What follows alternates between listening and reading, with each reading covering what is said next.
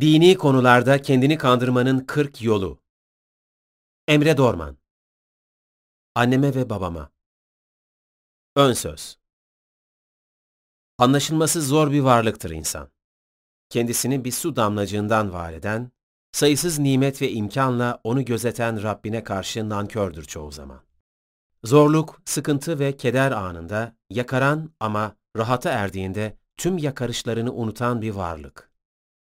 Daha tansiyonuna bile hakim olamazken, kendini evrenin hakimi sayan, gelip geçici dünya heveslerinin peşinde koşan, hiç ölmeyecekmiş gibi, dünya için çalışmaktan her an ölecekmiş gibi ahireti için çalışmaya fırsat bulamayan. Neden var oldum? Varlığımın bir amacı var mı? Beni var edene karşı sorumluluklarım neler? Ya da öldükten sonra bana ne olacak gibi en temel soruları sormaya zaman bulamazken, nefsine hoş gelen her türlü şeye bolca zaman bulan, hak etmek için bir şey yapmadığı halde, kendisine verilen sayısız nimete rağmen kendisinden yine kendi faydasına olan şeyleri bekleyen, Rabbinin buyruklarına karşı aldırmazlık eden, türlü bahaneler ileri süren ve en acısı da Allah'ın var olduğuna inanmasına rağmen Allah yokmuş gibi yaşayan insan.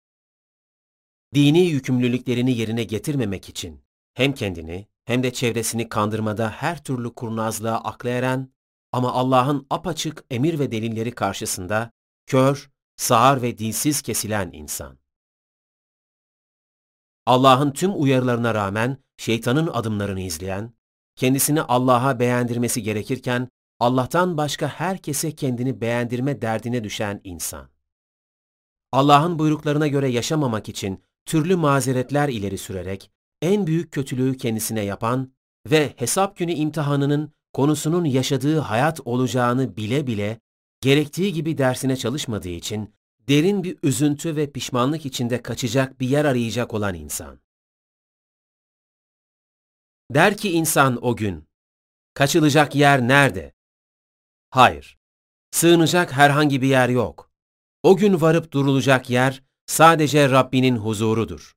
O gün önceden takdim ettikleri ve erteledikleri şeyler insanın önüne getirilir.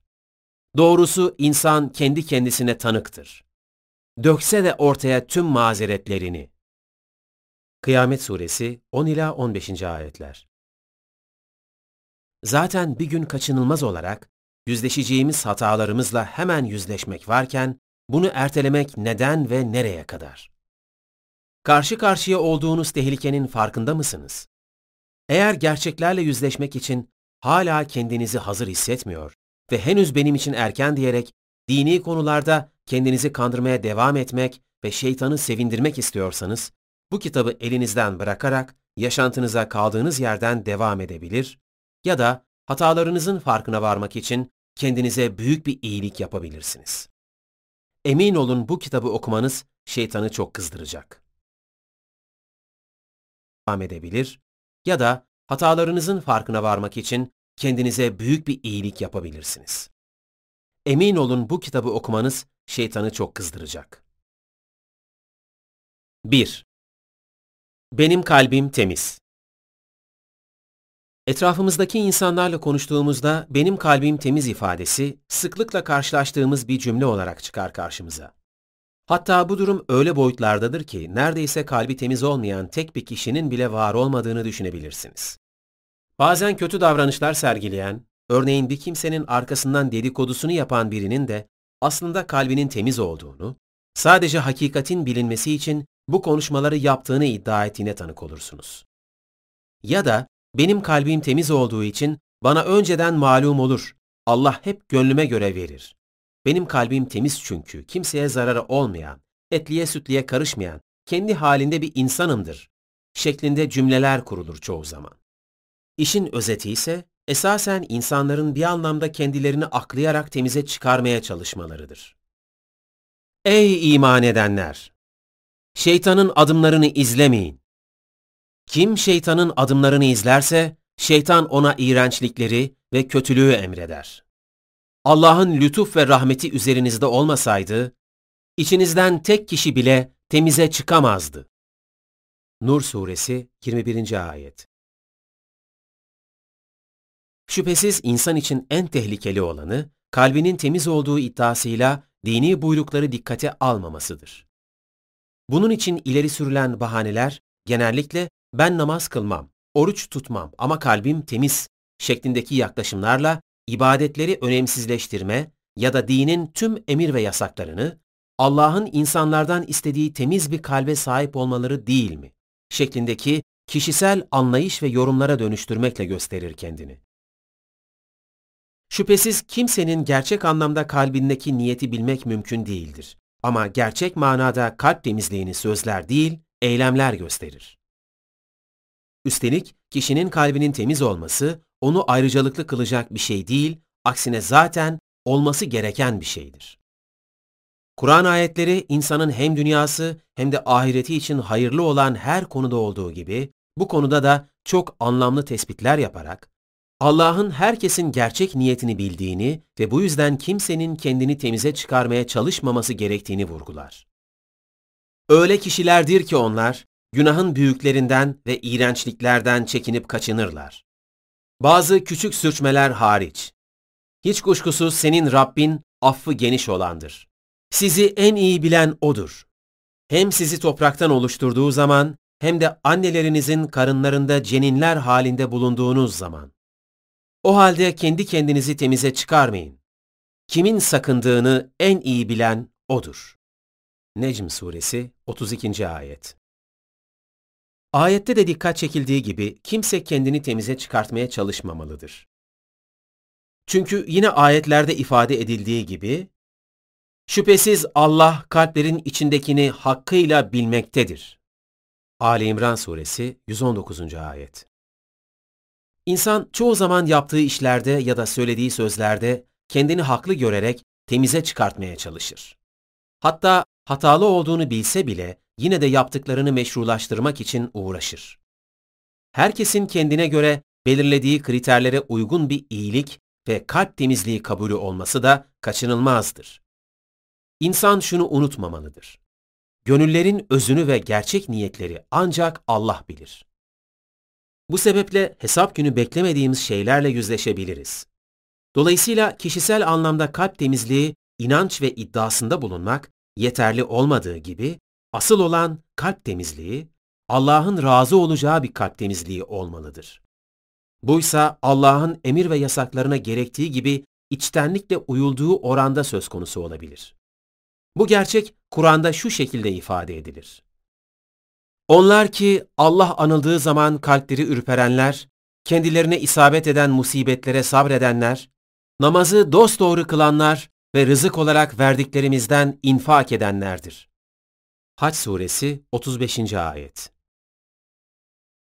Bunlar iman edenler ve kalpleri Allah'ın zikriyle tatmin olan, huzur bulanlardır. Haberiniz olsun, kalpler yalnızca Allah'ın zikriyle tatmin olur, huzur bulur. Rad Suresi 28. Ayet Bununla birlikte Kur'an'ın geneline baktığımızda tüm insanların hatalar yaptıklarını görüyoruz. Allah sonsuz rahmeti gereği insanları hemen cezalandırmayarak onlara fırsat veriyor. Allah'ın rahmet ve merhameti olmasa aslında en iyi dediğimiz insanlar bile mükafatı hak edemezler.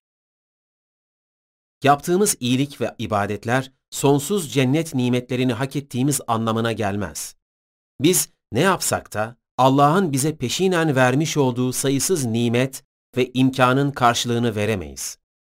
Üstelik yaptığımız hataların hemen birebir cezası verilecek olsa, yeryüzünde debelenen tek bir canlının bile kalmayacağı belirtilir ayetlerde. Eğer Allah insanları zulümlerine karşı cezalandırsaydı, yeryüzünde debelenen bir şey bırakmazdı.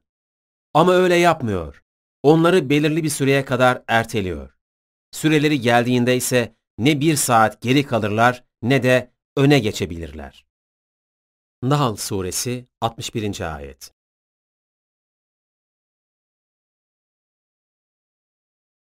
Eğer Allah insanları zulümlerine karşı cezalandırsaydı, yeryüzünde debelenen bir şey bırakmazdı. Ama öyle yapmıyor. Onları belirli bir süreye kadar erteliyor. Süreleri geldiğinde ise ne bir saat geri kalırlar ne de öne geçebilirler. Nahl Suresi 61. Ayet 2. Dinlerin özü iyiliktir. İnsanı gaflete düşüren ve kendini kandırmasına sebep olan bir diğer yanılgı ise kalp temizliği iddiasına benzer şekilde tarih boyunca gelen tüm dini buyrukların iyiliğe indirgenmesidir. Bu iddiada bulunan kişiler kendilerini bu duruma o denli inandırmışlardır ki, hani Kur'an'ı bilmeseniz, kurdukları cümleleri ayet sanırsınız. Zaten tüm dinlerin özü iyi bir insan olmak değil mi? Allah'ın kulundan beklediği şey iyi bir insan olmasıdır şeklinde cümlelerle dinin iyiliğe eşitlendiğini görebilirsiniz. Şüphesiz hayırlı ve iyi birer kul olmak Kur'an'ın ayetlerinde ifade edilir. Ancak burada da dikkat edilmesi gereken şey iyilik ya da iyi insan içeriğinin kim tarafından ve nasıl doldurulduğudur.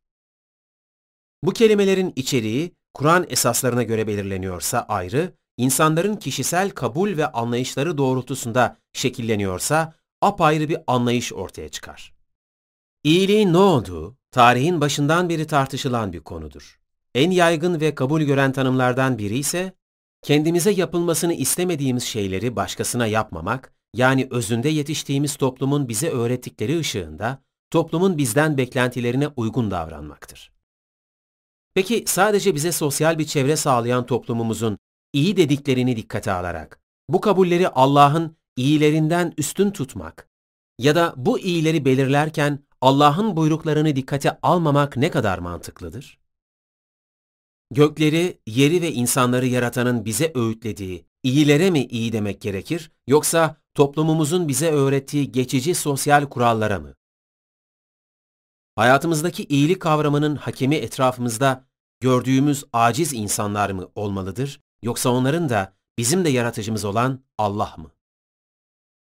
Bazı insanlar gerçekten de iyilik yapmayı seven, kimseye kötülüğü dokunmayan, şunu bunu arkasından çekiştirmeyen, hayır işlerinde sorumluluk alan kişiler olabilirler.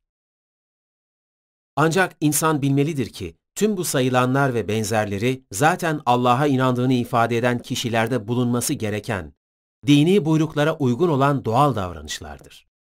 Ancak din sadece kalp temizliği ve iyiliklerden ibaret değildir.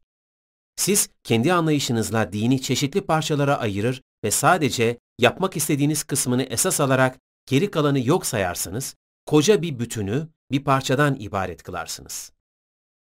Kimi kişilerin yaptıkları kötü davranışlara rağmen aslında özünde iyi biriyim ama nefsime, sinirime yeniliyorum dediklerini duyarsınız. Dolayısıyla kimse kolay kolay kendini kötü biri olarak değerlendirmez. Kur'an ayetleri iyiliğin ancak Allah tarafından ortaya konulan esaslara uygun olduğu oranda geçerli olacağını ifade eder. İyilik anlayışını Allah'ın diğer emir ve yasaklarından bağımsızlaştırmak mümkün değildir. Ayetler Allah'ın insanlığa elçi olarak gönderdiği peygamberlerine iyiliklerle birlikte emrettiği bazı şeyleri şu şekilde ifade eder. Onları bizim buyruğumuzla yol alan önderler yaptık. Onlara iyilikler yapmayı, namaz kılmayı, zekat vermeyi vahyettik. Onlar yalnız bize kulluk ediyorlardı. Enbiya suresi 73. ayet Yeryüzünde yaşayan çok çeşitli milletlerin bulunduğu ve hemen hepsinin kendilerine göre geleneksel ve kültürel bir takım inanç ve kabullere sahip oldukları bir gerçektir. Tüm bu milletler için ortak noktada buluşulacak evrensel iyilik kabullerinin bulunması mümkündür. Ancak detaylara inildikçe aynı zamanda birbirine taban tabana zıt iyilik ve kötülük kabullerinin de görülmesi mümkündür. Örneğin aile içi bir evlilik ya da birliktelik genel olarak kötü bir eylem olarak görülse de kimi toplumlarda bu davranışın iyi ve gayet doğal bir şey olarak değerlendirildiğini görebilirsiniz. Dolayısıyla gerek iyilik, gerekse kötülük anlayışının ilahi bildirime uygunluğudur, gerçek manada o anlayışı iyi ya da kötü kılacak olan. Yoksa tüm dinlerin özü iyi insan olmaktır diyerek dini sorumluluklardan kurtulmak mümkün değildir. Dini sorumluluklar yerine getirilmeden yapılan bir iyilik varsa ve şayet bu iyilik gerçekten Allah rızası gözetilerek yapılmışsa, onu takdir edecek olan Allah'tır.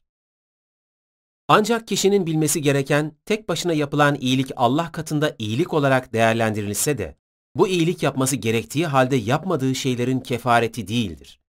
Kişi yaptıklarından sevap, yapmadıklarındansa günah kazanır. Yine ayetlerde ibadetsiz iyilik olmayacağı şöyle ifade edilir. İyilik yüzlerinizi doğu ve batı tarafına çevirmeniz değildir. Asıl iyilik o kimsenin yaptığıdır ki Allah'a, ahiret gününe, meleklere, kitaplara, peygamberlere inanır. Allah'ın rızasını gözeterek yakınlara, yetimlere, yoksullara, yolda kalmışlara, dilenenlere ve kölelere sevdiği maldan harcar, namaz kılar, zekat verir.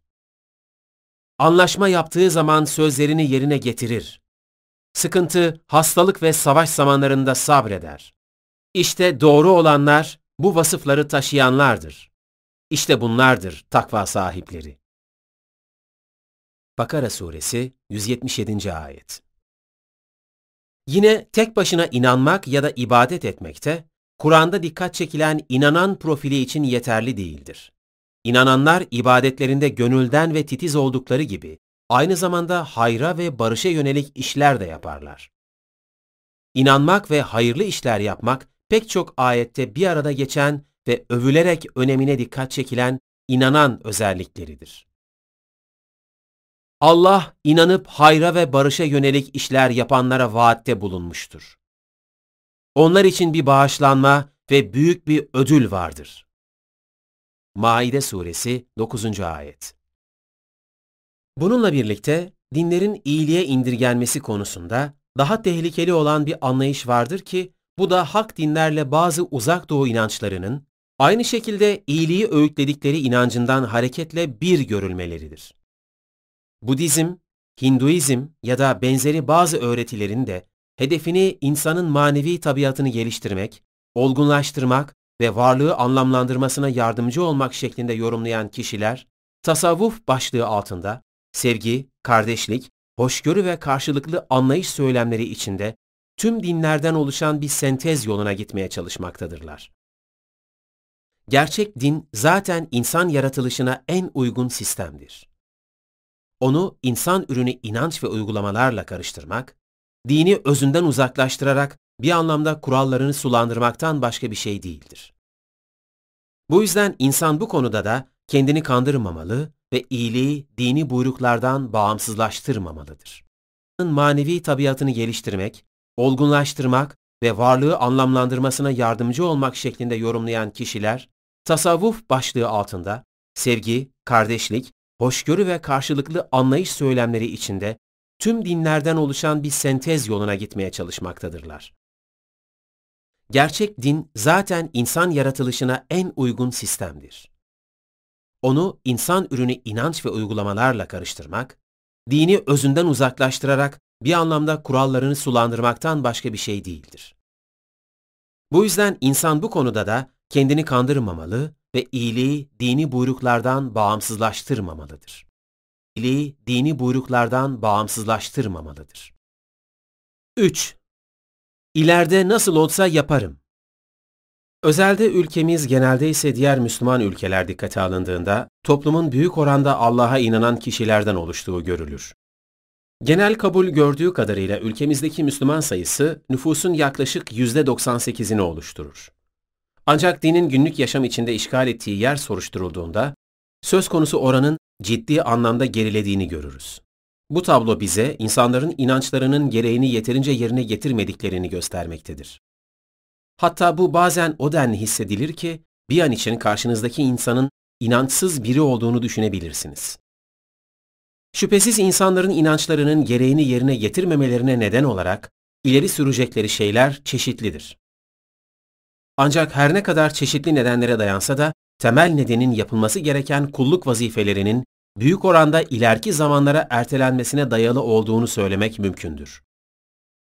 Gerek okul, gerekse iş ortamında bir arada olduğunuz insanlarla dini konularda konuştuğunuz zaman, genellikle çoğu kişinin inancının gereğini yerine getirmediğinin farkında olduğunu, bunun için çeşitli bahaneler öne sürmelerinin yanında, dini vazifelerini ileriki yıllarına ertelediklerini görebilirsiniz. Sanki ölümün yaşı varmış ve her gün pek çok genç gözlerimizin önünde ölüp gitmiyormuş gibi henüz yaşım genç, ileride nasıl olsa yaparım diyerek kandırır insan kendini. Şeytan da boş durmaz. Acelesi yok, daha ömrün çok gibi süslü sözlerle destekler hemen kişiyi. Şüphesiz bu yanılgı ve gaflet şeytanın insana kurmuş olduğu tuzaklardan biridir. Hatta bazı aileler bile çocuklarının gençken hovarda bir yaşam sürmesini gayet normal olarak karşılarlar. Biz zamanında yapamadık, bari o çıkarsın hayatın tadını mantığıyla çocuklarının gözlerinin önünde kayıp gitmesine seyirci kalırlar. Öncelikle ifade etmek gerekir ki insanın Allah'a olan kulluğu ana rahmine düştüğü andan başlayarak son nefesini vereceği ana kadar devam eder. Dolayısıyla inanan bir insanın ömrü iyi bir eğitim için yetişme, dünya için çalışıp çabalama ve inancının gereklerini yerine getirme şeklinde evrelere ayrılamaz. İnanan kişi tüm eylemlerinde inancının gereğini yerine getirmeyi öncelemelidir. Geri kalan tüm işlerini bu gerekliliklere göre belirlemelidir. Kişi kulluk vazifelerini ileride yapacağını düşünüp kendince erteler ama aslında hatalarından dönmesi için insana fırsat vererek belirli bir süreye kadar erteleyen Allah'tır. Allah günahlarınızı affetsin ve sizi belirli bir süreye kadar ertelesin. Çünkü Allah'ın eceli geldiğinde ertelenmez. Bir bilebilseydiniz. Nuh Suresi 4. Ayet Diğer taraftan insanın ileride yapmayı planladığı kulluk vazifelerini yapabilmek için yeterli bir ömre sahip olacağının da garantisi yoktur. Sahip olsa ve gerçekten yapmaya çalışsa da kaybettiği yıllarını telafi etme şansı da bulunmamaktadır. Yani kısacası nereden bakarsanız bakın ya da ne niyette olursanız olun, bu anlayışa sahip biri her zaman için kayıptadır. Oysa bilmelidir insan, sahip olduğu şeyler kendisinin değil, onu var edenindir. Ama belli ki bunu anlaması için var olması yetmedi insanın. Bir de ölmesi gerekir. Andolsun akıp giden zamana ki insanlar zarardadır. Ancak inanıp iyi işler yapanlar, birbirlerine hakkı tavsiye edenler ve birbirlerine sabrı tavsiye edenler başka. Asır Suresi 103. Ayet İnsanların bazı kişisel prensipleri vardır hayatta. Kimi ütüsüz kıyafet ve boyasız ayakkabıyla dışarıya çıkmaz. Kimi zamanından önce gider her randevusuna ya da saçlarını yaptırmadan katılamaz hiçbir toplantıya. Yine yediğine, içtiğine, beden ve ruh sağlığına çok dikkat eder örneğin çoğu kişi. Sevdiklerinin özel günlerini daima hatırlar ve mutlu etmek için onları çeşitli sürprizler hazırlar. Kısacası kendince önem verip özendiği şeyler vardır insanların hayatta. Öncelikleri vardır insanların ya da çabaları vardır ulaşmak için amaç ve arzularına. Sevdiği bir yemeği özenle hazırlamak ya da çocuklarını gezdirmek için saatleri, kişisel bakımları için yeterli vakitleri. Arayışları vardır, kendini daha iyi hissedeceği. Denemeleri vardır, ilerletmek için kişisel gelişimini. Koçları vardır, yaşamı daha iyi yönetebileceği. Okumaları vardır, kültürünü geliştireceği. Dizi ya da programları vardır, kaçırmadan her bölümünü izlediği.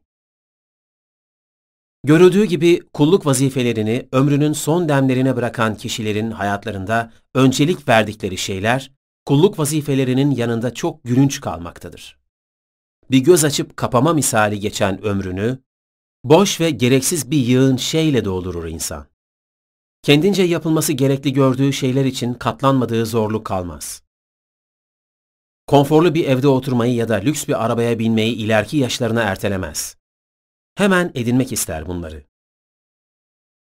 Maaşının yükselmesi için sabırla yılların geçmesini de beklemez. Hemen ve kısa yoldan zenginleşmek ister. Sahip olduğunda kendisini mutlu edeceğine inandığı şeyleri elde etmek için çırpınır. Oysa farkında değildir insan, ertelediği şeyin var olma sebebi olduğunun. Emekliliğinde rahat etmek için tüm hayatı boyunca ödediği, sigorta primlerine döndürür kulluk vazifelerini. Sigorta primini tüm hayatı boyunca ödemesi gerektiğini bilen insan, kulluk vazifelerini tüm hayatı boyunca ödemek istemez. Hayatının sonlarına doğru ödeyerek sonsuza kadar rahat etmek ister. Yapacağı hac ya da nafile ibadetlerin geçmişte yapmadıklarına kefaret olmasını ya da geçmiş günahlarının affedilmesini bekler. Şüphesiz gerçekten pişman olmuş ve gönülden Allah'a yönelmişse kişi Allah dilerse kulunu affeder. Ama Allah'ın rızasına uygun yaşanmayan yıllar bir daha geri getirilemez.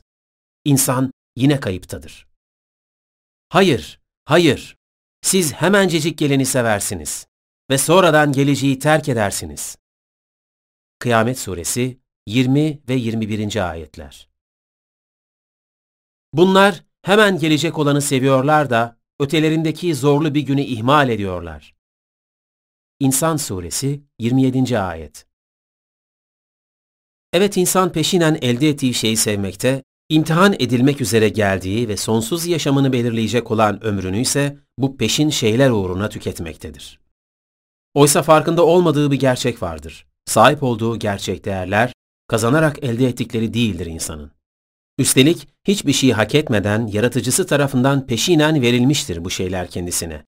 Gözünü ya da karaciğerini satın alan ya da sahip olduğu şeyleri kendi becerisiyle doğuştan elde ettiğini iddia edecek biri var mı hayatta? İnsan dünyaya gelmesiyle birlikte peşinen elde ettiği gerçek değerlerin bedelini ömrünün son yıllarında ödemek isterken, dünya nimetlerini hemen elde etmek ister. Oysa farkında değildir çoğu insan. Su misali boşa akıp giden ömrün faturası kabarık olur. Şeytanın bu erteleme tuzağına düşmemek gerekir. Yaşlılık dönemine gelip bazı gerçekleri fark eden kişilerden ardında bıraktığı boşa geçen yıllarının pişmanlığını duymayan hiç kimse yoktur. Yaprak misali bir o yana bir bu yana savrulmuş ve sonunda derin bir pişmanlığa kapılmış bunca insanın boşa yitirilmiş ömürlerinin henüz kendini genç görerek kulluk vazifelerini erteleyen kişilere ibret olması gerekir. İnsanların hatalarını göz göre göre benzer şekilde tekrarlayarak tecrübe etmek, insan aklı ve onuruna yakışan bir tutum değildir. Bu konuda da şeytanın tuzağına düşmeyerek, dünya hayatının ışıltısının insanın gözünü alarak gerçekleri görmesini engelleyen bir ışık olduğunu fark etmek gerekir. Bir anda tükeniverir ömür sermayesi. Koca bir ömür dediği şey o kadar boş uğraşlar içinde geçer ki insanın. Örneğin 60 yıl yaşadığını sanan biri günde 8 saatten 20 yıl uyur. Kalan 40 yılda da ayakta uyur. Ömür dediğin işte budur. İnsan aklı ve onuruna yakışan bir tutum değildir. Bu konuda da şeytanın tuzağına düşmeyerek, dünya hayatının ışıltısının insanın gözünü alarak gerçekleri görmesini engelleyen bir ışık olduğunu fark etmek gerekir bir anda tükeniverir ömür sermayesi. Koca bir ömür dediği şey o kadar boş uğraşlar içinde geçer ki insanın. Örneğin 60 yıl yaşadığını sanan biri günde 8 saatten 20 yıl uyur. Kalan 40 yılda da ayakta uyur. Ömür dediğin işte budur. İşte budur. 4. Nasıl olsa Allah affeder. İnanan ama nefsine yenildiği için inancının gereklerini yerine getiremeyen insanların bir kısmının yapamadıkları şeylerden dolayı vicdan azabı duydukları görülür. Bir kısım insanlarsa hataları sebebiyle pişman olmalarına rağmen Allah'ın affedici oluşuna güvenerek hatalarını tekrar ederler. Allah Rahmandır, merhametlidir, rahimdir, şefkatlidir, gafurdur, affüvdür, hataları ve günahları bağışlayandır. Allah'ın tüm emir ve yasaklarına tam anlamıyla riayet etmeye çalışan bir kulun bile sığınacağı tek şey Allah'ın rahmetidir. Allah'ın rızasının dışında bir hayat yaşayarak isim ve sıfatlarına sığınmaksa riyakarlıktır. Neleri yaparsam Allah affeder ya da affetmez şeklinde hesaplar yaparak iman edilmez Allah'a. Bu şekilde hesaplı, kitaplı, planlı teslimiyet olmaz. Peygamberler dahi affedilmeyi umarlarken, örneğin Hazreti Yusuf Allah'a, Rabbim, sen bana mülk ve saltanat bir nasip verdin. Olayların ve düşlerin yorumundan bana bir ilim öğrettin. Ey gökleri ve yeri yaratan! Benim dünyada da ahirette de velim sensin. Beni Müslüman, sana teslim olmuş olarak öldür ve beni barışsever, hayırlı kullar arasına kat. Diye dua ediyorken, Kimse nasıl olsa Müslümanız, bir şekilde kurtuluruz ya da Allah nasıl olsa affeder zihniyetiyle günahlara cesaretle dalamaz. Bu, şeytanın insanı aldatma yollarından bir diğeridir. Şeytan, sen yap, Allah nasıl olsa affeder. Baksana millet neler yapıyor. Herkes iyi de bir sen mi kötüsün? Bu fırsat bir daha ele geçmez. Yap, sonra tövbe edersin. Sen yapmazsan bir başkası nasıl olsa yapacak. Sen de cennete girmeyeceksen kim girecek cennete? Bu son şeklinde vesveselerle tuzaklar kurar insana. Kur'an bu konuda da uyarır insanları. Ey insanlar! Allah'ın vaadi gerçektir. Sakın dünya hayatı sizi aldatmasın. O aldatıcı, sizi Allah'ın affına güvendirmek suretiyle aldatmasın. Fatır Suresi 5. Ayet O yaman aldatıcı sizi Allah'la aldattı. Hadid Suresi 14. Ayet Yeryüzünde şeytanı en fazla sevindirecek şey insanların Allah'ın buyruklarından uzak bir hayat sürmesidir. İnsan Allah'tan uzaklaştığı oranda şeytan insana yaklaşır. Mallarda, evlatlarda ortak olur onlara. Cimri, doyumsuz, tatminsiz kılar onları. İnsan Allah'ın nasıl olsa affedişini düşünürken farkında olmadan şeytanın kıskacında yok olur gider. Gerçek şu ki şeytan sizin düşmanınızdır. Öyleyse siz de onu düşman edinin. O kendi grubunu ancak çılgınca yanan ateşin halkından olmaya çağırır. Fatır Suresi 6. Ayet Yine etrafımızdaki kimi insanlar da şeytani hipnozun etkisi altında benzer bir şekilde Allah'ın affediciliğini delil göstererek insanların hatalara girmesine sebep olurlar. Hatasız kul olmaz. Kul hata yapacak, Allah affedecek şeklinde yaklaşımlarla Allah'ın affedici oluşunu çarpıtarak anlamından saptırırlar. Kimi kötü niyetli kişiler ayetleri dahi kullanarak aslında karşısındakinin iyiliğini istedikleri konusunda Allah'ı da tanık tutarlar. Kişi ise farkında olmadan bu kişilerin sözüne itibar ederek ne yapalım ben de insanım der. Oysa ayetler uyarır insanı. Bu gibi kişiler dost görünümlü düşmanlardır. İnsanlardan öylesi vardır ki onun dünya hayatına ilişkin sözü senin hoşuna gider ve o kalbindekine Allah'ı tanık tutar. Oysa ki o düşmanların en yamanıdır. Bakara Suresi 204. Ayet Bazı insanların düştüğü bir başka hataysa cehennemde biraz yandıktan sonra nasıl olsa cennete gireriz düşüncesidir. İnsan için herhangi bir garantisi olmayan ve ancak Allah'ın dilemesi halinde söz konusu olabilecek bu durumu kullanarak zihinlere vesveseler gönderir şeytan. Nasıl olsa Allah affeder anlayışının bir başka şeklidir bu kandırmaca. Parmak ucuna değen ateş sebebiyle günlerce acı çeken insanlar cehennemde yanmayı oyun sanarak ne olacak çok çok biraz yanarız şeklinde yakışıksız sözlerle dini gerçekleri alaya alırlar. İnsanların büyük kısmı nasıl olsa dünyada bir şekilde geçiniriz demez. Hep kendini garanti altına alıp maddi açıdan güçlenmeye çalışır. Ama iş dünya hayatının hesabını vereceği ahiret gününe gelince nasıl olsa aklanırız, nasıl olsa bir şekilde affediliriz diyerek işini Allah'a bırakır. Aslında günlük işlerinde çoğu zaman mantıklı davranmaya çalışır insanlar. Örneğin yola çıkmadan önce internetten trafiğin durumuna bakar. Bir yere gitmeden önce en kısa zamanda en az benzin harcayarak nasıl gidebileceğini araştırır. Bir gece öncesinden hava durumuna bakar ve havaya göre belirler ertesi gün giyeceği şeyleri. Ama iş sonsuz yaşamını belirleyecek gerçeklere geldiğinde mantıksız bir varlığa dönüşü verir bir anda. Bile bile kendini hatalara sürükler. Hesap gününü düşünmeden yaşar. Dünya işini Allah'a bırakmayarak arzu ettiği şeyleri elde etmek ve rahat etmek için çalışıp çabalaması ve planlı davranması gerektiğini bilen insan, ahireti için kayda değer bir şey yapmayarak Allah'ın affetmesini bekler. Oysa insanın aklından hiç çıkarmaması gereken tartışmasız bir gerçek vardır hayatta. Nereye gidiyoruz? Hep birlikte ölüme. Peki yaşarken gittiği her yere hazırlık yapan insan neden hazırlık yapmaz ölüme? Ölüme çare yok madem, hazır olmak gerek her dem. Tartışmasız bir gerçek vardır hayatta. Nereye gidiyoruz? Hep birlikte ölüme.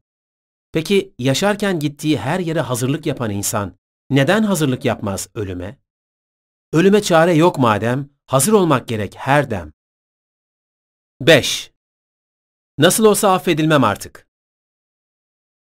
Şeytanın insanı kandırma yollarından birinin Allah'ın rahmetiyle aldatma olduğu ifade edilmişti.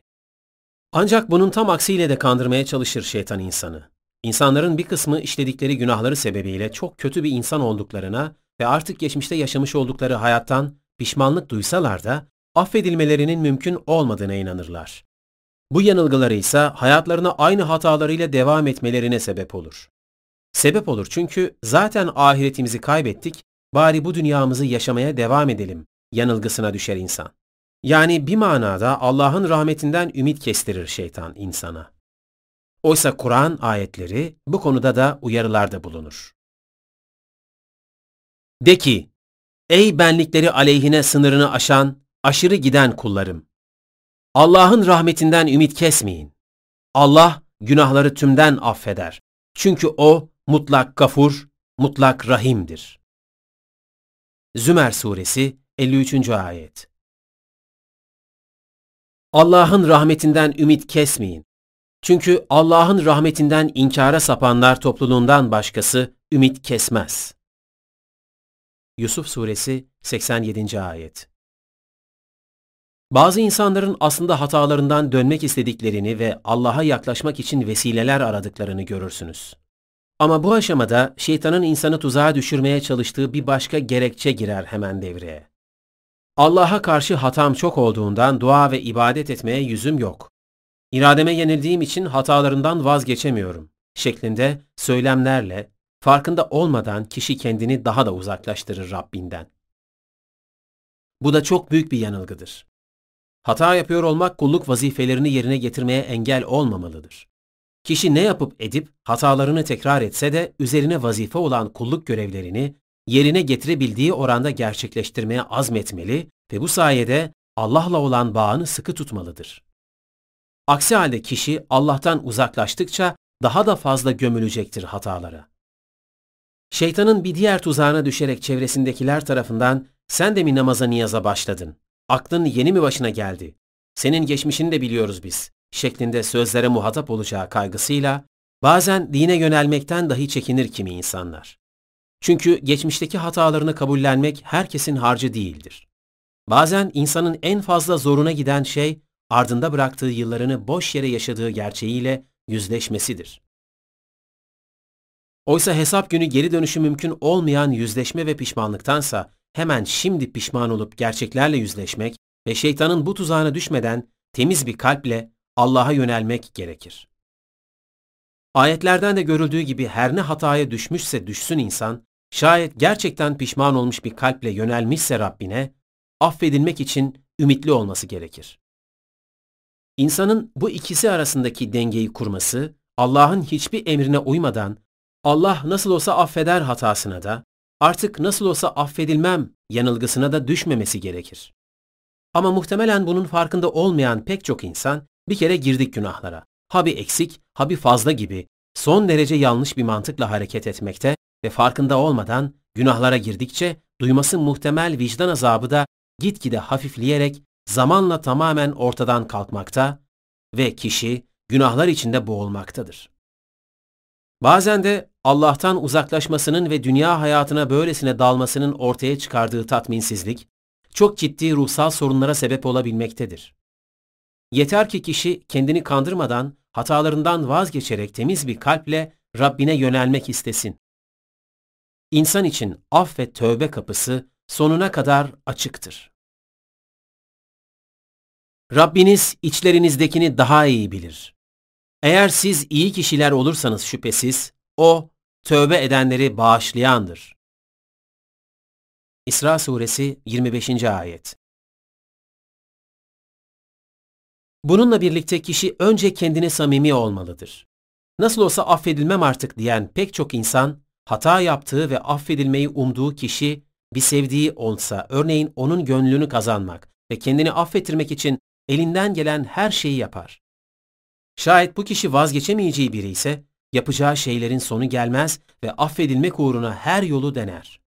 Günlerce kendini ifade etmeye, aslında kötü bir niyeti olmadığını ikna etmeye çalışır karşısındakini. Oysa Allah merhamet edenlerin en merhametlisi olmasına rağmen İş kendini Allah'a affettirmek olunca kolayına kaçıverir kişi. Hayatta en fazla sevmesi gereken ve sahip olduğu her şeyi ona ikram eden Rabbinin rızasını kazanmak için yormaz bile kendini. İçten içe affediversin işte ne olacak canım dercesine hani affetse de olur, affetmese de şeklinde bir tavır takınır kendine. Oysa bilmelidir kişi, hiçbir kıymeti yoktur insan için tüm dünya kendisinden razı olsa da Allah kulundan razı olmadıkça. Kişi Rabbinin rahmetinden ümit kesmemeli ve gönülden şunu bilip tekrar etmelidir. Ey Rabbimiz! Günahlarımız boyumuzu aşsa da aşamayacağı tek şey senin rahmetindir. Sen bizi merhametinle kuşat, rahmetinle sevindir. Rabbinizden af dileyin. O, bağışlamayı çok sevendir. Nuh Suresi 10. Ayet Kişi, Rabbinin rahmetinden ümit kesmemeli ve gönülden şunu bilip tekrar etmelidir. Ey Rabbimiz! Günahlarımız boyumuzu aşsa da aşamayacağı tek şey senin rahmetindir. Sen bizi merhametinle kuşat, rahmetinle sevindir. Rabbinizden af dileyin. O, bağışlamayı çok sevendir. Nuh Suresi 10. Ayet 6. Çalışmak da ibadettir. Bazı insanların en çok sevdiği ve bir anlamda dillerine slogan edindikleri bir cümledir çalışmanın da ibadet olduğu. Ancak anlamakta güçlük çekiyor insan. Bu nasıl bir ibadettir ki diğer tüm ibadetlerin göz ardı edilmesini haklı çıkarabilmektedir. Şüphesiz insanın çalışması ve helal yollardan para kazanması son derece tabii bir şeydir. Ancak çoğu insanın dikkatinden kaçırdığı bir nokta vardır ki, bu da çalışmak da dahil, dünyalık yapılan her türlü faaliyetin, kişi için amaç değil ancak araç olabileceğidir. Siz işinizi ve para kazanma sevdanızı hayatınızın merkezine yerleştirir ve olmazsa olmaz bir amaç haline getirirseniz, zamanla para sizin değil, siz paranın kölesi haline gelirsiniz. Öte taraftan hiç ölmeyecekmiş gibi bu dünya için, yarın ölecekmiş gibi de ahiret için çalışılmalı sözünün de ayrı bir slogan olarak karşımıza çıktığını görürüz. Ancak her nedense insanların önemli bir kısmı, her an ölebilecekleri gerçeğini çoğunlukla göz ardı ederek hiç ölmeyecekmiş gibi bu dünya için çalışıp çabalarlar. Günlük koşuşturmaca içinde her şeye vakit bulur insan. Sosyal medyada gezinir, maillerini okur, bilgisayarda oyun oynar, telefon açıp dostlarıyla dakikalarca konuşur. Ya da bir şey almak istiyorsa örneğin saatlerce mağaza mağaza dolaşır. Ama iş ibadet etmeye gelince her nedense vakit bulamaz ibadeti. Samimiyetsizdir çoğu insan. Yerine getirmesi gereken kulluk vazifelerinden sıyrılmak için türlü bahanelerin ardına sığınır. Hem çalışıp hem de ibadet etmek isteyenlerin başına ise gelmeyen kalmaz. Çalışmak üzere bir iş başvurusunda bulunduğunuzda, iş görüşmesi sırasında sizinle mülakat yapan kişiye günün belirli vakitlerinde ibadet etmeniz gerektiğini söylemiş olun. Müslüman bir ülkede yaşamamıza rağmen acaba nasıl bir tepkiyle karşılaşırsınız? Çoğunluk tarafından ne kadar iyi bir iş geçiminiz olursa olsun dikkate alınmayacağınız kesin.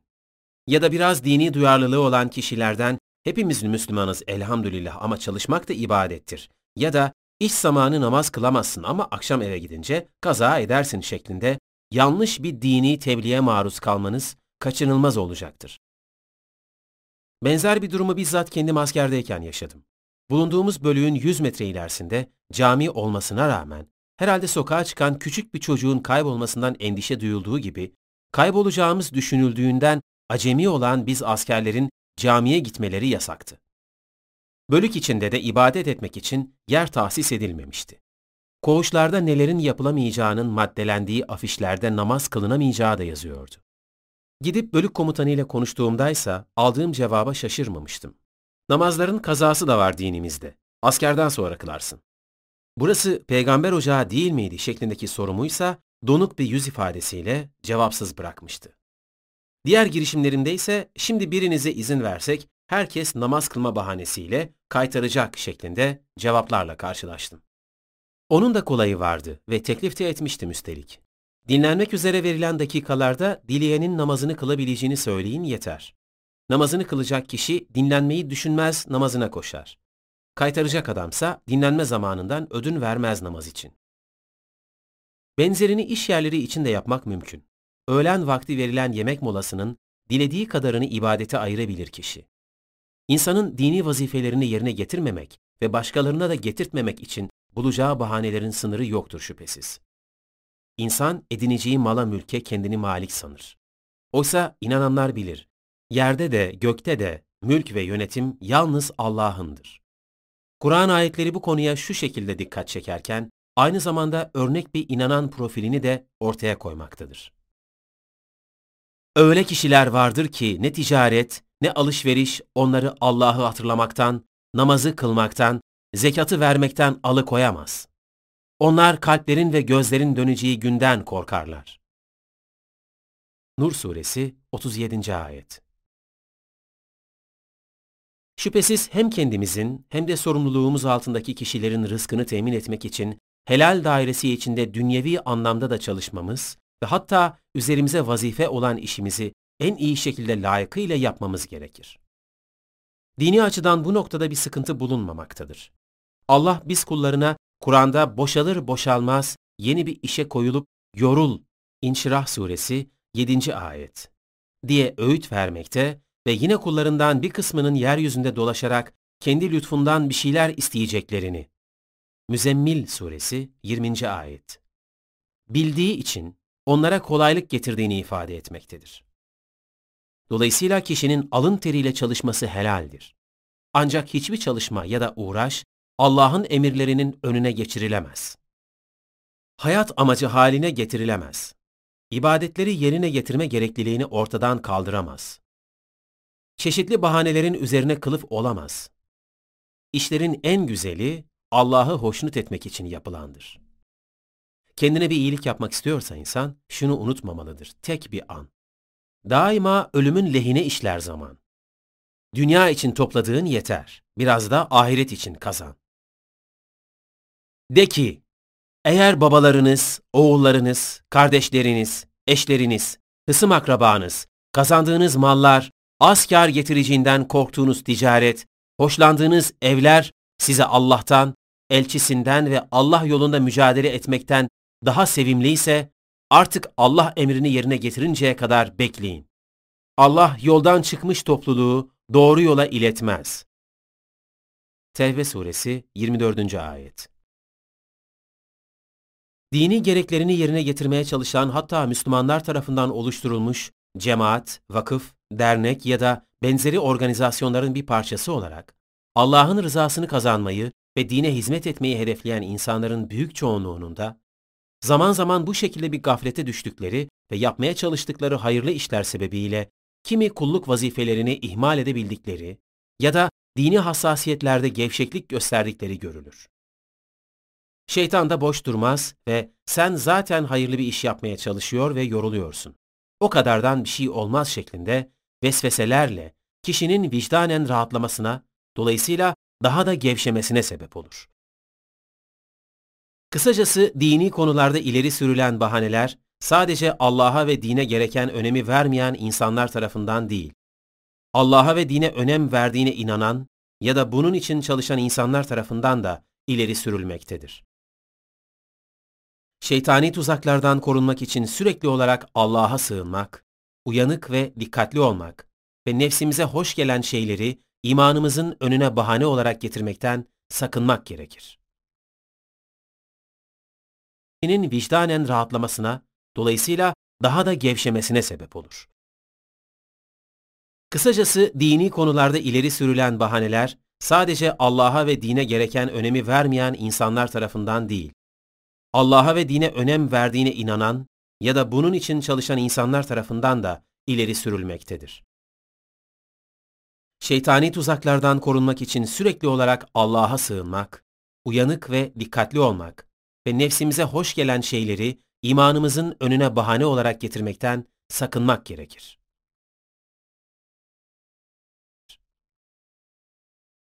Yedi. Nefsime söz geçiremiyorum. Yasak olan bazı şeylerin kendi içinde bir süsü, çekiciliği olduğu içindir ki, bunlar yasak edilerek kişi için imtihan kılınmıştır.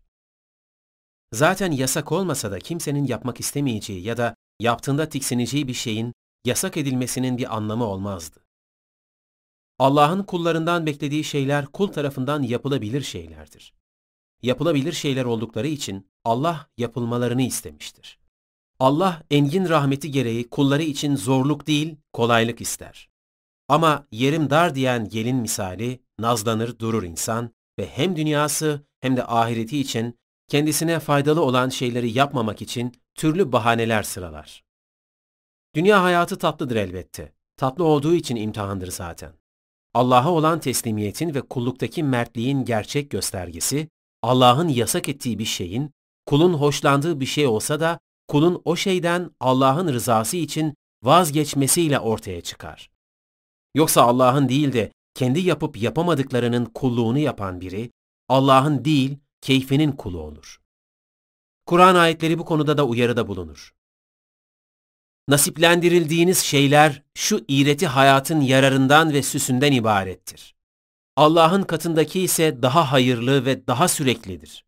Hala aklınızı işletmeyecek misiniz?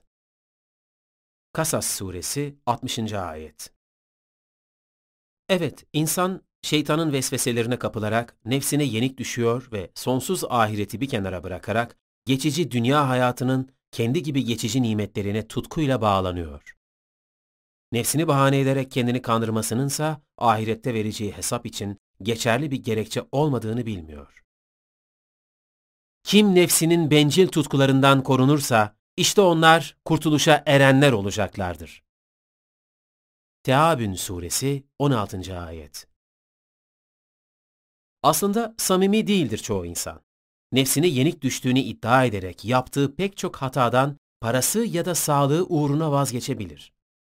Örneğin alkolü ya da uyuşturucu bir maddeyi bırakmaması durumunda geri dönüşü mümkün olmayacak şekilde kanserin tüm hücrelerine yayılacağı ve kısa zaman içinde de hayatının son bulacağı söylense bir insana ve üstelik bunun çeşitli belirtileri de çıksa ortaya kolay kolay ısrar edemez kimse hatasında. Ya da parasını tümden kaybetmemek uğruna da hemen çeki düzen vermeye çalışır hayatına. Sevdiği kişi onu beğensin diye ya da mesela evlilik öncesi gösterişli bir gelinlik ya da damatlığın içinde güzel gözükmek uğruna günler öncesinden rejime girer. Çalışmayı çok istediği bir şirkete kabul edilmesi, tiryakisi olduğu sigarayı bırakmasına bağlı olsa, ağzına emzik edinerek vazgeçilmezi kıldığı sigarayı bile bırakır iki günde.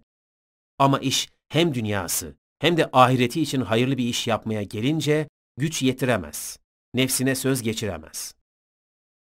Oysa parası, sağlığı ya da karizmatik görüntüsü imanından daha önemli değildir insanın. Nefsini temizleyip arındıran gerçekten kurtulmuştur. Ve onu isyanla, günahla örtüp saran da elbette yıkıma uğramıştır. Şems Suresi 9 ve 10. Ayetler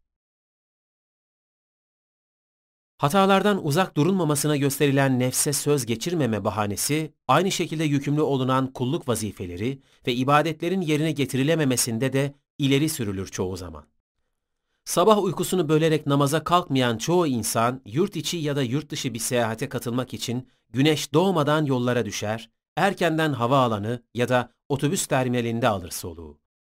Ya da günün bir kısmında veya gece saatlerinde Allah için ayakta dur, veya Kur'an oku desen, kendine zor gelen çoğu kimse, günlerini ve gecelerini feda edebilir, saatlerce telefonda konuşabilir ya da onlarca mesaj atabilir. Sevgilisinin kırılan kalbini telafi edebilmek uğruna. Yağmur çamur demeden bir stat önünde saatlerce üşüyebilir. Fanatiği olduğu takımın aşkına. Ramazan ayını oruçlu geçirmeyi çok gören çoğu kimse sonunda ödül ya da şöhret olan bir oyunda günlerce aç susuz kalarak yaşam mücadelesi verebilir. Şüphesiz mümkündür çoğaltmak örnekleri ama nefsini bahane eden pek çok insanın nedenli samimiyetsiz olduğunu anlamak için sanırım bu kadarı yeterlidir. Arkasına sığınılan bahaneler ancak şu geçici dünya hayatında paravan vazifesi görebilir insana. Ahirette ise yoktur sığınılacak kimse. Allah'tan başka. Bununla birlikte esasen insan da kendi durumuna ve ileri sürmüş olduğu bahanelere tanıktır. Ama düşünmeyerek yaşadığı için hesap günü dünyadayken ileri sürdüğü bahaneler bir fayda sağlamaz insana. Der ki insan o gün, kaçılacak yer nerede?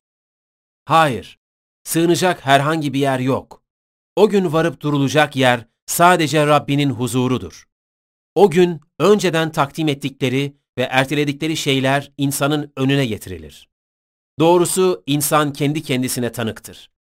Dökse de ortaya tüm mazeretlerini.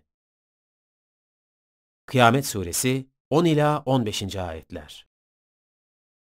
Allah'a inanan ama buyruklarını dikkate almayan biri kimin kuludur? Allah'ın mı, nefsinin mi? Hesap günü ileri süreceğimiz hiçbir mazeret kurtaramayacaksa bizi, şu sorular ve gerçeklerle yüzleşmelidir insan. Sahip olduğumuz her şeyi bize veren, son zamanımızda yalvarıp yakardığımız Allah, rahatımız yerindeyken hayatımızın neresinde? Ey nefsim! Her defasında ümitsizliğe düşüp çaresiz kalınca mı Allah'a yöneleceksin? Her an ona muhtaç olduğunu ne zaman öğreneceksin? Yüzleşmelidir insan. Sahip olduğumuz her şeyi bize veren, son zamanımızda yalvarıp yakardığımız Allah, rahatımız yerindeyken hayatımızın neresinde? Ey nefsim! Her defasında ümitsizliğe düşüp çaresiz kalınca mı Allah'a yöneleceksin? Her an ona muhtaç olduğunu ne zaman öğreneceksin? 8. Emirlerine uyamıyorum ama Allah'ı çok seviyorum.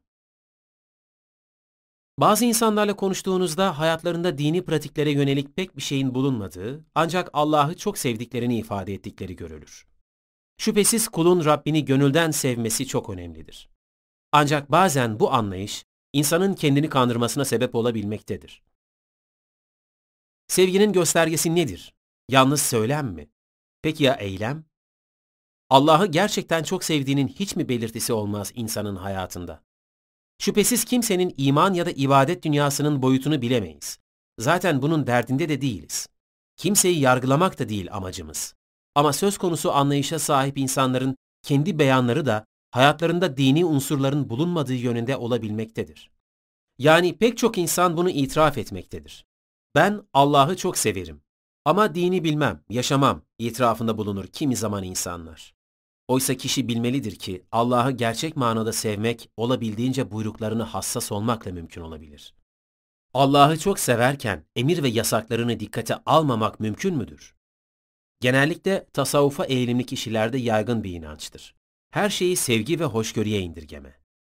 İlgilerinin sebebi de esasen tasavvufun, buzdağının görünen kısmı kadar biliniyor olmasından kaynaklanır. Dinin içi ancak tüm gerekleriyle doldurulabilir. Ne ibadetler, ne sevgi, ne de hoşgörü tek başına yeterlidir. Din bir bütündür ve kişi Allah'ın dinini kendi anlayışına göre şekillendiremez. Arzu ettiği kalıplara sokamaz. Dinde sevgi de vardır, hoşgörü de vardır. Allah'ın Kur'an ayetleriyle belirlemiş olduğu emir ve yasaklar da vardır. Ben sadece Allah'ı severim. Bu da bana yeter anlayışında olmak, Kur'an'da tarif edilen inanan profiline uygun değildir. Hiç şüphesiz inananlar Allah'a sevgide çok taşkındırlar.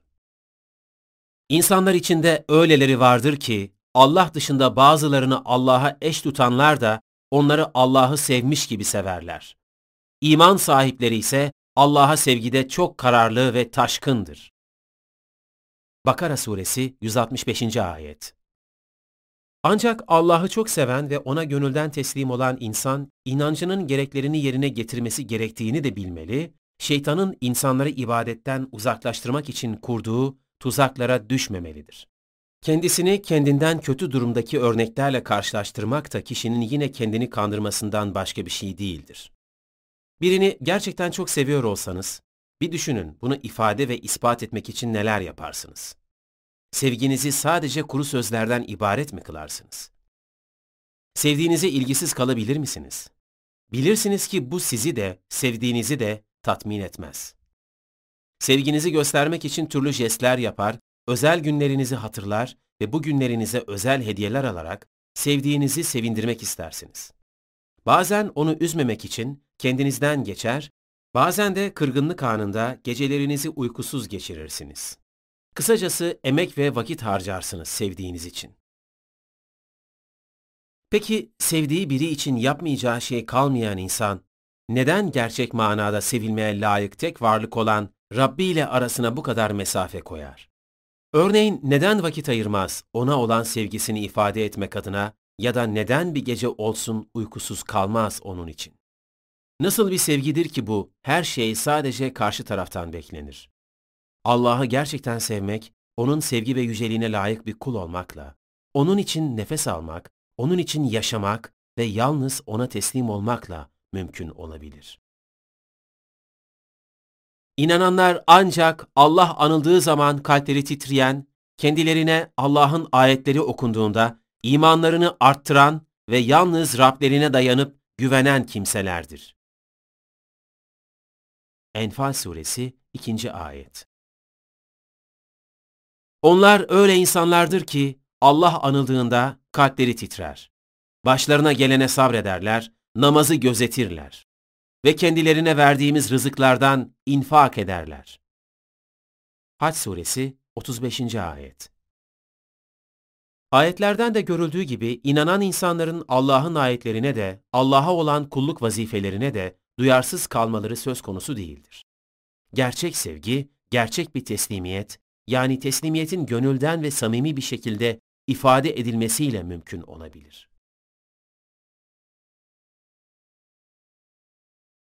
Görüldüğü gibi inanan insanların Allah'ın ayetlerine de, Allah'a olan kulluk vazifelerine de duyarsız kalmaları söz konusu değildir. Gerçek sevgi, gerçek bir teslimiyet, yani teslimiyetin gönülden ve samimi bir şekilde ifade edilmesiyle mümkün olabilir.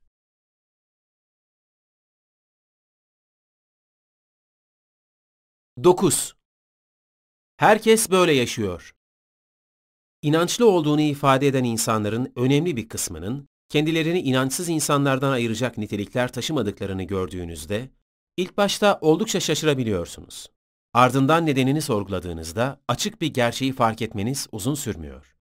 İnsanların Allah var demelerine rağmen yokmuş gibi yaşamalarının ardındaki en öncelikli nedenin etraflarındaki kalabalık yığınların da benzer şekilde yaşamalarından kaynaklandığını anlıyorsunuz. Oturduğunuz apartmandaki komşularınız, iş yerindeki mesai arkadaşlarınız, okulunuzdaki hoca ve öğrencilerin büyük çoğunluğunun hayata bakışının benzer ideallere ve büyük oranda ortak dünyevi hedeflere dayandığını görüyorsunuz.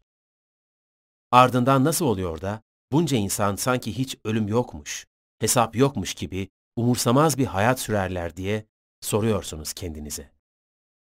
Sonra bir gerçeği daha anlıyorsunuz. İnsanların büyük çoğunluğu aynı tornadan çıkıp şekil almışlar. Aynı eğitim sistemi, aynı rutin yaşamlar, aynı muhabbetler, benzer idealler. Televizyon, radyo ya da internet gibi haber edinme kanallarını takip ettiğinizde, gün boyu birbirini tekrarlayan tartışma programlarıyla dizi ve filmleri izlediğinizde tüm bunların zihinleri tahrip edici etkisini gözlemliyorsunuz. Ağız birliği, fikir birliği etmişçesine dünyalık zevk ve hırsların propagandası enjekte ediliyor insanların damarlarına söz konusu iletişim araçlarıyla. Aile yapısını derinden sarsan yaşantılar, ahlaksızlığı meşru kılan gösterimler, ünlü ünsüz halkın çabuk tüketilir türden gündelik olayları, etkisi altına alıyor insanların hayatlarını. Söz konusu etki öyle derinden ve hissettirmeden yapılıyor ki, siz televizyon izleyip çayınızı yudumladığınızı sanıyorsunuz ama aynı anda hem sizin hem de aile fertlerinizin zihinleri şekilleniyor. Yabancılar girmesin diye kapımızı, kimse evimizi görmesin diye perdemizi kapatıyor ama izlediğimiz programlarla farkında olmadan önüne geleni evimizin içine sokuyoruz. Bazen bir katil ya da usta bir soyguncu şayet izlemekte olduğunuz dizi ya da filmin kahramanlarından biri ise, işlediği sayısız suça rağmen yakalanmamasını arzu ediyor ve filmin çaldığı paralarla sevgilisini de yanına alarak gittiği adalarda yaşadıkları mutlu anlarla bitmesini arzular hale gelebiliyorsunuz. İnsanların zihinleri aynı etki altında şekillenince artık hayattan beklentiler de, mutlu olunması için yapılması gerekenler de, ölmeden önce gezilip görülmesi gereken mekanlar da aynılaşıyor. İnsanlara ölümü hatırlatıp boş ve anlamsız geçen yaşantılarına çeki düzen vermelerini öğütlediğinizde, doğal olarak bu öğütler pek çok kişiye anlamsız geliyor. Çoğu insan, insan hayattayken ne bekleyip ne isteyebilir ki sorusunu soruyor kendine. Herkes böyle yapmıyor mu diye içinde bulunduğu durumu savunuyor bir de. Oysa Kur'an'a göre çoğunluğa uymak hakikat adına bir şey ifade etmez. Yeryüzündeki insanların çoğunluğuna uyarsan seni Allah yolundan saptırırlar. Sadece sanıya uyarlar onlar ve sadece saçmalarlar. Enam suresi 116. ayet. Yine Kur'an ayetleri dikkatli bir şekilde okunduğunda çoğunluğun değer açısından hakikat karşısında bir şey ifade etmediği görülür.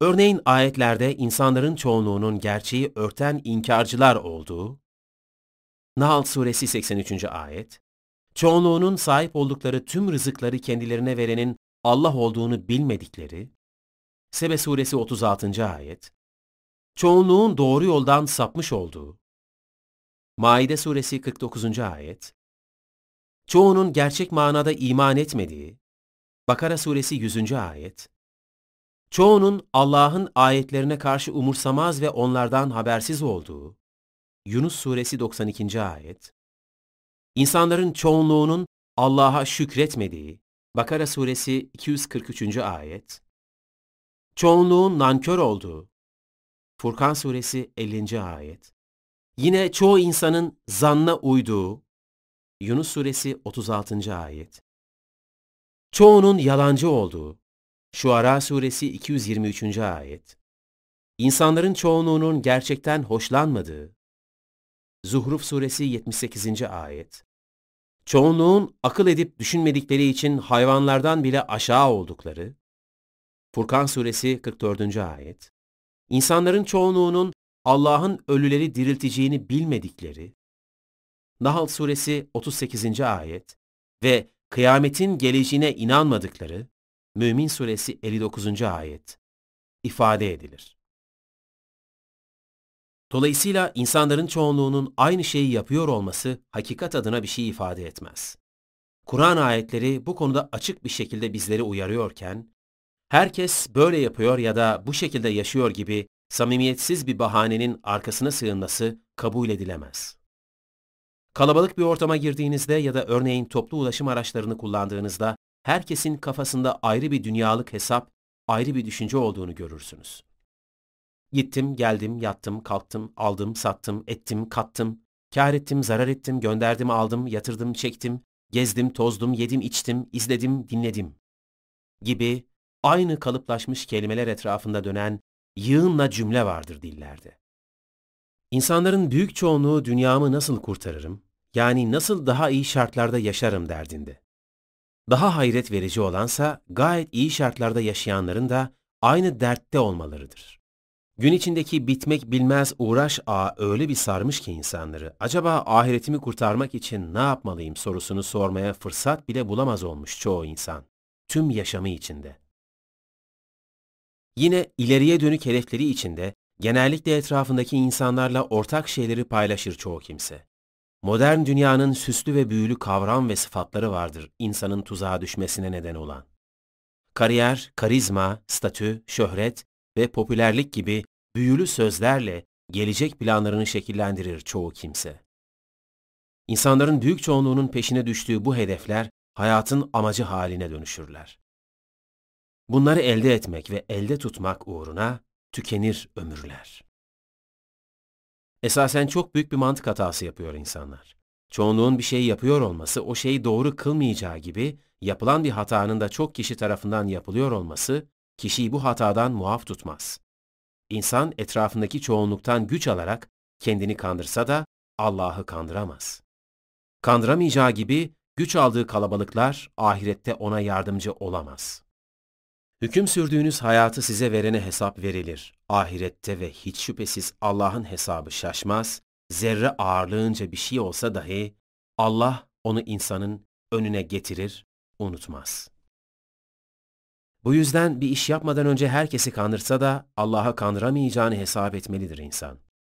Hesap günü haklarında hüküm verilip de cehenneme sürüklenenlere sizi buraya sürükleyen neydi diye sorulduğunda verecekleri cevaplardan birinin şu olduğunu haber verir Kur'an ayetleri bize. Boş iş ve uğraşlara dalanlarla birlikte dalar giderdik. Müdessir Suresi 45. Ayet İnsanların genelinin yaptığına bakarak benzer şeyleri yapmak, hayvanlar arasındaki sürü psikolojisinden farklı değildir. İzlediğimiz belgesellerde sürü halinde hareket eden hayvanların nehir kenarına geldiklerinde toplu halde durduklarını görürsünüz. Sonra en öndekilerden birinin suya doğru yaptığı bir hamleyle bir anda tüm sürü ilk hamleyi yapanın peşine takılarak suya girer. Oysa insanların hayvanlardan farklı olarak öncesi ve sonrasıyla yapacağı eylemin sonuçlarını hesap ederek yani aklını kullanarak hareket etmesi gerekir. Buna rağmen insanların büyük çoğunluğu oltanın ucuna takılan yeme yönelen balıklar gibi dünya hayatının değersiz nimetlerine yönelirler. Gerçekten de birçok insanın balık hafızasına sahip olduğuna tanıklık edersiniz. Şeytanın salladığı oltanın ucunda iğne olduğunu bile bile yutarlar yemi, yine de her seferinde. Dört bir yanı şeytanın ve nefsinin tuzaklarıyla sarılıdır. Ama yine de insan hayatını güllük gülistanlık sanır. Bir düşmanı gizli ya da açık bir şekilde insanın karşısına gelecek olsa, almayacağı tedbir kalmaz, zarar görmemek uğruna. Ama söz konusu olan nefsini okşayan tuzaklara kapılmaksa, açı verir kollarını ve alabildiğine sarıp sarmalar günahları.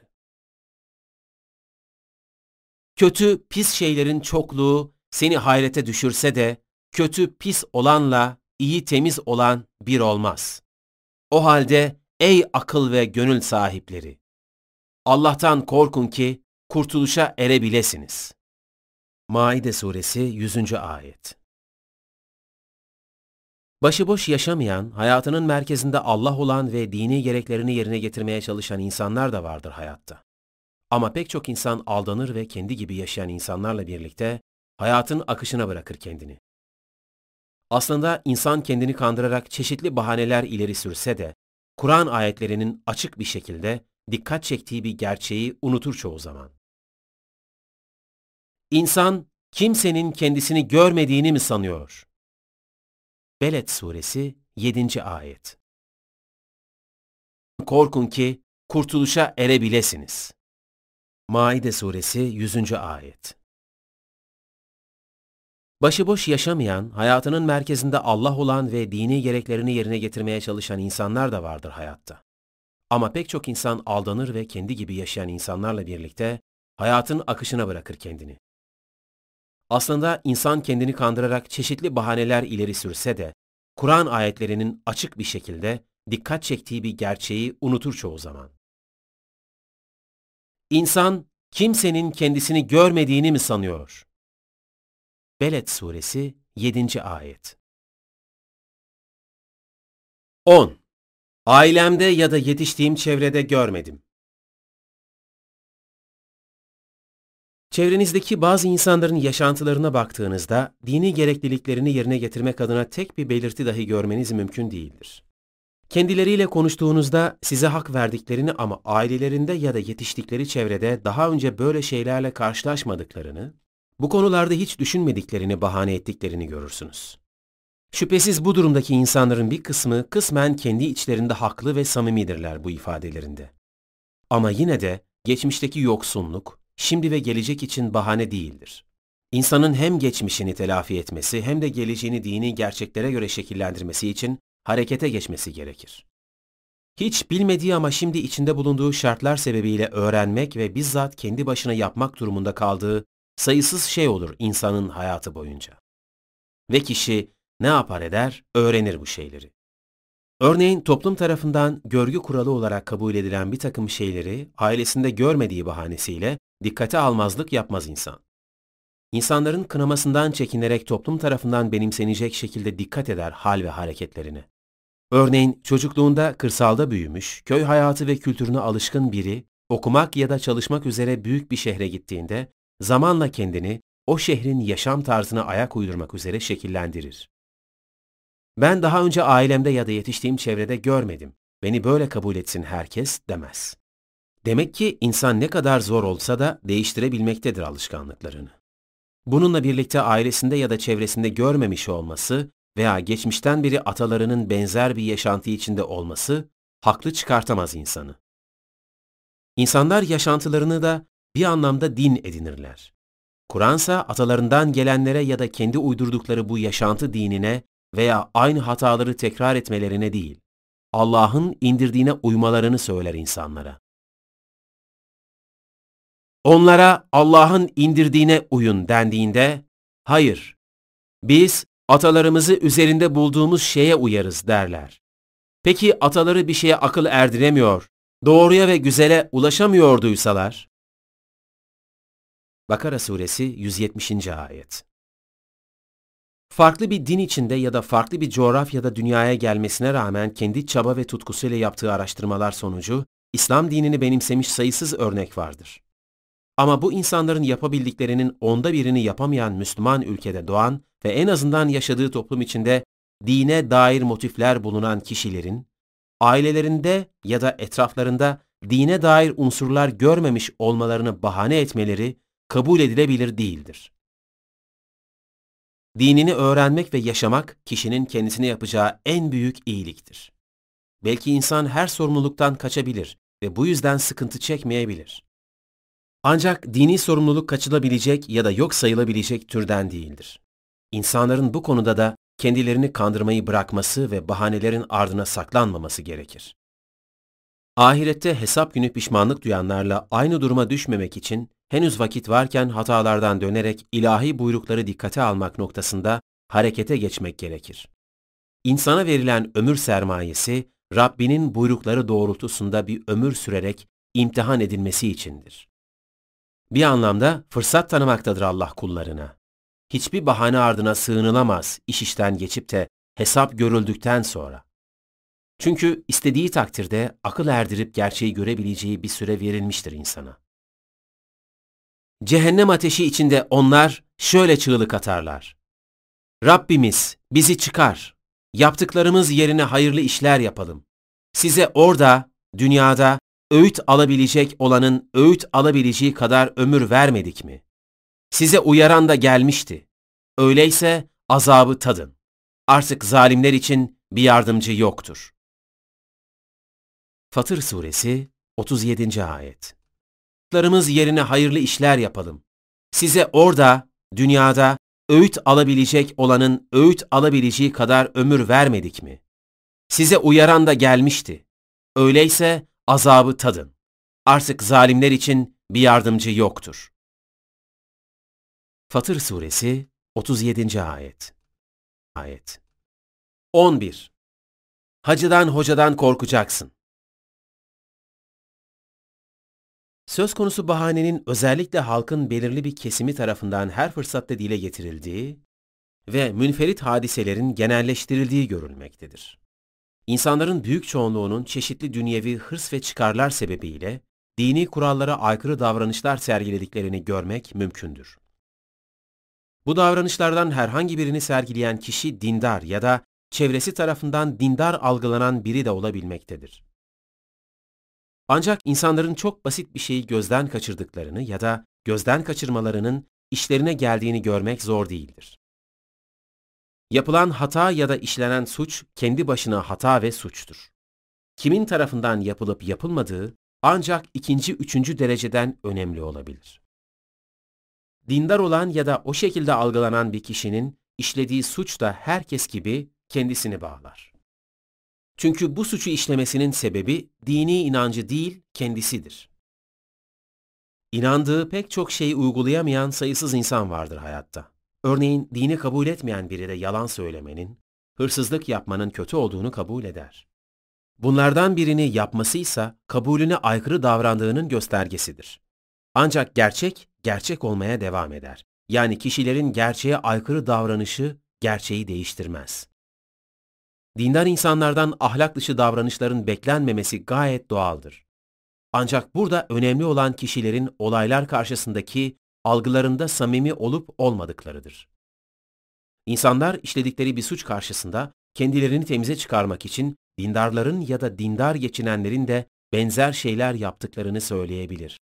Ya da dine inanmak istemediği için özellikle kötü örnekleri seçip bu örnekler üzerinden dine ve tüm dindarlara iftirada bulunmak da istiyor olabilir.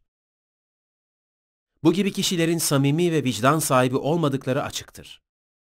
Bununla birlikte dindar kişilerin de hatalar yapıyor olmalarını delil getiren kişilerin bu durumun kendi üzerlerindeki sorumluluğu kaldırmayacağını ya da yüklerini hafifletmeyeceğini bilmeleri gerekir. Özellikle ülkemizde 70'li ve 80'li yıllarda çekilen Türk filmlerinin önemli bir kısmında en fazla işlenen temalardan biri Üçkağıtçı Hacı Hoca temasıdır. Ne hikmetse söz konusu filmlerin hiçbirinde samimi bir Müslüman karakterle karşılaşmanız mümkün değildir. Kötü ve bağnaz dindar örneklerinden hareketle, dinin ve dindarların aslında ne kadar geri kafalı ve çağ dışı olduğu mesajı verilmeye çalışılır. Nerede bir hile hurda, nerede bir ahlaksızlık varsa altından hep dindar görünümlü birini çıkartırlar. Neredeyse birkaç neslin dine karşı ön yargıyla yaklaşarak dinden uzak durmasının ardındaki önemli etkilerden biri de kasıtlı olarak yapılan söz konusu bu zihin inşasıdır.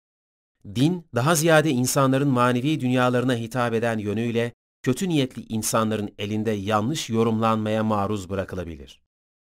Kimi kişiler din üzerinden siyaset yapabilir ya da ekonomik çıkarlar gözeterek insanları aldatabilirler.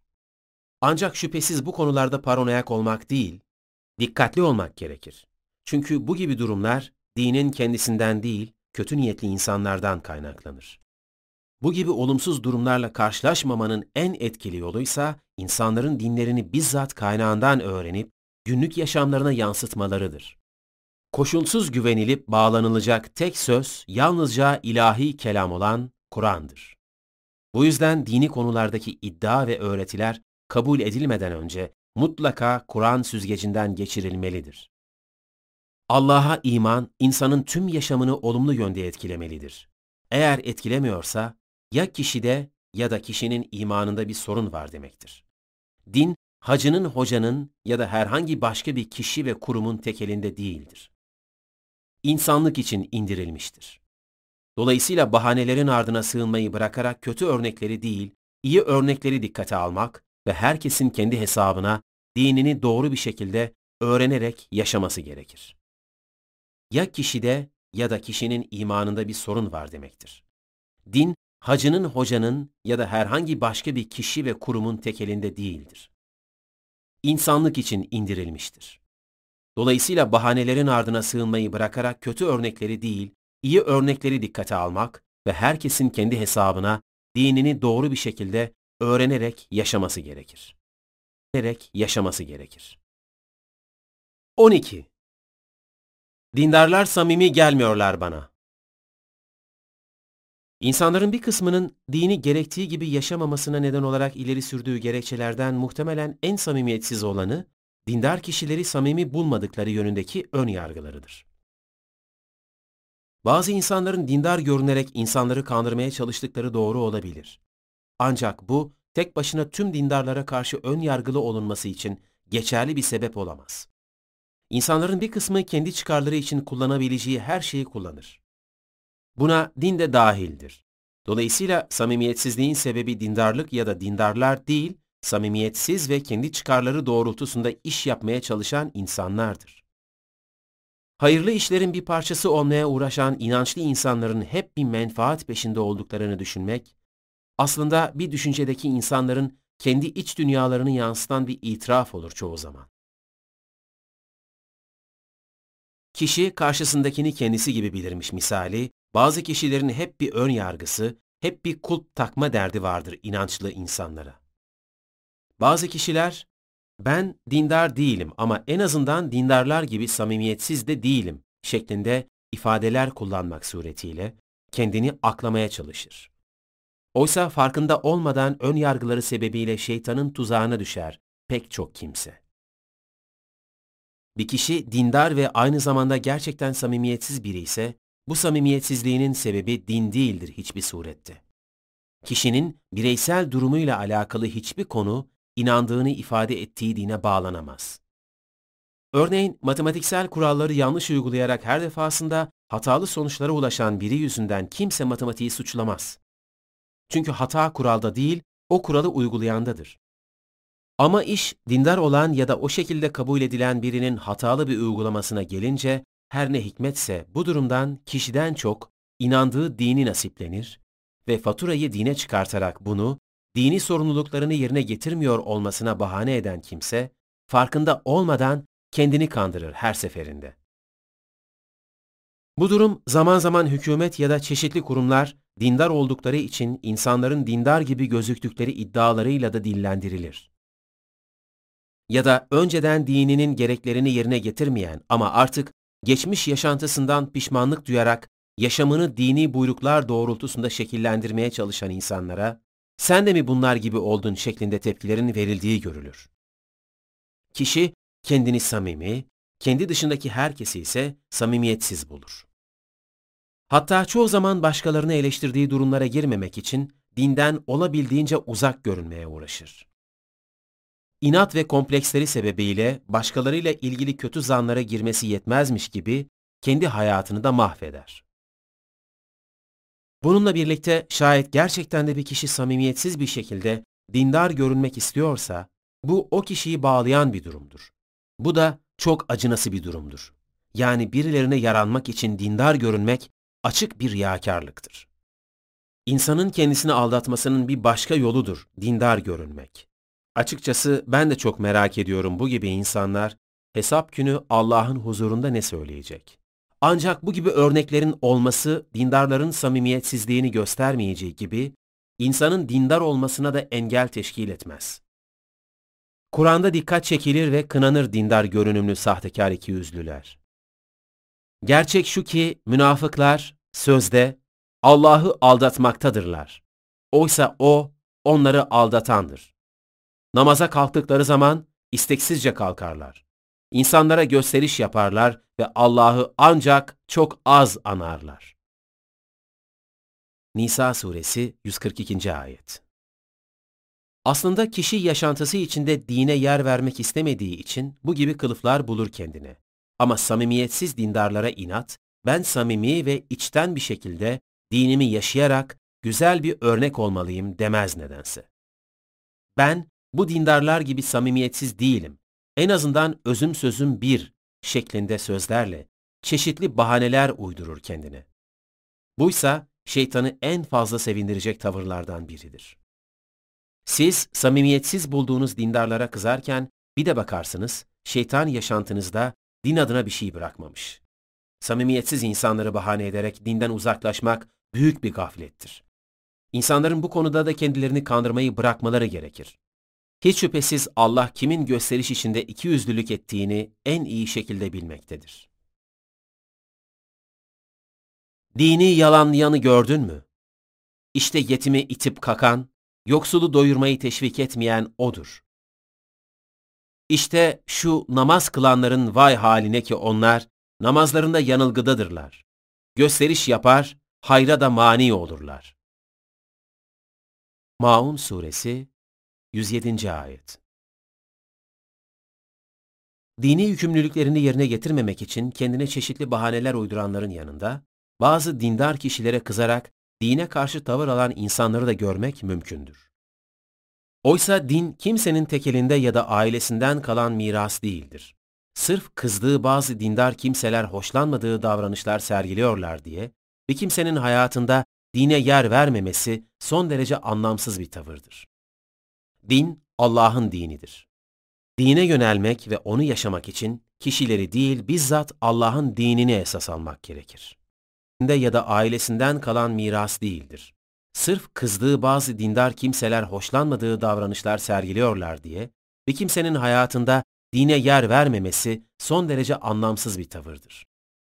Din Allah'ın dinidir. Dine yönelmek ve onu yaşamak için kişileri değil bizzat Allah'ın dinini esas almak gerekir.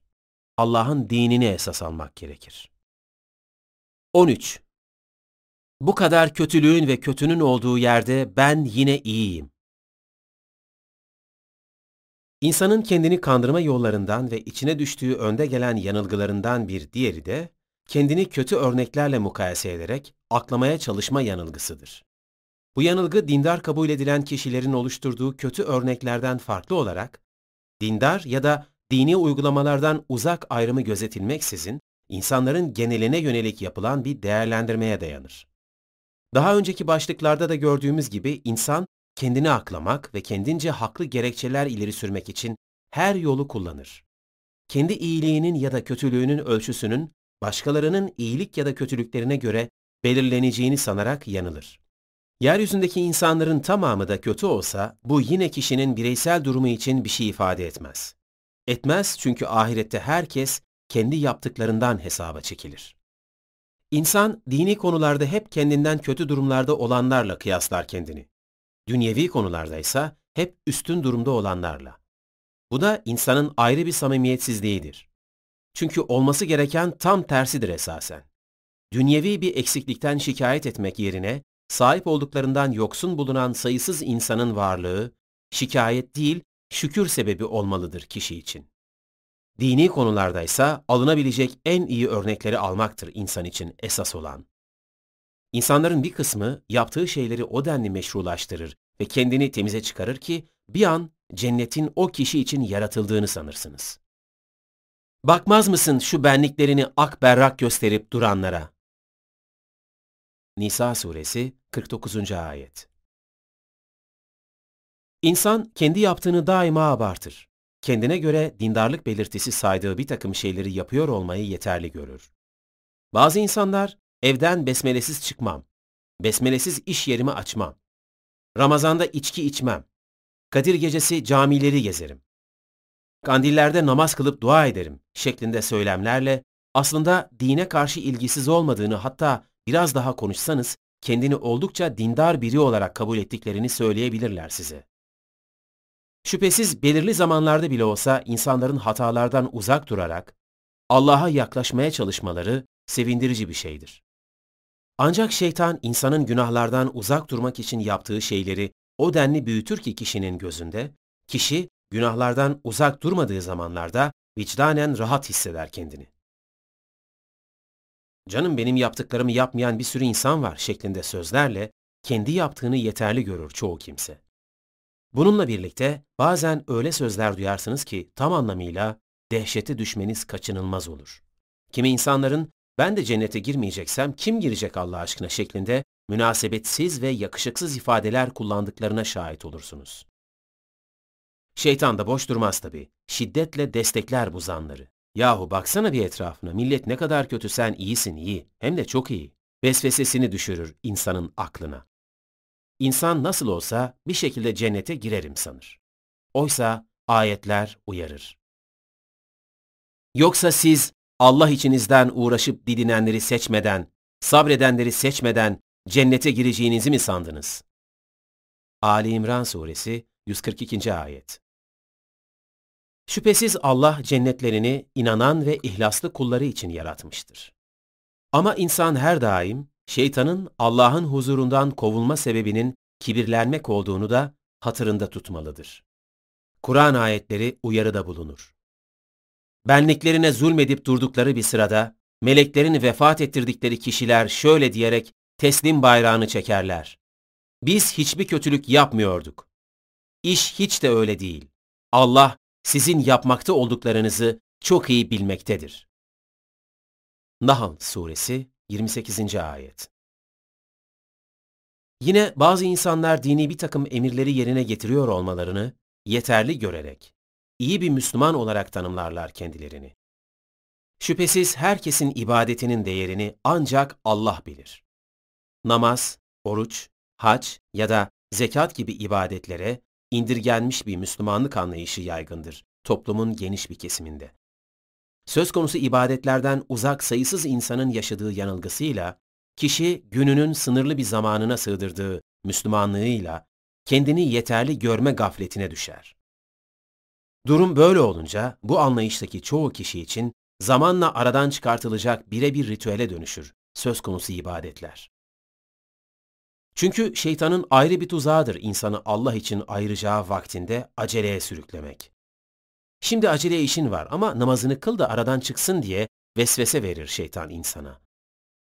Şeytan namaz kıl diye vesvese verir mi demeyin. Bu tarz bir namaz ancak şeytanı razı edecek şekilde aradan çıkarmaya yönelik aceleye getirilen bir ibadete dönüşür bir anda. Şuursuz bir şekilde gerçekleştirdiğimiz sayısız ibadetimiz vardır.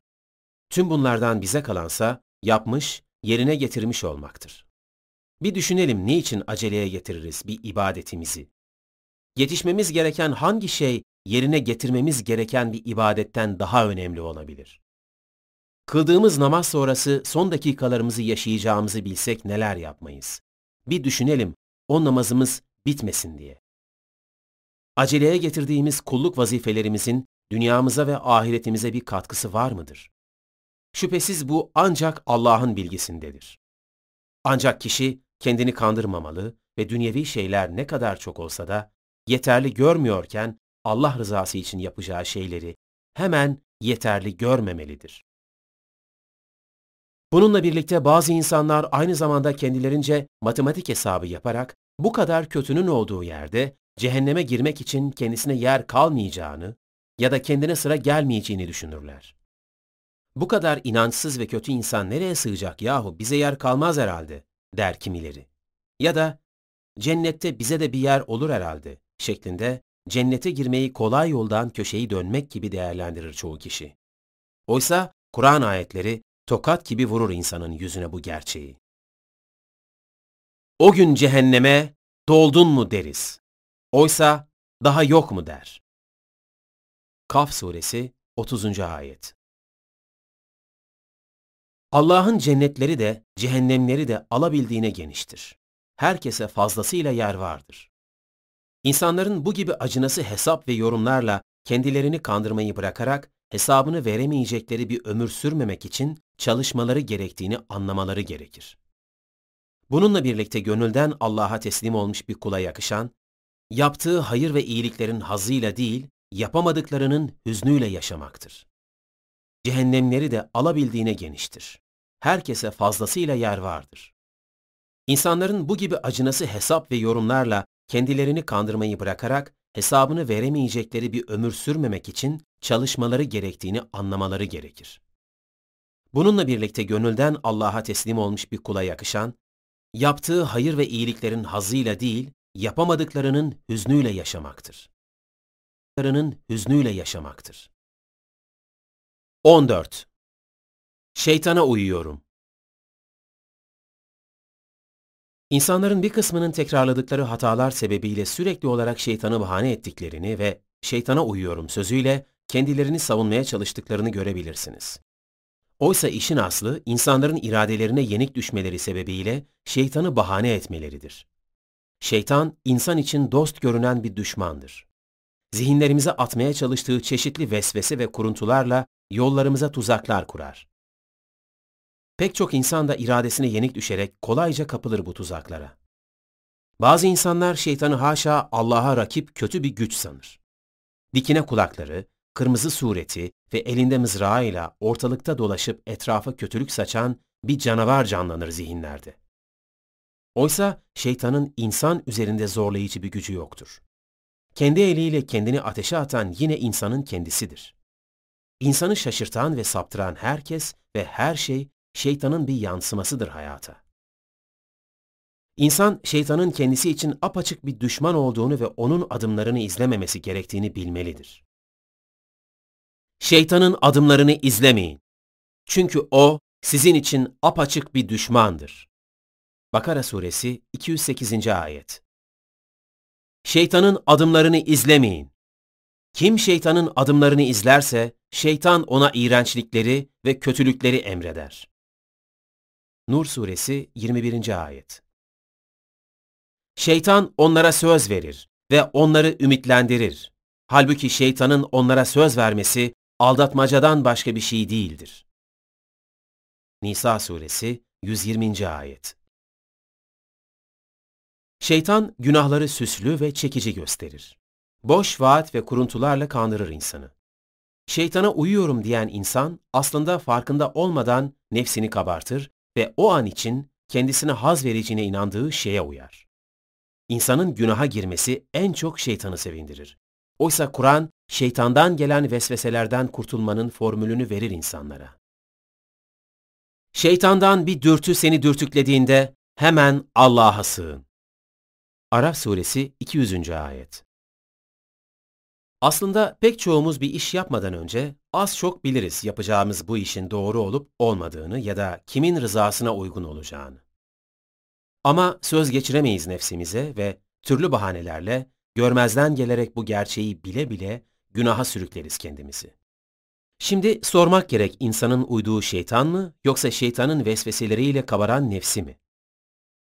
Peki kendi eliyle bile bile günaha giren birini hangi bahane kurtarabilir? Şeytanın boş vaatlerine aldanan insan, hesap günü şeytanın tüm vaatlerinin boşa çıktığını gördüğünde, içinde bulunduğu durumdan kendini nasıl kurtarabilir? İnsanın bu konuda da kendini kandırmayı bırakarak şeytanı bahane etmemesi gerekir. Çünkü hesap günü şeytan da, şeytanı bahane eden de kurtaramaz kendini. İş bitirilince şeytan onlara şöyle dedi. Allah size hak bir vaatle vaatte bulundu. Bense vaat ettim ama vaadimden caydım. Benim sizin üzerinizde bir sultam, hakimiyetim yoktu. Sizi davet ettim, siz de bana uydunuz. Hepsi bu. Şimdi beni kınamayı bırakın da benliklerinizi kınayın. Ne ben sizi kurtarabilirim ne de siz beni kurtarabilirsiniz. Aslında ben sizin daha önceden beni şirk aracı yapmanıza karşı çıkmıştım. Zalimler için acıklı bir azap öngörülmüştür. İbrahim Suresi 22. Ayet Şeytanın bizim apaçık bir düşmanımız olduğunu ve bizi kötülüklere sürüklemek için elinden gelen her şeyi yapacağını bilerek, bizim de onu düşman bilmemiz gerektiği konusunda uyarıda bulunur Kur'an bize. Gerçek şu ki şeytan sizin düşmanınızdır. Öyleyse siz de onu düşman edinin. O, kendi grubunu ancak çılgınca yanan ateşin halkından olmaya çağırır. Fatır Suresi 6. Ayet Size düşmanlık eden biri olsa ve bu kişi her fırsatta sizin ayağınızı kaydırmak için çalışsa, ya da size maddi manevi zarar vermeye, belki de canınıza kastetmeye yeltense, herhalde bu kişiden korunmak için gereken tüm tedbirleri alır ve başınıza kötü bir olay gelmemesi için her yolu dener, tüm şartları zorlar ve daima tetikte beklersiniz. Peki şeytanın her birimiz için son derece tehlikeli bir düşman olduğunu bildiğimiz halde, bu düşmanımıza karşı gardımızı düşüren nedir? Neden tedbir almamız gerektiğinin farkında bile değiliz. Nasıl olsa ben şeytana uymam ya da tuzaklarına kanmam mı diyoruz? Bu konuda bir garantimiz var mı? Ya da bizi bu tuzaklara karşı koruyacak bir imanımız? Şeytanı düşman bilmek ve tuzaklarından korunmak için gerekli olan ilk şey şeytandan uzaklaşmak istediğimiz oranda Allah'a yaklaşmaya vesile aramamızdır.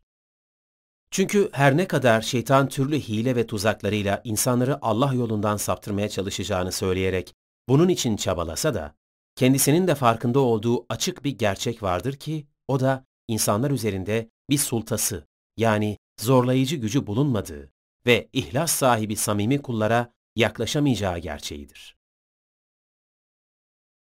Dedi, Rabbim, beni azdırmana yemin ederim ki, yeryüzünde onlar için mutlaka süslemeler yapacağım ve onların tümünü kesinlikle azdıracağım. İçlerinden riyaya sapmamış, samimi kulların müstesna. Buyurdu. İşte bana varan dosdoğru yol budur. Benim kullarım aleyhine senin elinde hiçbir güç, kanıt olmayacak. Azgınlardan sana uyanlar müstesna. Hicr Suresi 39 ila 42. ayetler. Görüldüğü gibi şeytana uyuyorum bahanesinin kişinin hatalarını aklaması mümkün değildir. Şeytani tuzaklar insanın dünya hayatındaki imtihanının bir parçasıdır. Şeytan onları etkisi altına aldı da kendilerine Allah'ı anmayı unutturdu. İşte onlar şeytanın yandaşlarıdır. İyi bilin ki şeytanın yandaşları hep kayıptadırlar. Mücadele Suresi 19. Ayet Samimi ve gönülden gelen bir teslimiyetle Allah'a sığınarak gerçeği görmesi ise kişinin kendi elindedir. Çünkü Kur'an ayetlerinin de ifade ettiği gibi esasen şeytanın insanlar üzerinde zorlayıcı bir gücü yoktur. Sebe Suresi 21. Ayet Ve hiç şüphesiz şeytanın hileli düzeni pek zayıftır. Nisa Suresi 76. Ayet Yani istediği takdirde şeytana uymamak kişinin kendi elindedir. İnsanların bu bahaneyi ileri sürerek de kendilerini kandırmayı bırakmaları gerekir. Çünkü her işinde olduğu gibi kendini kandırmanın en büyük zararı başkasına değil, bizzat kişinin kendisinedir. Allah'tan sakınanlara şeytandan bir vesvese eriştiğinde önce iyice düşünürler. Allah'ı zikredip anarlar. Sonra hemen bakarsın ki görüp bilirler. Araf suresi 201. ayet. Küçükken sessizce bir arkadaşımıza yaklaşarak ellerimizle gözlerini kapadığımız ve kim olduğumuzu bilmesini istediğimiz oyunlar geliyor aklıma. İşte tam da bu oyundaki gibi gözlerimizi kapatmaya çalışır şeytan. Kurmuş olduğu tuzaklarla. Gerçeği görmemize engel olmaktır emeli. Üstelik bizce apaçık bellidir gözlerimizi kapatanın kimliği ama işimize öyle geldiği için açılsın istemeyiz gözlerimiz. Bir ömür gözlerimizi kapatanın kim olduğunu bile bile bilmezden geliriz. Safını belirlemelidir insan. Kimin tarafındasın? Yaratanın mı, aldatanın mı? Şeytanın tuzaklarına düşmekten sakınarak safını belirlemeli ve bilmelidir insan. Hiç şüphesiz galip gelecek olan Allah'ın taraftarlarıdır. Kim Allah'ı, Resulünü ve iman edenleri dost, veli edinirse, hiç şüphe yok, galip gelecek olanlar Allah'ın taraftarlarıdır. Maide suresi 56. ayet. Kim Allah'ı, Resulünü ve iman edenleri dost, veli edinirse, hiç şüphe yok, galip gelecek olanlar Allah'ın taraftarlarıdır. Maide suresi 56. ayet. 15. Peygamberler ve Allah dostları gibi olamayız. İnsanlarla dini konularda sohbet ettiğinizde ve özellikle tarih boyunca peygamberlerin ve gerçek inananların Allah yolunda onun rızasına uygun yaşamalarının bedeli olarak karşılaştıkları zorluk ve sıkıntılardan örnekler verdiğinizde, bazı insanların biz kimiz ki onlar gibi olalım şeklinde yorumlar yaptıklarına şahit olursunuz. Anlatılanlar karşısında kimi zaman gözyaşlarına hakim olamayan ya da Allah diye haykıran insanların bir kısmından, dini gerektiği gibi yaşamak uğruna göze alması gereken basit bir fedakarlık beklediğinizde, çoğu zaman hayal kırıklığına uğrarsınız. Kur'an ayetleri insanlar ibret ve örnek alsınlar diye gönderilmişken, ayetlerdeki hakikatleri sanki başkalarını muhatap alıyor gibi okuyup dinlemek, insanların böyle yanılgılara düşmelerinin sebeplerinden biri olsa gerek. İbrahim'le beraberinde olanlarda sizin için çok güzel bir örnek vardır. Mümtehine Suresi 4. Ayet Meryem'in oğlu kendisine nimet verdiğimiz ve İsrailoğullarına örnek yaptığımız bir kuldu. Zuhruf Suresi 59. Ayet Yemin olsun Allah Resulü'nde sizin için Allah'ı ve ahiret gününü arzu edenlerle Allah'ı çok ananlara güzel bir örnek vardır.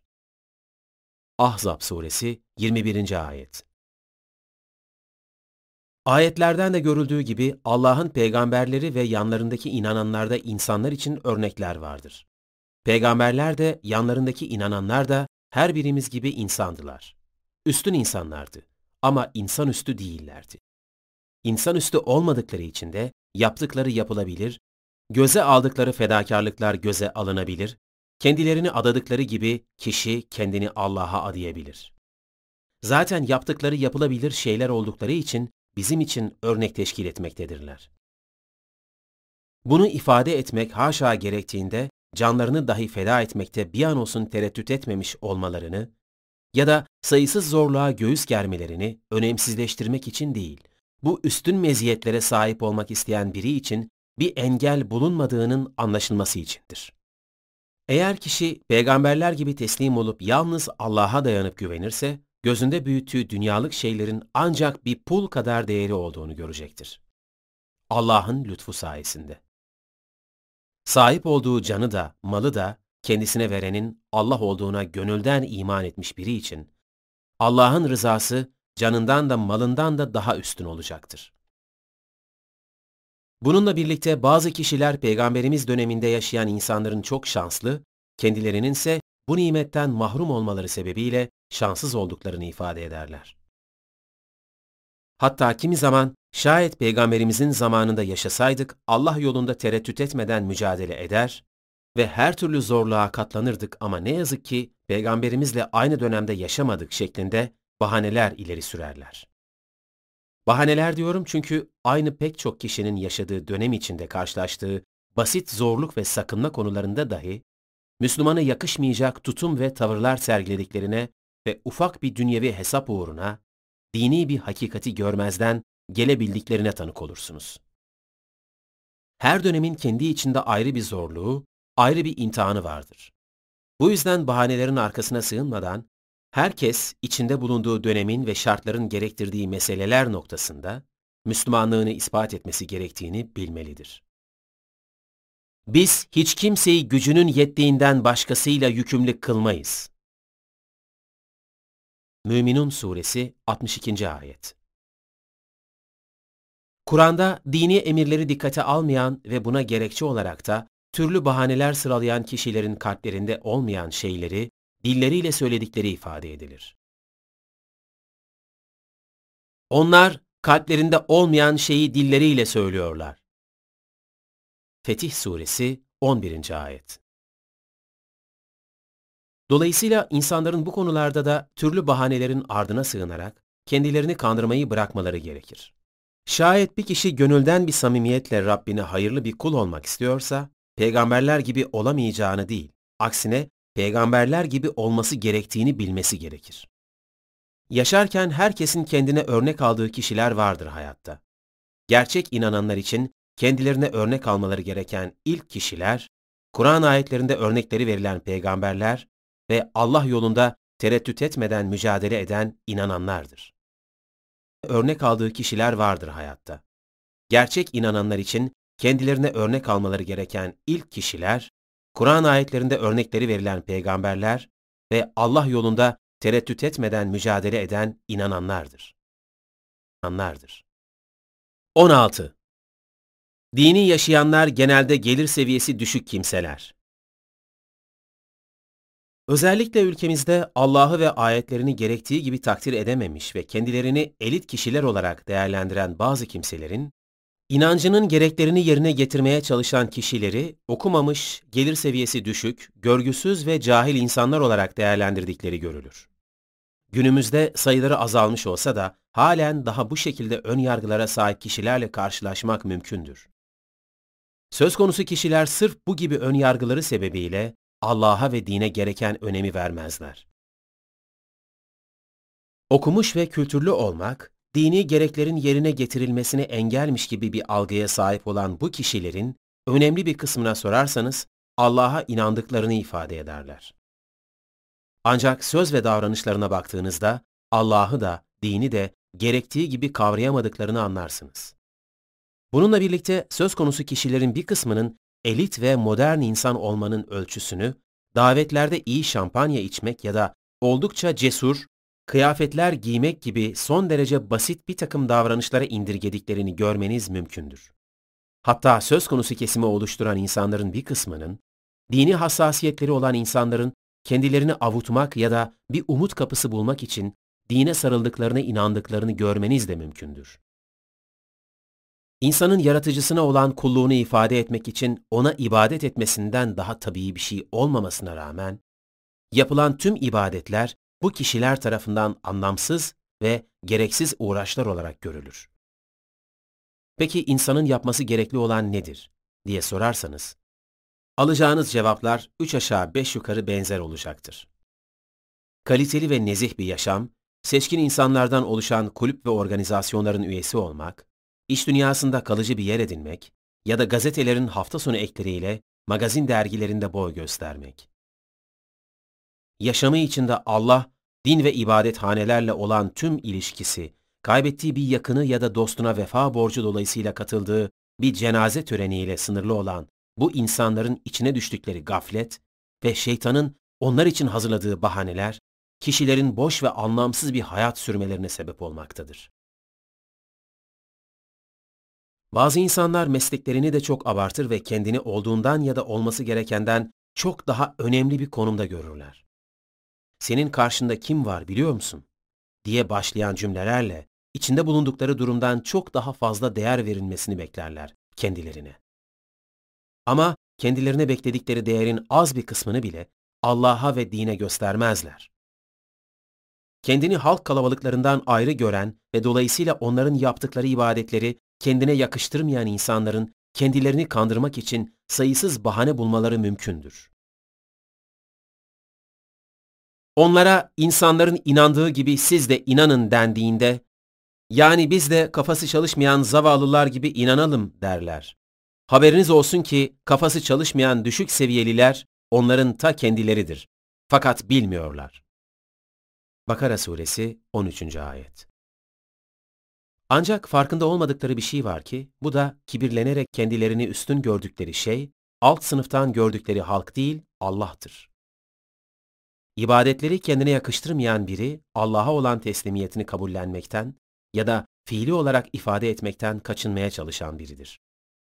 Oysa Kur'an ayetleri bu konuda da uyarılarda bulunur insanlara. Rabbiniz buyurmuştur ki, dua edin bana, cevap vereyim size. Kibre saparak bana ibadetten uzaklaşanlar, aşağılanmış bir halde cehenneme gireceklerdir. Mümin Suresi 60. Ayet İnsan Rabbine karşı kendini bir şey sanır. Oysa çok anlamlı bir şekilde sorar Kur'an. Kendisi akıtılan meniden bir damla su değil miydi? diye. Kıyamet Suresi 37. Ayet Geçmişi bir damla su olan daha da geçmişi ise tabiri caizse portakalda vitamin olan insan, kendini bir şey sanarak bir anlamda kafa tutar Rabbine.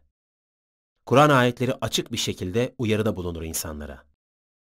Allah'a karşı büyüklenmeyin diye. Duhan Suresi 19. Ayet Yine kimi insanlar Allah'a karşı büyüklenmelerinin yanında bir de Allah'a gönülden teslim olmuş ya da teslim olma gayreti içindeki insanları aşağılık görme sapkınlığına düşerler.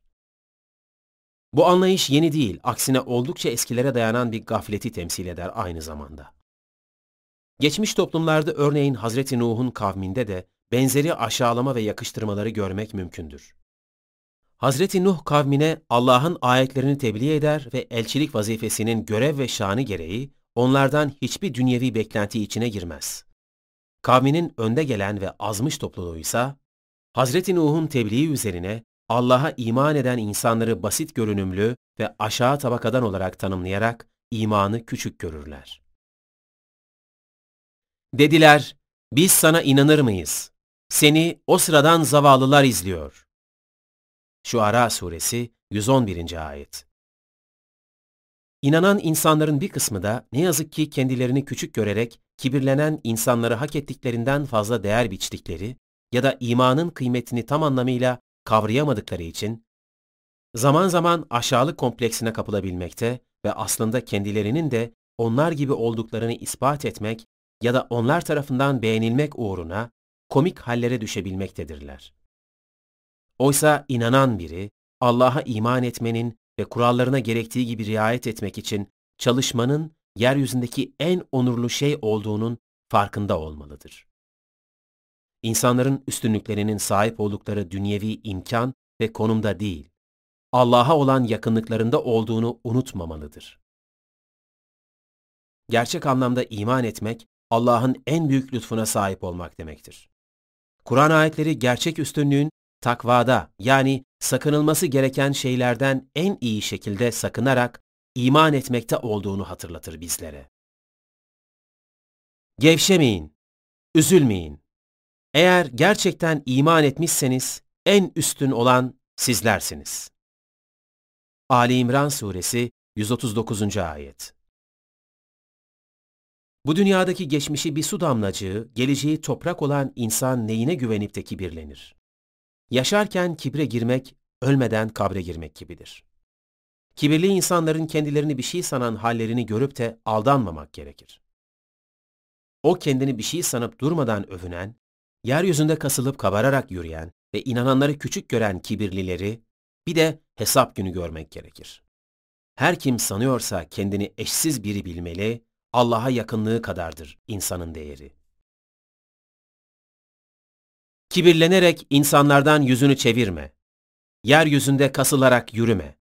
Allah kurula kurula kendini övenlerin hiçbirini sevmez. Lokman Suresi 18. ayet. Onları küçük gören kibirlileri bir de hesap günü görmek gerekir. Her kim sanıyorsa kendini eşsiz biri bilmeli, Allah'a yakınlığı kadardır insanın değeri. Kibirlenerek insanlardan yüzünü çevirme. Yeryüzünde kasılarak yürüme. Allah kurula kurula kendini övenlerin hiçbirini sevmez. Lokman Suresi 18. Ayet 17. Bana dini anlatmasının ardında bir beklentisi var mutlaka. Dini konularda insanların faydasına olan çeşitli öğüt ve tavsiyelerde bulunmanız rahatsız edebiliyor kimilerini. Üstelik bu tavsiyeleri olabilecek en uygun dil ve kibarlıkta yapsanız da durum değişmiyor çoğu zaman. Ya da bazen çeşitli yakıştırmalara maruz kalabiliyor, aslında ardınızda çok başka planlarınız olduğu şeklindeki senaryoların kahramanı haline gelebiliyorsunuz. Şüphesiz komplo teorilerini çok seven bir milletiz ve şayet bir şeyi yapmak işimize gelmiyorsa, daima kötü örnekleri dikkate almak da vazgeçilmez bir özelliğimiz.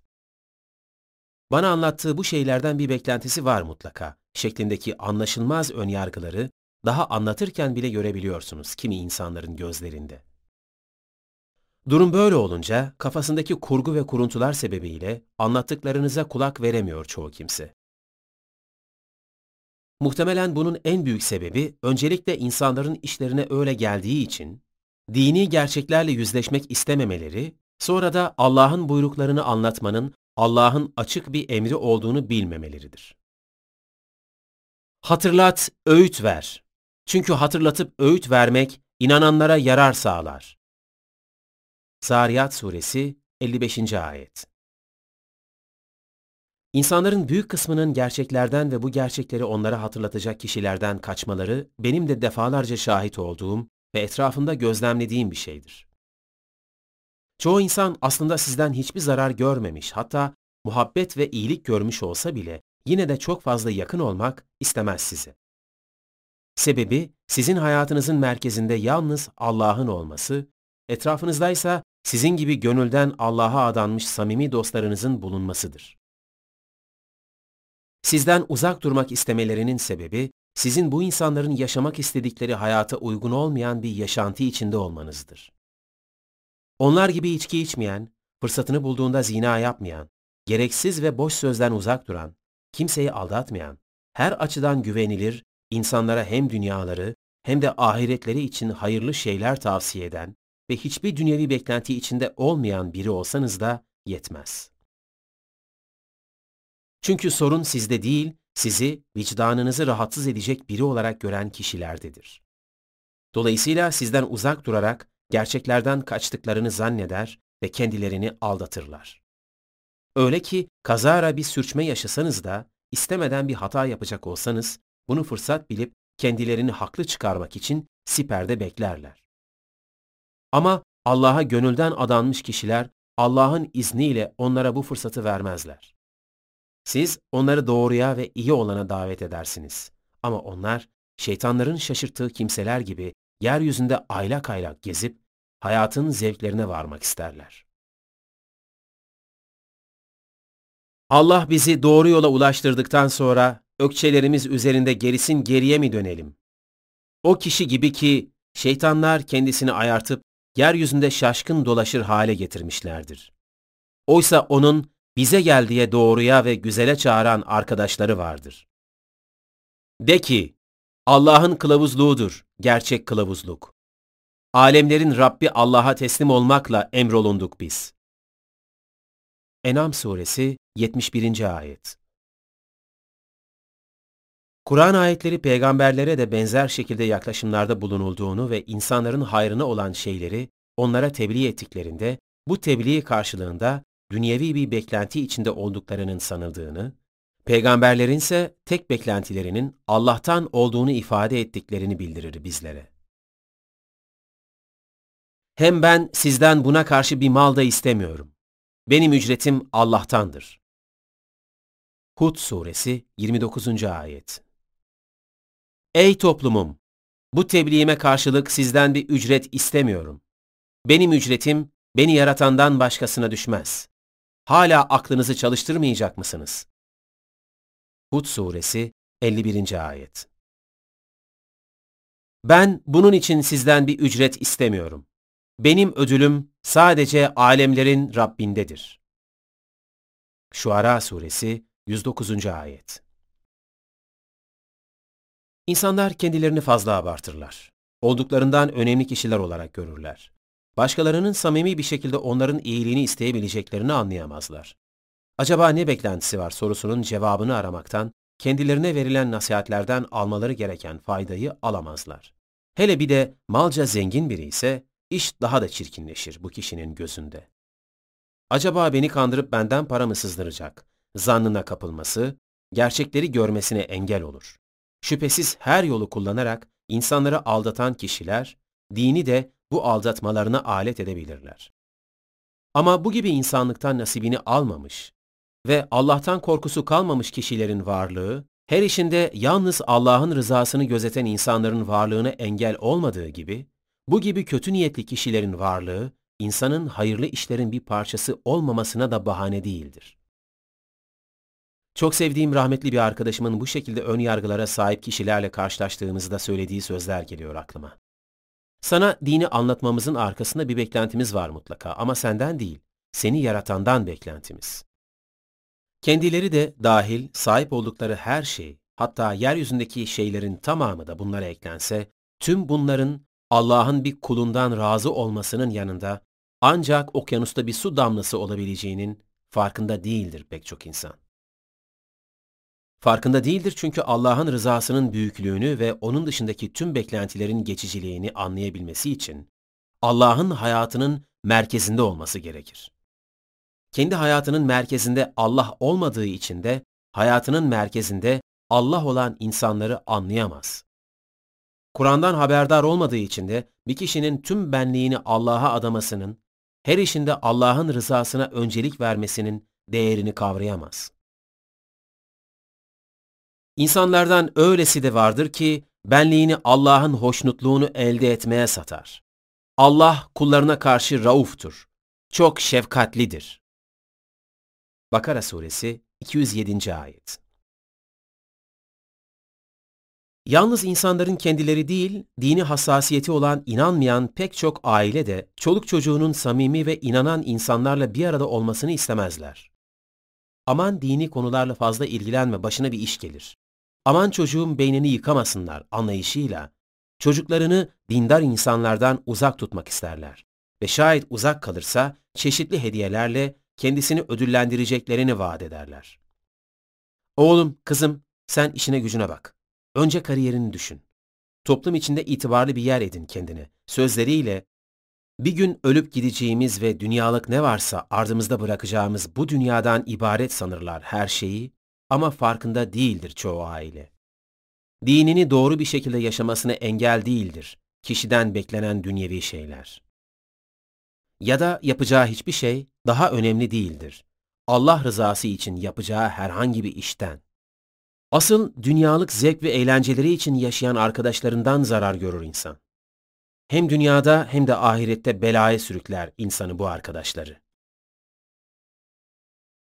Allah bunların kalplerindekini biliyor. Artık aldırma onlara. Öğüt ver kendilerine ve nefisleri hakkında etkili sözler söyle onlara.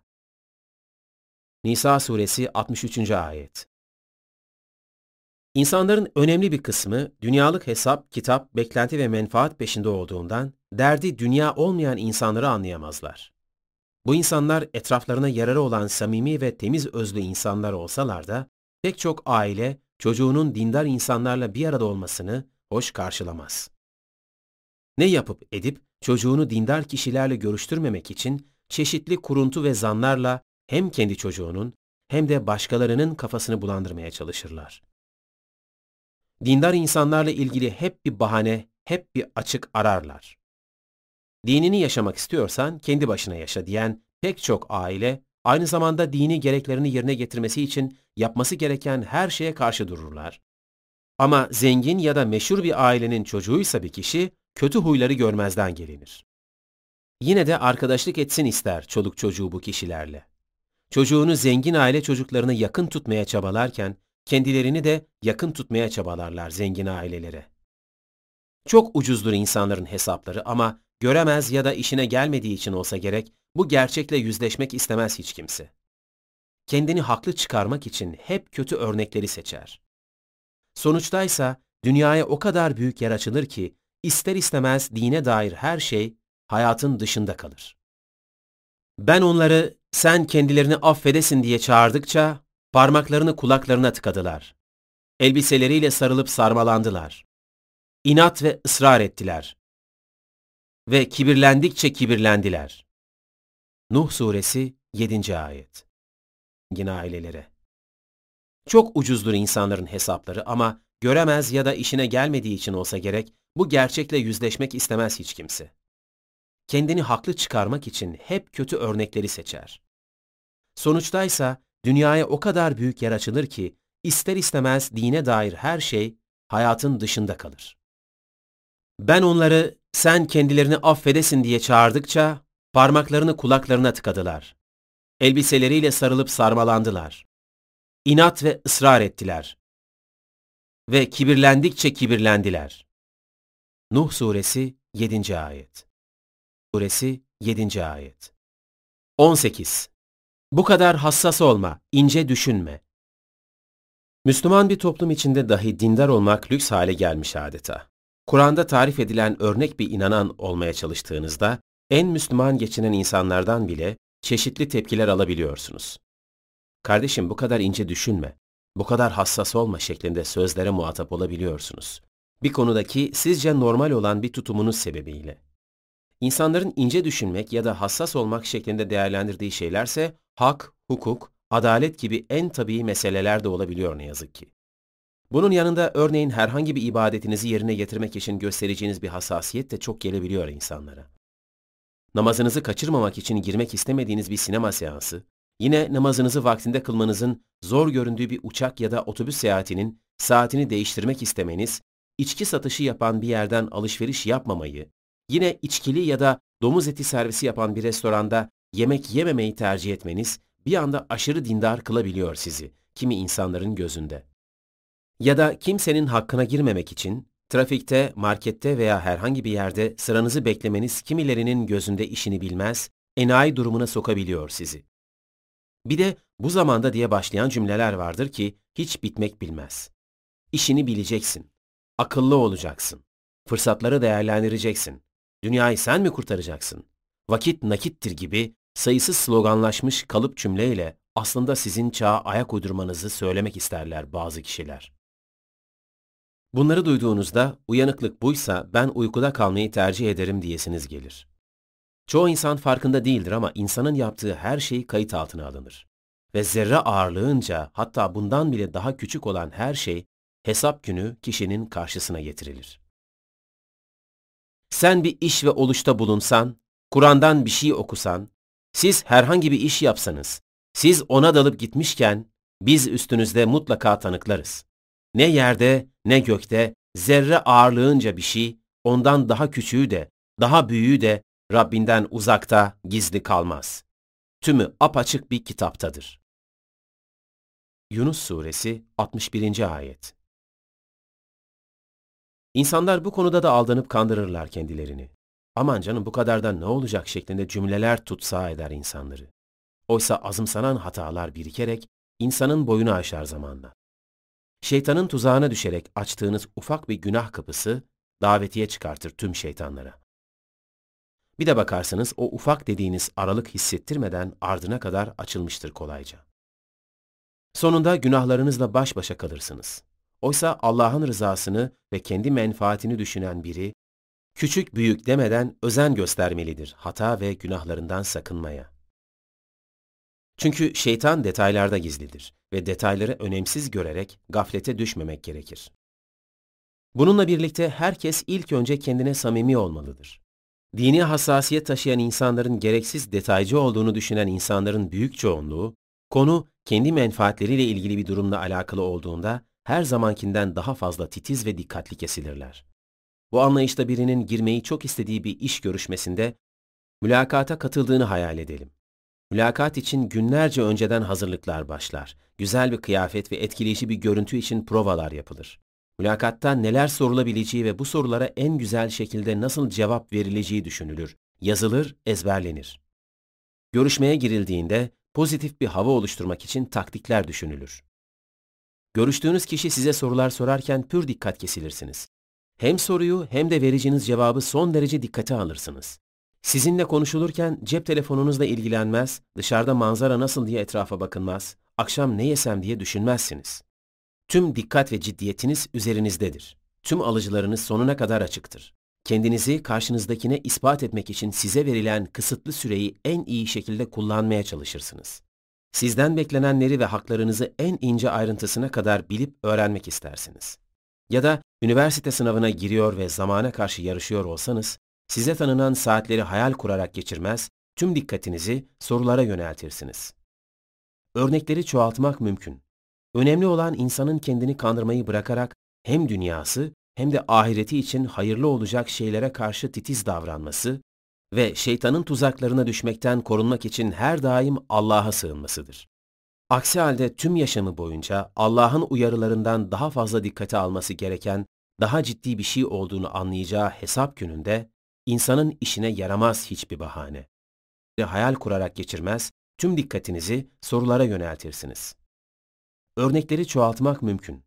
Önemli olan insanın kendini kandırmayı bırakarak hem dünyası hem de ahireti için hayırlı olacak şeylere karşı titiz davranması ve şeytanın tuzaklarına düşmekten korunmak için her daim Allah'a sığınmasıdır. Aksi halde tüm yaşamı boyunca Allah'ın uyarılarından daha fazla dikkate alması gereken, daha ciddi bir şey olduğunu anlayacağı hesap gününde insanın işine yaramaz hiçbir bahane. Hesap gününde insanın işine yaramaz hiçbir bahane. 19. Elhamdülillah biz de Müslümanız. Halk arasında en fazla tekrarlanan cümlelerden biri bu olsa gerek.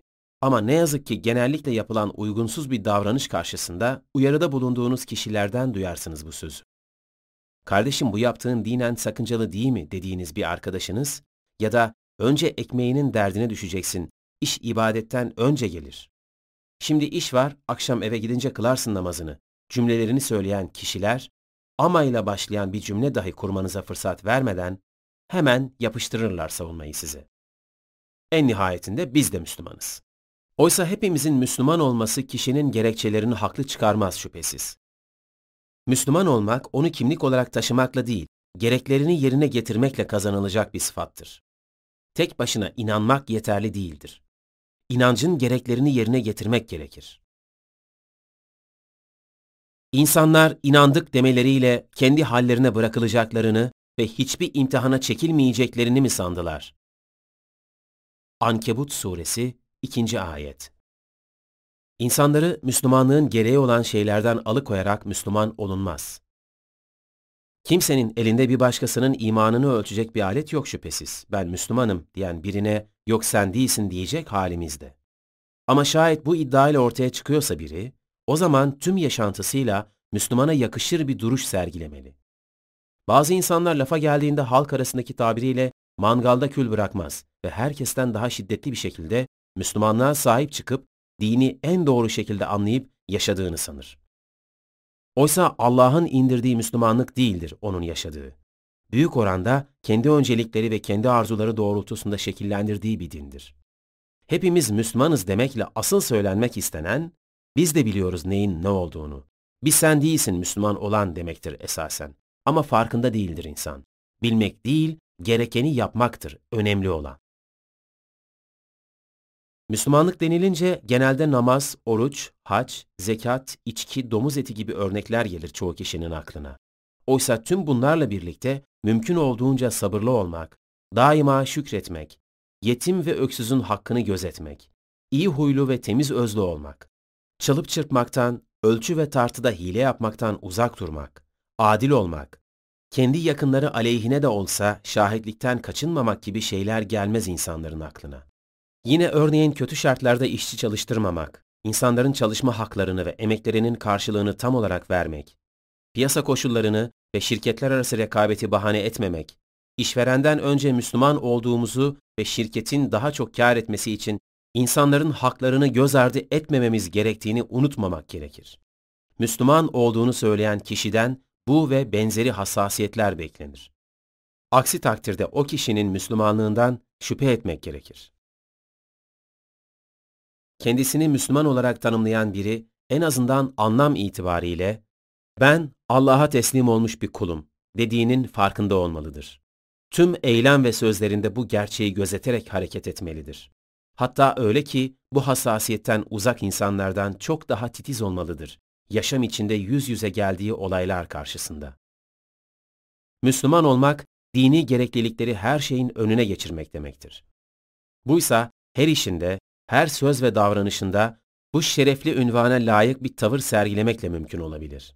Nasıl ki her iş ve her mesleğin layıkıyla yapılabilmesi için tam anlamıyla o görevin gereklerini yerine getirmek gerekiyorsa, gerçek manada Müslüman olabilmek için de dini görevlerin layıkıyla yerine getirilmesi ve bunun bir yaşam şekli olarak benimsenmesi gerekir. İnsanların bahaneleri ve dini gerekleri yerine getirmemeleri üzerine geliştirdikleri gerekçeler hiç bitmez. Şüphesiz insanız ve hepimiz hatalar yaparız. Ama şayet bir hatamız varsa, Müslüman oluşumuzu hatamıza kalkan yapamayız. Aksine kendimizi kandırmayı bırakmalı, olur olmaz bahanelerin ardına sığınmamalı ve hatamızı kabul ederek örnek bir inanana yakışacak şekilde davranmalıyız. İşte o zaman gönül rahatlığıyla elhamdülillah biz de Müslümanız diyebiliriz. Hatamıza kalkan yapamayız. Aksine kendimizi kandırmayı bırakmalı, olur olmaz bahanelerin ardına sığınmamalı ve hatamızı kabul ederek örnek bir inanana yakışacak şekilde davranmalıyız. İşte o zaman gönül rahatlığıyla elhamdülillah biz de Müslümanız diyebiliriz. 20.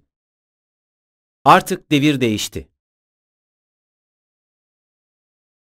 İnsanların dine bakışlarını çok çeşitli başlıklar altında değerlendirmek mümkün elbette. Ancak yaklaşımlarındaki samimiyet derecesini kestirmeniz zor olmaz çoğu zaman. Kimi insan yerine getirmediği dini gereklilikleri sebebiyle utanç duyarken, kimileri kendince bir takım bahaneler ileri sürerler.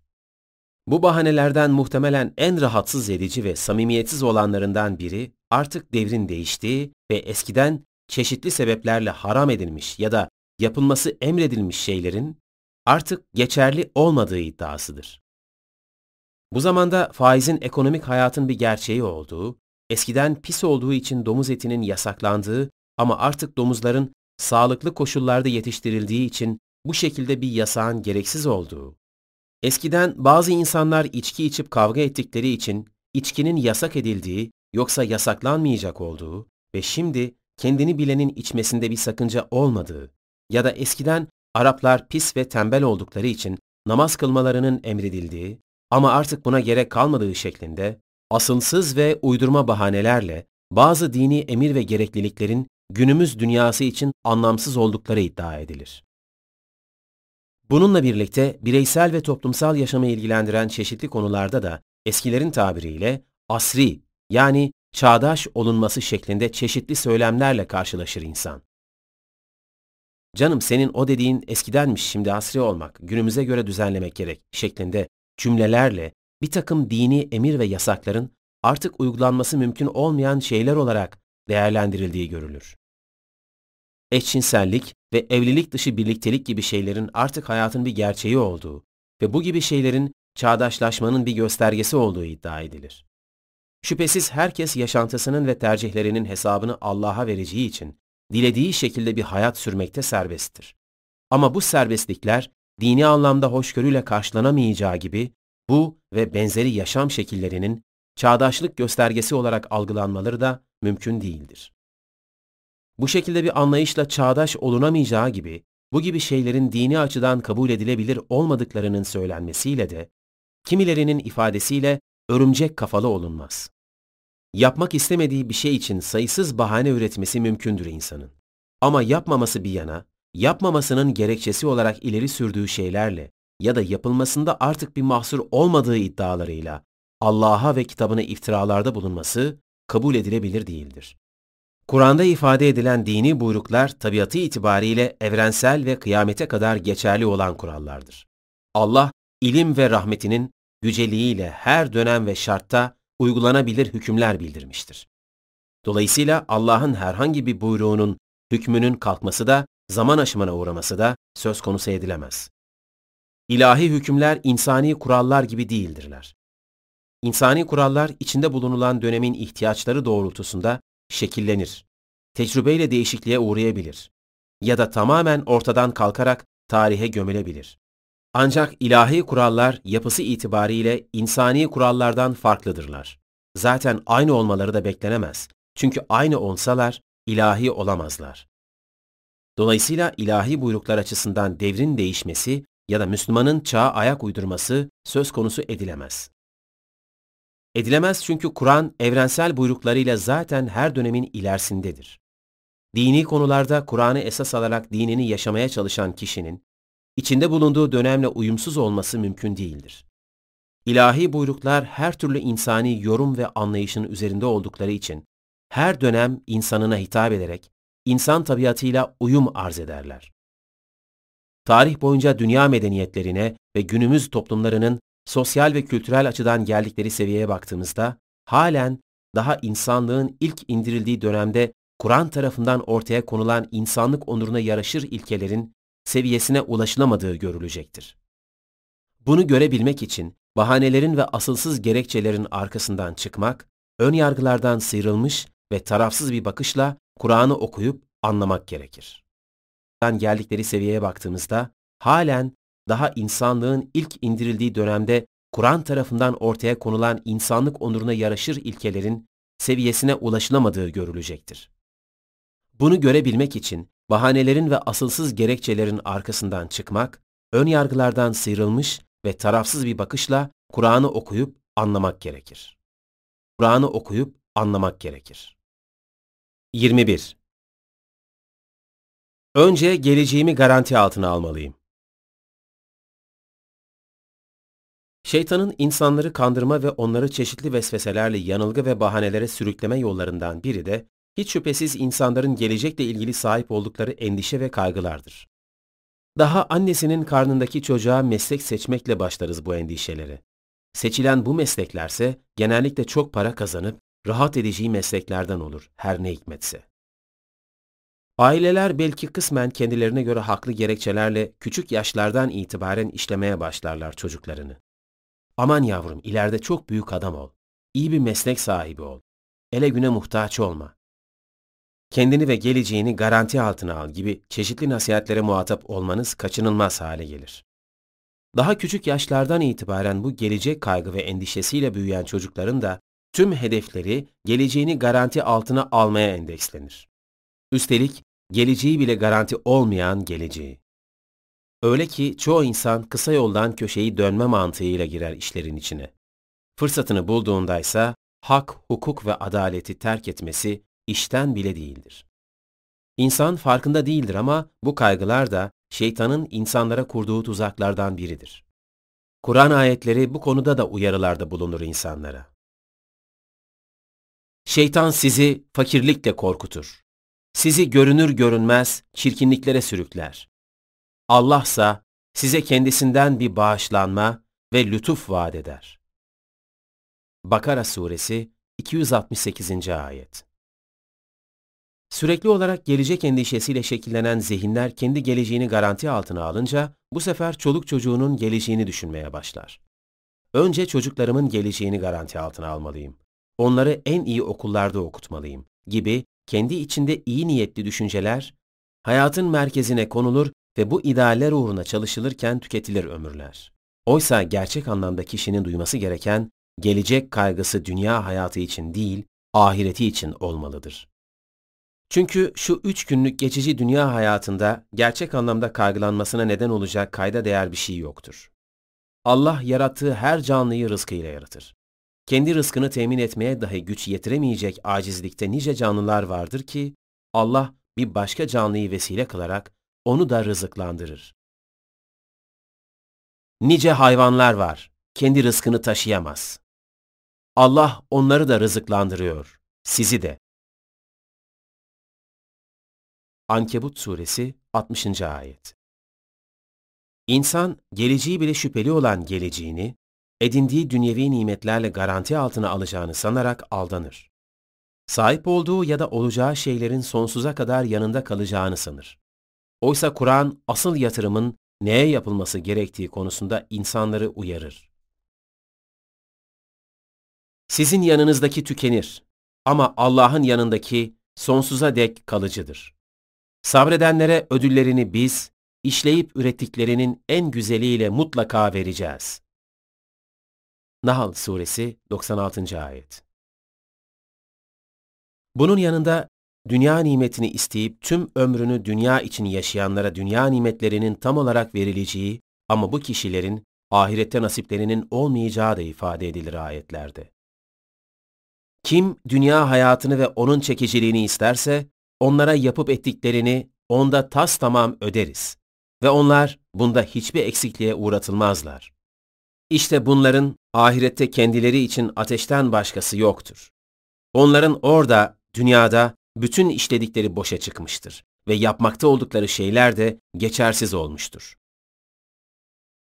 Hud Suresi 15 ve 16. ayetler İnsanın gereksiz dünyevi endişelerinden sıyrılması, bir gün öleceği gerçeğini unutmaması, geçici olana değil kalıcı olana yatırım yapması, kısacası daldığı derin uykudan bir an önce uyanarak Rabbinin çağrısına kulak vermesi gerekir. Kendince geleceğini garanti altına aldığını sanıyorsa da nefes aldığı her an Allah'a muhtaç olduğunu bilmelidir insan. Ertelenmesine Allah'tan izin çıkmayacak o gün gelmeden önce Rabbinizin çağrısına uyun. O gün sığınacak yeriniz olmayacak. Yaptıklarınızı inkar etmeniz de mümkün olmayacak. Şuara Suresi 47. Ayet Gün gelmeden önce Rabbinizin çağrısına uyun. O gün sığınacak yeriniz olmayacak. Yaptıklarınızı inkar etmeniz de mümkün olmayacak. Şuara Suresi 47. Ayet 22. Dünyaya bir kere geliyoruz.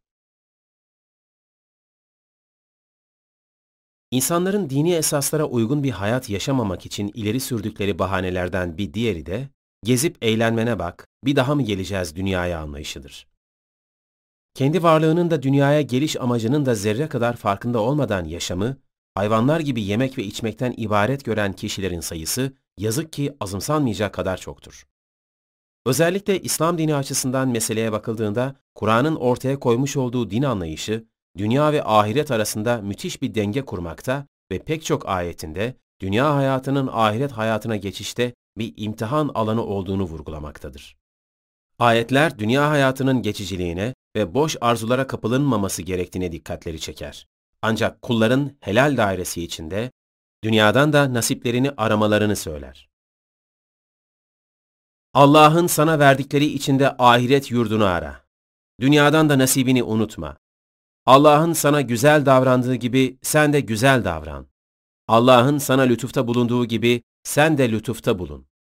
Yeryüzünde fesat isteyip durma. Çünkü Allah fesat peşinde koşanları sevmez.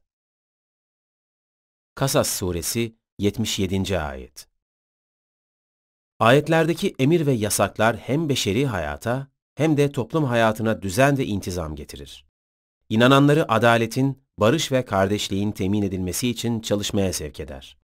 Helal dairesi içinde dünya nimetlerinden istifade edilmesini söylediği gibi Allah tarafından haram kılınmayan şeylerin haramlaştırılmasını da yasaklar.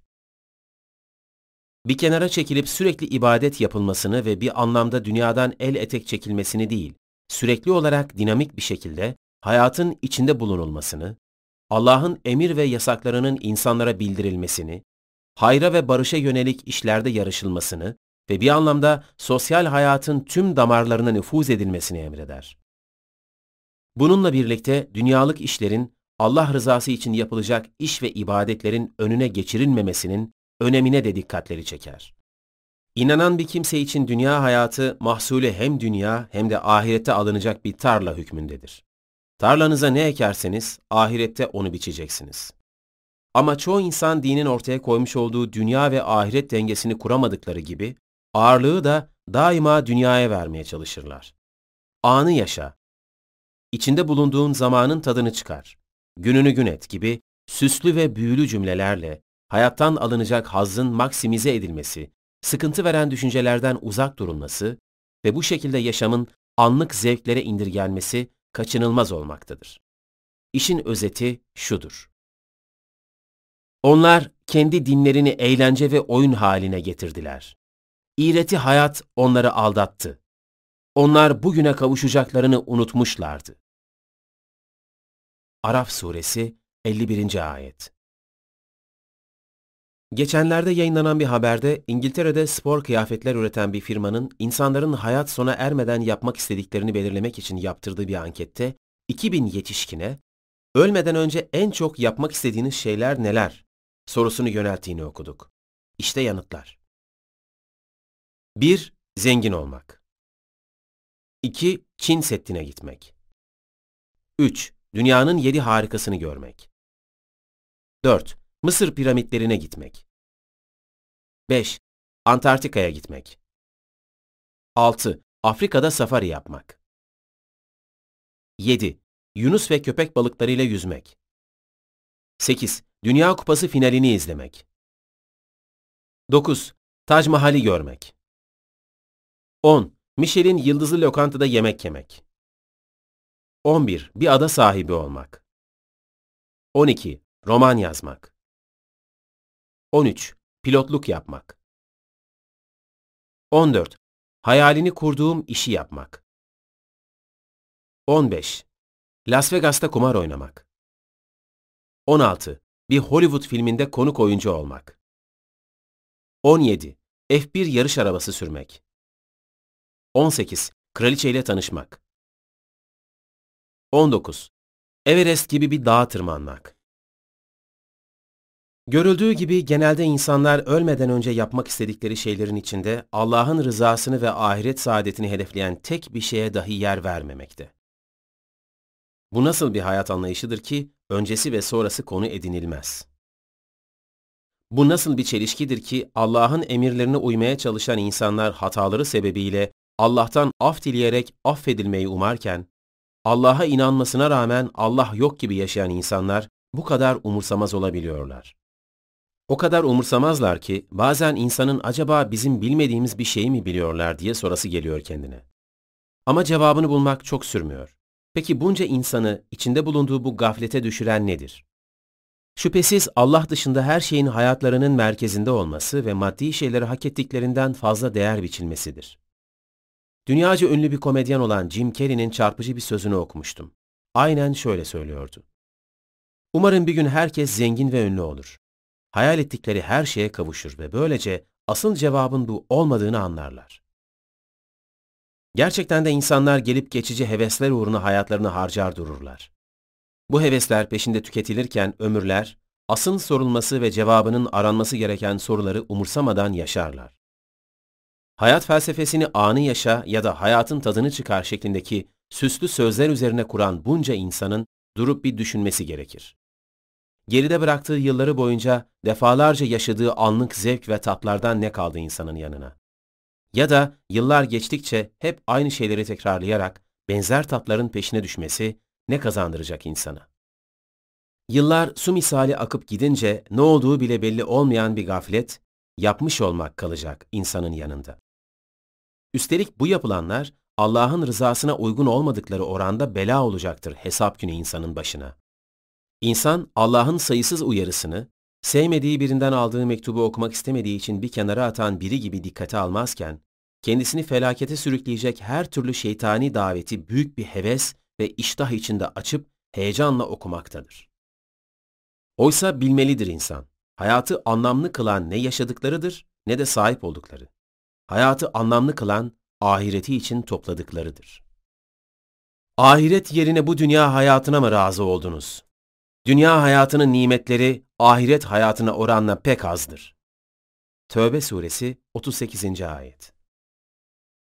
Gün boyu izlenen dizi ve filmlerdeki aşk ve macera dolu hikayelere kaptırır insanlar kendilerini. Dizinin hikayesi öyle bir yer eder ki kişinin zihninde, o hikayenin bir parçası kılar kendini. Dizinin esas oğlanına ya da kızına dönüşür bir anda. Onun gibi konuşmaya, onun gibi yürümeye ya da onun gibi giyinip tavırlar sergilemeye başlar. Kalıptan kalıba girer insanoğlu. manevi dünyasındaki eksiklikleri hayal kahramanlarıyla doldurmaya çalışır. Hikayeyle ağlar, hikayeyle güler ve kendi hayatında da işlenen konudaki gibi bir aşk ve mutluluk ister. Amaçsız dünyasının amaçsız kahramanı olur insan. Bir o yana, bir bu yana savrulur. Kalıptan kalıba, şekilden şekle girer ve dünyaya neden geldiğini unuttuğu gibi neden tek yaşamlık hakkı olduğu gerçeğini de unutarak eksilir gider bu hayattan. Hep bir hayali vardır insanların. Geleceğe yönelik planları. Hep bir şeyleri elde etmek ya da birileri gibi olmaktır hayattaki emelleri. Bu toz pembe hayaller o denli etkisini alır ki insanı sisler içinde kalır ve gerçeği bir türlü göremez kişi. Kim çarçabuk olanı, geçici dünya arzularını isterse, orada istediğimiz kimseye dilediğimiz kadar peşin veririz. Ama sonra yerini cehennem yaparız. Kınanmış ve kovulmuş olarak girer oraya. Kim de ahireti ister ve inanarak ona yaraşır biçimde çalışırsa, öylelerinin çalışmalarının karşılığı verilir. İsra Suresi 18 ve 19. ayetler Pek çok insanın amaçsız, doyumsuz, bencil bir yaşam sürerek iğreti arzular peşinde koştuğu bir gerçektir. Son yıllarda çeşitli kitaplar vasıtasıyla tüm dünyada yaygınlaşan bir söylemin geliştirildiğini görüyoruz.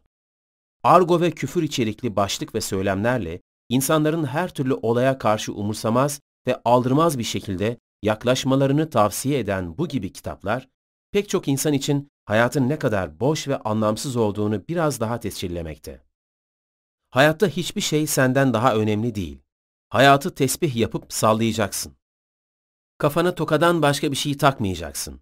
Mesajını zihinlere işleyen bu hoyrat umursamazlık zaten her türlü sorumluluk duygusundan kaçmak isteyen insanlara ilaç gibi gelmekte.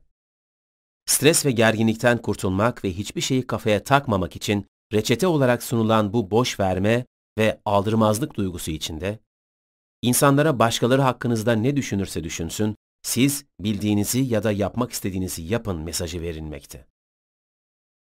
Bu gibi insanlar için sadece gündelik zevklerin önemi bulunmakta, sadece gündelik zevkleri için yaşadığı ve varlık amacını sorgulamadığı için de bu gibi insanların hayvanlar gibi bir hayat sürmesi kaçınılmaz olmaktadır.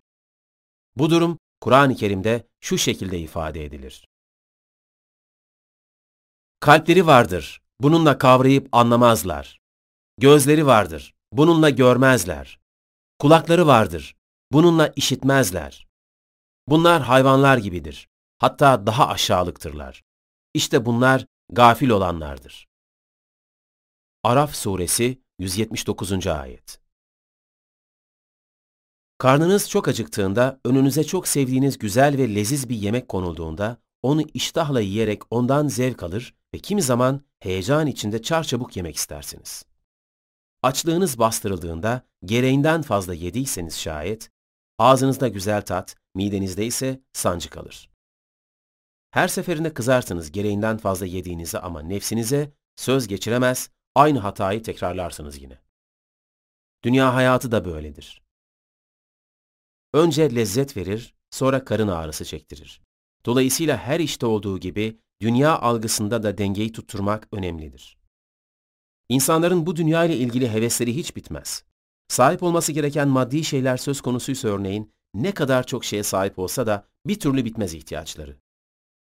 Evlenecekse evlilik öncesi ihtiyaç ve hazırlıkları, taşınacağı yeni evin tadilat ve eşyaları, gardırobundaki eski elbiselerin yenilenmesi, eski arabanın yeni modelle değiştirilmesi ya da çocukların eksik ve ihtiyaçları gibi listelerin sıralanması hiç bitmez.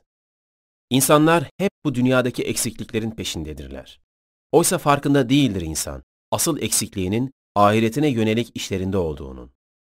Ahirete yönelik yapılan her şey yeterli hatta fazla bile görülürken, dünya için eksikler hiç bitmez. Dünyalık eksiklerin tamamlanması koşuşturmacası içinde ahiretteki eksikliklere sıra gelmez. Ya da tutkuya dönüşen hobileri vardır insanların. Anlamsız yere hayatlarını heba ettikleri. Bir futbol takımıdır örneğin kiminin varı, yoğu, her şeyi.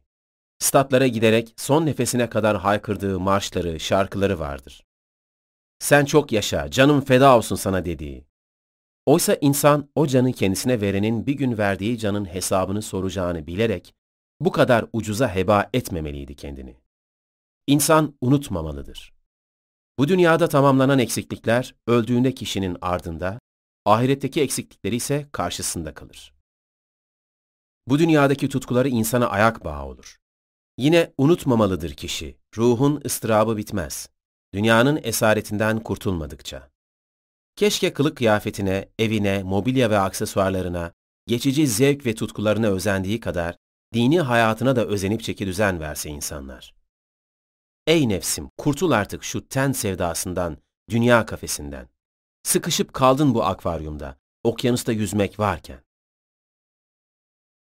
Şüphesiz biz, yeryüzü üzerindeki şeyleri ona bir süs kıldık. Onların hangisinin daha güzel davranışta bulunduğunu deneyelim diye. Kehf Suresi 7. Ayet 23. Düşündürmeyin beni, hatırlatmayın bana. Etrafınızdaki insanların büyük çoğunluğunun yaşantısına baktığınızda dünyasına da ahiretine de faydası olmayan sayısız şeye karşı ilgi ve merak duyduklarını, gerekli gereksiz bir sürü şeyi düşünüp hatırlarında tutmaya çalıştıklarını görür ama bunun yanında asıl düşünüp akıllarından çıkarmamaları gereken şeyleri akıllarına dahi getirmeye cesaret edemediklerine şahit olursunuz. Müslüman ülkemizin Müslüman çoğunluğunu oluşturan halkımızın önemli bir kısmının sadece belirli gün ve gecelerde Allah'ı ve dini pratikleri akıllarına getirdiklerini görünce kahrolursunuz. Ama acı bir gösterge olarak karşınızda durur yine de bu gerçek. Dini gerçekleri dikkate almadan umursamaz bir şekilde yaşamaya çalışan bunca insan, kendi kendine yaptığı ihanetin farkında olmadan nefes alıp verir tüm yaşamı boyunca.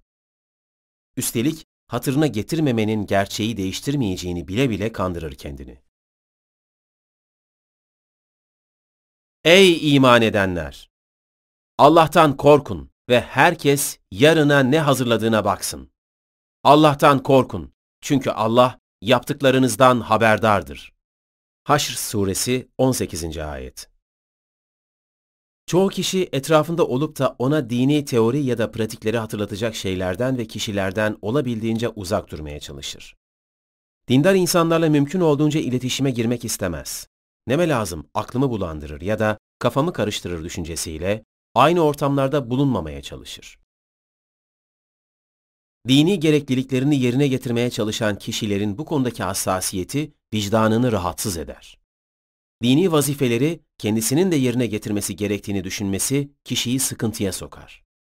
Bu sıkıntıdan kurtulmanın yoluysa çoğu zaman yapması gerektiğini bildiği şeyi yapmak yerine ondan kaçmaktan geçer. Geçenlerde bir arkadaşım artık içki içmeyi bıraktığı için eskiden birlikte içki içtikleri yakın arkadaşları tarafından birlikte çıkılan yemeklere çağrılmadığını duydum. Nedenini sorduğundaysa, abi sen artık içmiyorsun, namaz da kılıyorsun, şimdi senin yanında rahat içemeyiz, şeklinde bir cevapla karşılaşmış. Gerçekten de pek çok insan ancak etrafında kendisi gibi olan insanlar varsa rahat edebilmekte, aksi halde içinde bulunduğu atmosferden vicdanen rahatsız olmaktadır. Peki bundan kurtulmanın yolu nedir? Şüphesiz kaçmak değildir. Çünkü farkında değildir insan. Kaçmakla kurtulunabilecek türden şeyler değildir dini gerçekler. İnsan tek bir an dahi kaçamaz. Bedeni var olduğu, ciğerleri nefes alıp verdiği sürece, üzerine yükümlülük getiren şeyden. Her şeyden kaçsa ya da daha doğru bir ifadeyle kaçtığını sansa da kaçamayacağı bir şey vardır insanın, ölüm. Her gün binlerce göz açılır kapanır da dünyada, kimse ölümü hatırlamak istemez hala. Oysa bilmelidir insan. Herkes bir şeyler yaparken ölür bu hayatta. Kimi mal mülk telaşında, kimi fazla yaşama hırsında. Ama günü gelir ve herkes ölür. Ölüm sarhoşluğu hak olarak geldi. İşte bu senin kaçıp durduğun şeydi. Kaf suresi 19. ayet. Önemsememek, kasıtlı veya kasıtsız terk etmek, farkına varmamak, kayıtsız kalmak, ihmal etmek, boş bulunmak ve aldanmak, dalgınlık, yanılgı ve dikkatsizlik gibi anlamlara gelen acı bir kelime vardır sözlüklerimizde. Gaflet. Öyle bir tuzak, öyle bir ağdır ki gaflet, sarıp sarmalar insanı boylu boyunca. en zeki, en bilinçli zannettiğiniz kişileri bile kolayca dize getirir maharetiyle. Çok uyanık ve canlıdır çünkü bizzat gaflete düşen kişinin nefsinden beslenir. Kanını iliğini emer ve dünya hayatının ışıltısı altında sarhoş eder insanı. Hatırlatmaz insanı hatırlamak istemediklerini. Şu bir gerçek ki bize kavuşmayı ummayanlar, iğreti hayatla tatmin bulup onunla rahatlayanlar ve ayetlerimizden uzaklaşıp gaflete dalanlar, kazandıkları şeyler yüzünden varış yerleri ateş olacakların ta kendileridir. Yunus Suresi 7 ve 8. ayetler İnsanın gaflete düşmesinin en büyük nedenlerinden biri de unutkan bir varlık oluşudur.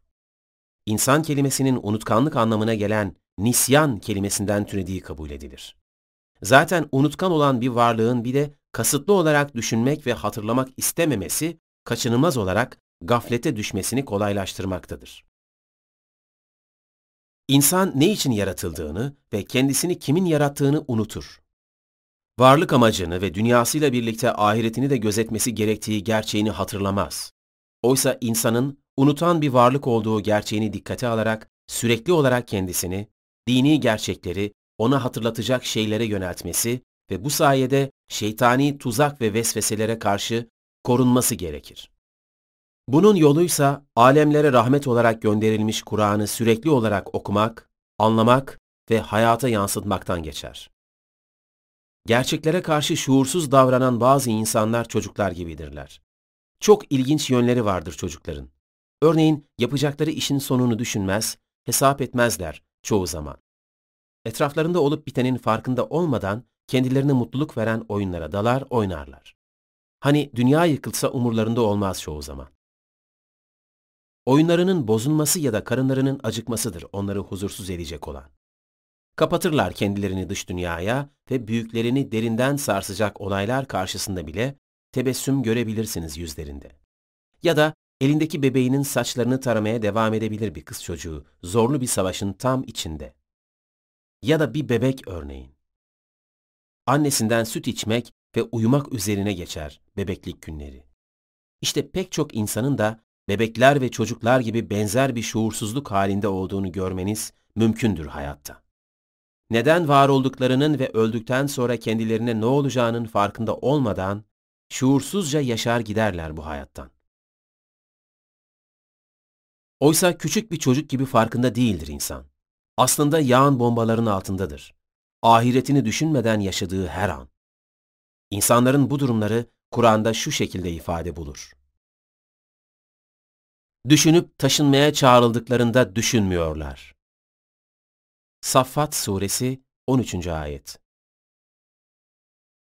Bununla birlikte bazı insanların kendi yararlarına olan hayırlı tavsiyelere inat ve aldırmazlık içinde kulak tıkadıklarına şahit olursunuz.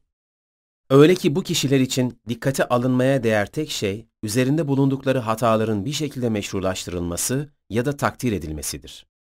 Öğüt ve uyarıları kulak arkası eden kişiler, aslında kısaca şunu söylemek isterler. Sen kendini parçalasan da ben dilediğimi yaparım, değişmem. Dediler, sen ha öğüt vermişsin, ha öğüt verenlerden olmamışsın, bizim için fark etmez. Şuara Suresi 136. Ayet Ey insan, boşa kandırma kendini. Sen değilsin o ben dediğin şeyin gerçek sahibi. Kiracı olduğun yerde ev sahipliği taslama kimseye. Şayet ahirete unutulanlar arasında olmak istemiyorsan, hatırlaman gereken gerçekleri hemen şimdi hatırla. Yok eğer bunca apaçık gerçeğe rağmen hala Allah'ın ayetlerini unutmaksa niyetin, bil ki hesap günü sen de unutulanlar arasına gireceksin. Allah buyurur, ayetlerimiz sana geldiğinde sen böyle unutmuştun. Bugün de sen aynı şekilde unutuluyorsun. Taha Suresi 126. Ayet Şimdi hatırla. Yok eğer bunca apaçık gerçeğe rağmen hala Allah'ın ayetlerini unutmaksa niyetin, bil ki hesap günü sen de unutulanlar arasına gireceksin. Allah buyurur, ayetlerimiz sana geldiğinde sen böyle unutmuştun. Bugün de sen aynı şekilde unutuluyorsun. Taha Suresi 126. ayet. 24. Günahı benim boynuma. Bazı insanlar hayret edilecek şekilde garip davranırlar. Bu davranışlarından en garip olanlarından biri ise hiç şüphesiz sen yap, günahı benim boynuma söylemidir. İnsan bu kadar mı kendini bilmez? Kendi günahları yetmedi mi bir de el alemin günahına talip olmaya cüret ediyor demek gelir içinizden. Günah bu kadar rahat taşınabilir bir şey midir ki önüne gelenin günahını alır sırtına? Kendince dini bir hassasiyet taşıdığı için günahlardan uzak kalmaya çalışan birini, çeşitli bahanelerle kötülüğe sürükleyen bu gibi kişiler, etraflarındaki herkesin kendileri gibi günahkar olmasını isterler. Üstelik sorsanız inançlıdırlardı. Ama nasıl bir gaflet uykusudur ki bu bazen nefsime yenilip hata yapıyorum bari şu adam uzak dursun demek yerine kendi gibi suça teşvik eder insanları. Oysa Kur'an uyarır bu duruma aldanmasınlar ve günahlarını kendilerinden başka kimsenin taşıyamayacağını bilsinler diye insanları.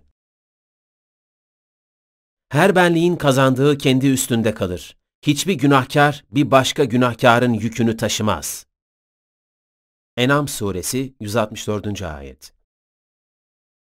Bazı insanların bu şekilde sen yap günahı benim boynuma demelerinin ardındaki asıl neden, kendi yapmış olduğu hataya başkalarını da sürükleyerek yaptığı işi zihnen ve vicdanen meşrulaştırmaya çalışmasıdır. Bununla birlikte kendi gibi hatalar yapan insanların sayısı ne kadar çok olursa etrafında, yaptığı şeyi hata olarak görmesi ve bu sebeple vicdan azabı duyması da o kadar az olacak sanır. Bu sanısında haklı da olsa yani gerçekten etrafında kendisi gibi hatalar yapan insanların bulunması, kişiyi psikolojik açıdan rahatlatsa da, bu rahatlama kişiyi kaçınılmaz olan hesaptan kurtaramaz. Olsa olsa daha cahilce ve daha cesur bir şekilde günahlara girmesine vesile olarak hesabını zorlaştırır.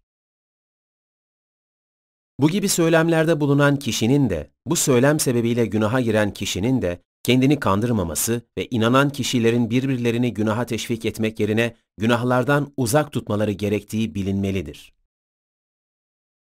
İnanan erkeklerle inanan kadınlar birbirlerinin dostlarıdırlar. İyilik ve güzelliği belirlenene özendirir, kötülük ve çirkinliği belirlenenden sakındırırlar. Tevbe suresi 71. ayet Bununla birlikte o günahınızı üstleneceğini söyleyen kişileri hesap günü görmek gerekir. Kendi günahı yetmezmiş gibi bir de başkasının günahına bu denli korkusuzca talip olan biri bırakın kendi günahının hesabını vermeyi ya da başkasının günahını üstlenmeyi, kendi günahlarını bile başkasına yüklemek ister ve tüm dünyanın servetine sahip olsa hepsini verip kendini kurtarma derdine düşer. Gerçeklerle yüzleştiği anda. Dolayısıyla bu gibi kişilerin cesaretleri cehaletlerinden kaynaklanır. Kimse iddia ettiği gibi başkasının günahını yüklenemez. Herkesin günahı kendinedir. Ancak birinin iyi ya da kötü bir davranış sergilemesine vesile olan kişinin o işten bir payı olacağı da bilinmelidir. Kim iyi bir işe aracılık ederse onun da o işten bir nasibi olur. Kim kötü bir işe aracılık ederse onun da ondan bir payı olur. Allah her şeyin karşılığını vericidir. Nisa suresi 85. ayet. Yine sıklıkla karşılaşılan bir diğer söylem de bir kereden hiçbir şey olmaz şeklindeki cümledir. Bu da şeytani planın bir diğer yüzünü gösterir. Çoğu insan hatalardan uzak durmaya çalışırken daha önce bu hatayı yapmamış olmasından da güç alır zaman zaman.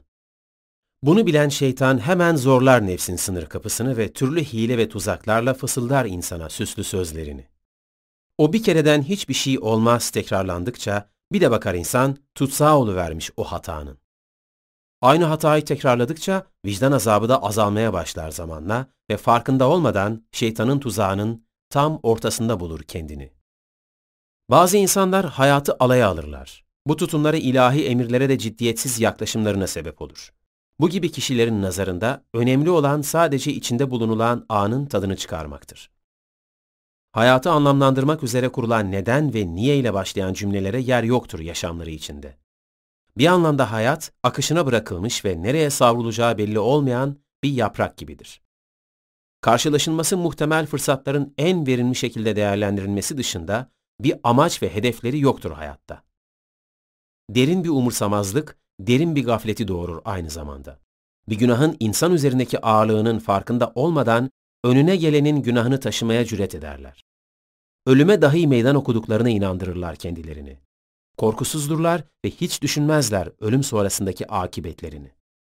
Oysa gerçekle yüzleşme günü kaçmak için bir yol arayacak insan ama iş işten geçtiği için bir yol bulamayacak.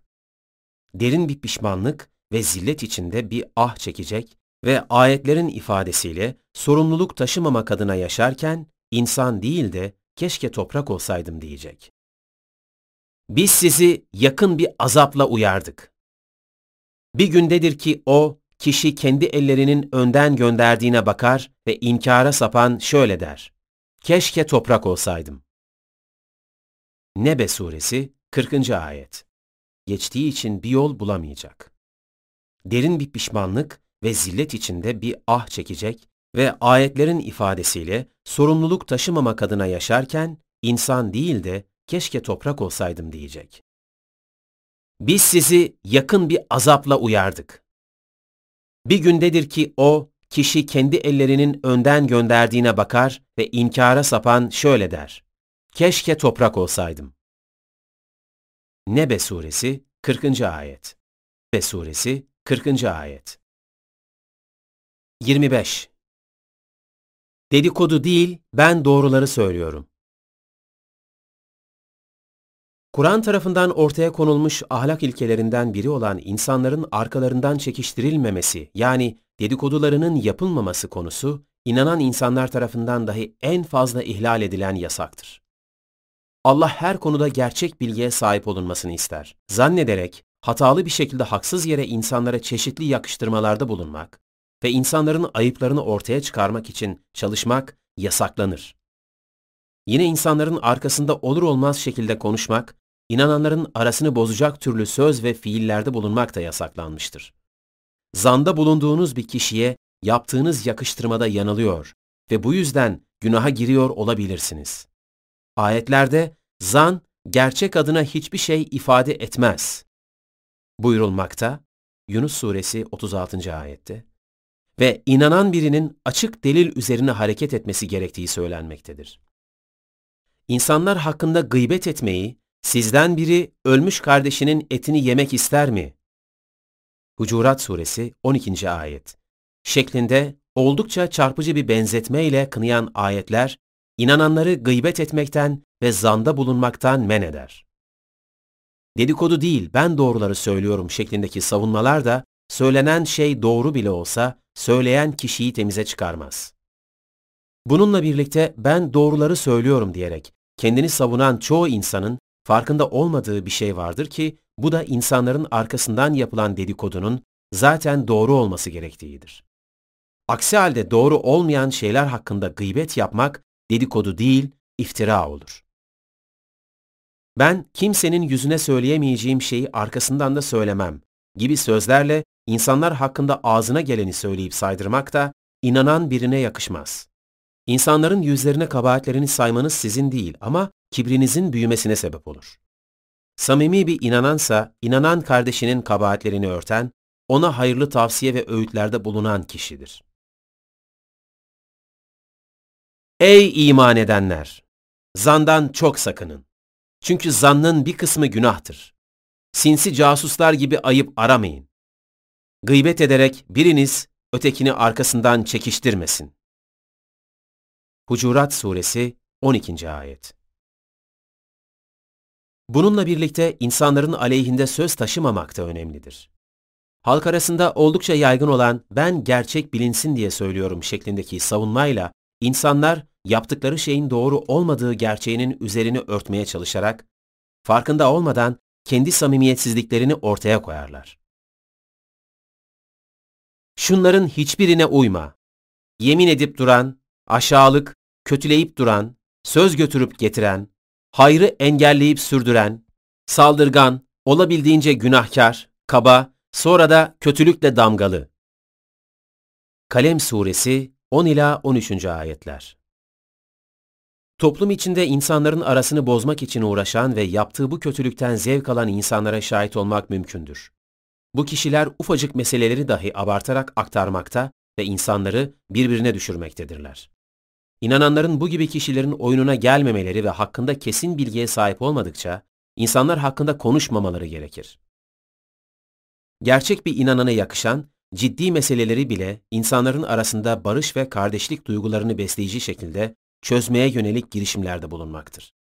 Bir kişinin arkasından o kişiye hissettirilmeden yapılan bir haksızlık ya da ihanet varsa ve siz de buna tanıksanız şayet, bunu o kişiyle paylaşarak uyarıda bulunmanız gerekir. İnanan biri etrafındaki haksızlıklara duyarsız kalamaz. Şahit olduğu konulara umursamazca göz yumamaz. Gerektiğinde başkasının hakkını savunmak ya da gerçeğin bilinmesi için çalışır. Ancak bunu yeterli bilgi ve delile dayanmadan başkalarını zan altında bırakacak veya haklarında yanlış düşünülmesini sağlayacak bir hataya dönüştürmemek gerekir. Bu yüzden inanan bir kişinin önce dinlemesi, araştırması, sorgulaması, üzerine düşünmesi ve delile dayalı hareket etmesi gerekir.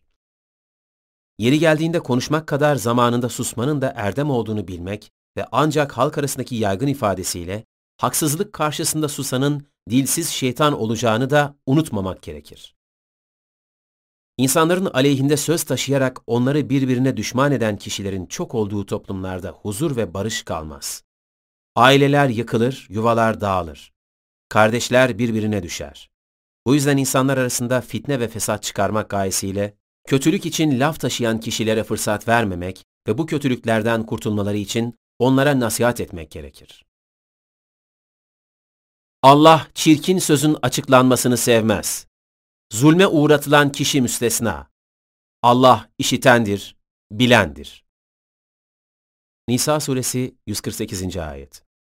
Parmak gayesiyle kötülük için laf taşıyan kişilere fırsat vermemek ve bu kötülüklerden kurtulmaları için onlara nasihat etmek gerekir.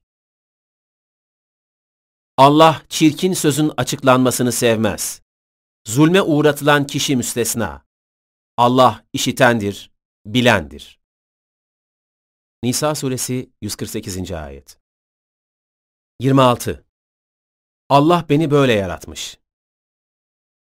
İnsanların bir kısmına dini buyrukları ciddiye alıp yaşaması gerektiğini hatırlattığınızda, içinde bulundukları yaşam ve çalışma şartlarıyla kişisel özelliklerini bahane ettiklerini görürsünüz.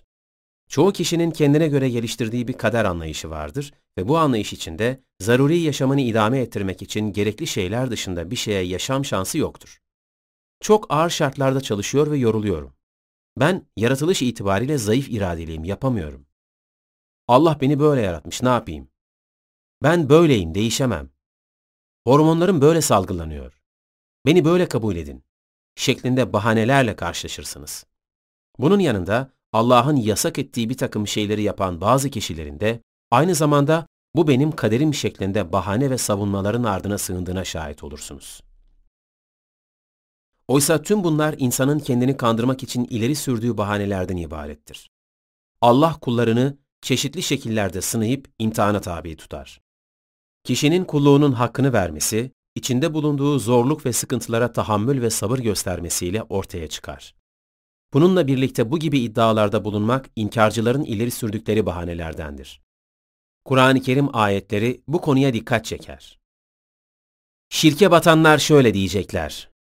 Allah dileseydi ne biz şirke sapardık ne de atalarımız. Hiçbir şeyi haram da yapmazdık. Enam suresi 148. ayet. Bir de dediler ki, Rahman dileseydi onlara tapınmazdık. Bu konuda hiçbir bilgileri yoktur. Sadece saçmalıyorlar. Zuhruf suresi 20. ayet. Ayetlerden de görüldüğü gibi kimi kişiler Allah'a ortak koşmalarını ya da Allah'ın ayetlerini inkar etmelerini dahi kaderlerine bağlamakta ve bu şekilde sorumluluktan kurtulabileceklerini sanmaktadırlar. Hiçbir surette kader, Allah'ın emirlerine uymamanın ya da yasaklarından uzak durmamanın bahanesi yapılamaz.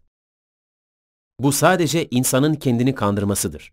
Çünkü bu gibi iddialarda bulunan pek çok insan örneğin fakir bir ailenin çocuğu olarak dünyaya gelmişse, bu benim kaderim diyerek içinde bulunduğu duruma razı olmaz. Hırsla çalışıp zengin olmak ister.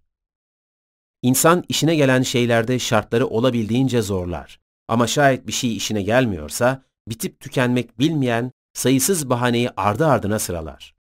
Oysa Allah çok büyük lütuf sahibi olduğu için hiç kimseye taşıyabileceğinden fazla yükümlülük getirmez. Hiç kimseye yaratılış kapasitesinin üstünde yükümlülük getirmiyoruz. Enam suresi 152. ayet. Kur'an ayetleri dünya hayatının bir imtihan yeri olduğunu haber verir bizlere. Dolayısıyla herkesin kendine göre bir imtihanı vardır hayatta. Allah'a gerçekten inanan birinin, karşılaştığı imtihanları en güzel şekilde geçmek için samimi bir şekilde çabalaması gerekir. Dünya hayatının olumsuz şartlarına teslim olmamak için yaşam mücadelesi verip çabalarken, dini konularda üretilen türlü bahanelere kolayca teslim olmak, kişinin samimiyetsizliğinin bir göstergesidir. Samimi bir insan, hatalarım var ama ne yapayım ben böyleyim değil. Hatalarımı düzeltmeliyim. Rabbim bana fırsat ver demelidir. Teslim olmak, kişinin samimiyetsizliğinin bir göstergesidir. Samimi bir insan, hatalarım var ama ne yapayım ben böyleyim değil. Hatalarımı düzeltmeliyim. Rabbim bana fırsat ver demelidir. Ver demelidir. 27. İbadetlere güç yetiremiyor, vakit bulamıyorum. Bazı insanların Allah'a olan kulluğunu ifade etmek için ibadet etmesi gerektiğinin farkında olduğunu, ancak yerine getiremediği kulluk vazifeleriyle ilgili bir takım bahaneler ileri sürdüklerini görürsünüz. Aslında her ne bahane ileri sürülürse sürülsün, tüm bahanelerin ortak bir noktada birleştiğini anlarsınız. Üşengeçlik. Namaz kılmak istiyorum ama belimden, dizimden rahatsızlığım var. Çok istesem de oruç tutamıyorum, midem rahatsız. Bünyem zayıf olduğu için doktor uzun süre aç kalma dedi. Benim uyku sorunum var. Sabah namaz için kalkamıyorum. Gelirim giderimi karşılamıyor ki başkasına zekat sadaka vereyim. Gün boyu çok yoğun oluyorum. İbadete vakit bulmam mümkün değil gibi bir türlü sonu gelmeyen uzun listelerle çeşitli bahaneler sıralanır. Oysa gerçek bir inananın ibadetlerine vakit ayırması değil, ibadetlerini önceleyerek diğer tüm işlerini ibadetleri dışındaki zamanlara göre ayarlaması gerekir. Bununla birlikte örneğin oruç tutmaya güç yetirilemeyen günlerin orucunun başka günlerde tutulması ya da şayet hiç güç yetiremiyorsa karşılığında fakir doyurulması söylenir Kur'an'da. Acaba bu şekilde bir mazerete sahip kaç kişi tutamadığı orucunu başka bir günde tutmayı ya da hiç tutamıyorsa karşılığında fakir doyurmayı denedi? Öyle ya kimilerince vakit nakittir ve şayet insanın boş bir vakti ya da bir fırsat yaratmaya imkanı varsa bunu nakde çevirmek için çabalaması gerekir. Şöhret olmak, bir film ya da reklamda oynamak için katlanmayacağı zorluk, ezberlemeyeceği metin, almayacağı şekil, girmeyeceği kılık kalmaz insanı. Kendine yarar sağlayacağına inandığı bir şey için vakit de bulur, onu yerine getirmek için imkan da. Hayranı olduğu sanatçının konser biletini alabilmek uğruna günlerce önceden uzun kuyruklara girerek saatlerce ayakta bekler insan. Yağmur çamur demeden günlerce gidip gelir bir reklam filminin figüran seçimlerine. Kendini beğendirmek, güzel görünmek uğruna yapmayacağı kalmaz insanın. Çoğu insan samimiyetsizdir aslında. Dini konulara yeterli vakit bulamadığını söyleyen biri, kişisel bakım ve gelişimine yıllarını ayırabilir örneğin. Yaşam koçluğu ve kişisel gelişim başlığı altında yığınla kitap okuyabilir. Öğrendiklerini pratik olarak uygulamaya ve toplum içinde karizma sahibi olmaya çalışabilir. Vücut dilini kullanmayı bilmek, diksiyonunu geliştirmek ya da yabancı dil öğrenmek için kurslara katılabilir. Güzel ve atletik bir vücut için spor salonlarına gitmeye vakit bulabilir. Defalarca eğilip kalkar, saatlerce ter atar. Nefesini tüketene kadar koşar ya da kilolarca ağırlığını kaldırıp indirir. Kaslarının estetik bir görünüm kazanması uğruna. Pilates der, yoga der, yerde türlü şekillere girer. Sağlıklı ve zinde bir yaşam için bunların hepsinin gerekli olduğuna inandırır kendini. Her şeye vakit buluyorsun da bir namaz kılmak mı çok geliyor sana diyecek olsanız, genellikle ne yani spor da mı yapmayalım şeklinde bir cevapla karşılaşırsınız. Samimiyetsizdir çoğu insan. Kandırır durur kendini hayatı boyunca. Bir sınav olsa saatlerce bekler çocuklarını bir sınav salonu bahçesinde. Gecenin bir yarısında ya da sabah erkenden köpeğini gezdirmek için hiç üşenmez dışarı çıkar. bir ürün almadan önce saatlerce fiyat performans araştırması yapar. En ucuz nereden alabileceğini ya da daha önce kullananların memnuniyet ve şikayetlerini sorgular. Ürün hakkındaki onlarca yorumu okur. Olmadığı mağaza mağaza dolaşır. Ölçer, biçer. Garantisi var mı yok mu, dayanıklı mı değil mi diye saatlerce kafa yorar. Ne için? Üç kuruş fazla vermemek ya da kalitesiz ürün almamak için. Bazen bir filme gitmeden önce filme kaç puan verilmiş, ne oranda beğenilmiş ve hakkında ne yorumlar yapılmış diye saatlerce internette gezinir. Metro, metrobüs ya da otobüs içinde yolculuk esnasında insanların nelerle meşgul olduklarına veya hangi konularda sohbet ettiklerine bir dikkat edin. Özellikle son yıllarda akıllı diye ifade edilen cep telefonlarının yaygınlaşmasıyla neredeyse herkesin gözünün telefon ekranına kilitlendiğini görebilirsiniz. Kimi yol boyunca oyun oynar, kimi sosyal medyayı tarar ya da kulaklığını takıp müzik dinler. Kimi de haberleri inceler. Yanında bir arkadaşı varsa geçen akşam oynanan maçın kritiği yapılır dakikalarca. Kiraladım, aldım, sattım, yaptım, ettim, geldim, gittim. Muhabbetleri bitmez hiç. Ya da gazete, roman okur kimileri. Hele uzun uçak ya da otobüs yolculuğu öncesinde saatlerce düşünür insan. Nasıl geçirsem yoldaki zamanımı diye. Film üzerine film izler ya da saatlerce müzik dinler. Kısacası insan istedikten sonra vakit de, fırsat da buluyor işine gelen her şeye. Ama iş Allah'ın bir emrini yerine getirmek olunca üşenir çoğu kimse. Şimdi bu satırları okurken birileri ama ne var bunlar da helal diyebilir. Oysa burada dikkat çekilmeye çalışılan helal ya da haramlığı değil. Neden hep hoşuna giden şeylerin peşindedir kişi? Ya da neden hep arzularıdır istediği şeyleri ona yaptıran? Kişi için öncelikli olan kulluk vazifelerini yerine getirmesidir. Bunlardan kaçıp başka her şeye vakit ve bahaneler bulurken, kulluk vazifelerine vakit ve imkan bulamaması ise ikiyüzlülüğünün göstergesidir. Allah için yapması gereken şeyleri yapmayanların ileri sürdükleri bahanelerden birine şu şekilde dikkat çeker Kur'an ayetleri. Mallarımız ve ailelerimiz oyaladı bizleri. Fetih Suresi 11. ayet. Ve şu şekilde buyurur Allah kullarına. Ey inananlar! Mallarınız ve çocuklarınız sizi Allah'ı anmaktan alıkoymasın. Kim bunu yaparsa işte onlar ziyana uğrayanlardır. Münafıkun Suresi 9. Ayet Bazı insanların şayet imkanları olsa, örneğin çalıştıkları yerin şartları müsait olsa, namaz kılıp Allah'ı anmak için gün içinde vakit ayıracaklarını ifade ettiklerini görürsünüz. Gerçekten de söz konusu insanların bir kısmının bu konuda samimi olduklarında en ufak bir şüphe yok. Kabahat sadece bu kişilerin değil, aynı zamanda insanın en tabii hakkı olan, yaratıcısına ibadet hakkını gasp edenlerindir. İnsanlara duyguları olmayan makineler gibi muamele ederek manevi dünyalarını hiçe saymak nasıl bir iş ve insanlık ahlakıdır? Zamanla dini hassasiyeti olan ve dinin gereklerini yerine getirmek isteyen insanların büyük çoğunluğunun da bu duruma alıştığı ve bunu hayatın bir gerçeği olarak kabullendiğini görebilirsiniz. Bu da insanın kendini kandırma yollarından biridir. Çalıştığınız iş yerinin mesai saatleri içinde telefonla görüşme yasağı koyduğunu hayal edelim.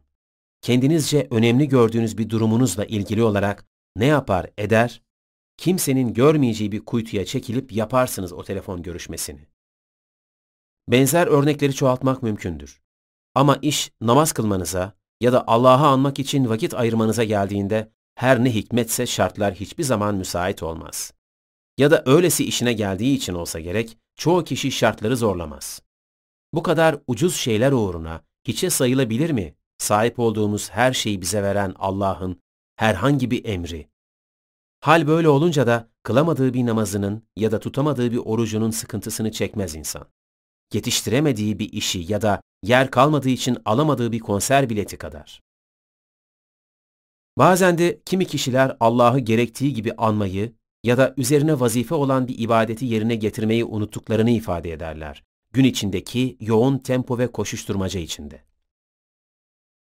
Oysa aynı kişilerin iş yerinde yapmaları gereken işleri unutmadıklarını, yetiştirmeleri gereken projeler için gece gündüz çalıştıklarını, Ya da örneğin son gününden önce yatırmaları gereken kredi kartı ya da fatura borçlarını hatırlamak için çeşitli yerlere notlar aldıklarını görebilirsiniz. Kısacası insan kendince önemsediği şeyleri unutmamak için her türlü tedbiri en ince ayrıntısına kadar almaktan geri kalmaz. Ama iş yerine getirmesi gerekli olan bir ibadete gelince unutuverir her nedense. Üstelik daha önce de ifade edildiği gibi gerçekten inanan biri için ibadetler yerine getirilmeleri için vakit ayrılacak ya da aradan çıkartılacak şeyler olmadıkları gibi aksine tüm vaktin ve yapılacak işlerin ibadetlere göre belirlenmesi gerekir. Gerçek manada inanan kişinin günü namaz ve Kur'an'la başlar yine namaz ve Kur'an'la son bulur. Zira gerçek anlamda kulluk denilen şey budur. Çünkü bilmelidir insan. Allah'a gönülden kul olan tüm köleliklerden kurtulur. Allah insanı kulu kılıp yükseltmiş, insan dünyanın kölesi olup alçalmıştır. Hayır, siz dünya hayatını tercih edip üstün tutuyorsunuz. Ahiretse daha hayırlı ve daha süreklidir. Ala Suresi 16 ve 17. ayetler. Cuma günü namaz için çağrı yapıldığında Allah'ı anmaya koşun der Kur'an ayetleri. Ama imtihandır işte. İş dünyasının en hareketli zamanı olur. Cuma öğle saatleri. Dosyalardan başınızı kaldıramaz, bir an olsun ayrılamazsınız masanızdan. Ama bir yakınınız ölse ya da ani bir rahatsızlık geçirse ne yapar eder gidersiniz cenazesine ya da kaldırıldığı hastaneye. Peki ya aniden siz ölseniz ve birileri gelip alsa sizi yoğunluğunuz sebebiyle bir türlü başından kalkamadığınız iş yerinizdeki o masanızdan? Geri dönüp hatalarınızı telafi etme imkanınız olur mu sizce? Kandırdığı kişinin bizzat kendisi olduğunu bile bile durmadan devam eder insan bu gerçeği görmemeye. Öte taraftan çalıştığınız işi de değiştirmeniz mümkündür, imkanlar dahilinde. Daha az maaşlı ama daha insani şartlar altında çalışmayı tercih edebilirsiniz. Belki dolgun bir maaşınız ve geleceği parlak bir kariyeriniz olmaz. Ama Allah için yaptığınız bu kadar küçük bir fedakarlık için bile emin olun Allah katındaki itibarınız yükselir. Her gün kendinize sormamız gereken bir soru var hayatta. Yaşadığın bu hayatın ve boşa geçen vaktinin hesabını nasıl vereceğin konusunda bir fikrin var mı?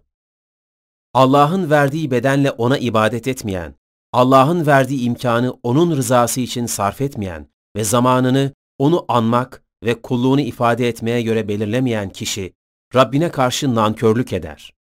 İnsanlar cimrilik ederek malı yığıp depoladıkları gibi bedenlerini ve vakitlerini de yalnız kendilerine saklayarak cimrileşirler. Oysa bu anlayış üzerine bina edilmiş bir yaşamın, uçurumun kenarına kurulmuş bir evden farkı yoktur. Binasının temelini Allah korkusu ve hoşnutluğu üzerine kuran kimse mi hayırlıdır, yoksa binasının temelini göçecek bir yarın kenarına kurup, onunla birlikte kendisi de cehennem ateşi içine yuvarlanan kimse mi?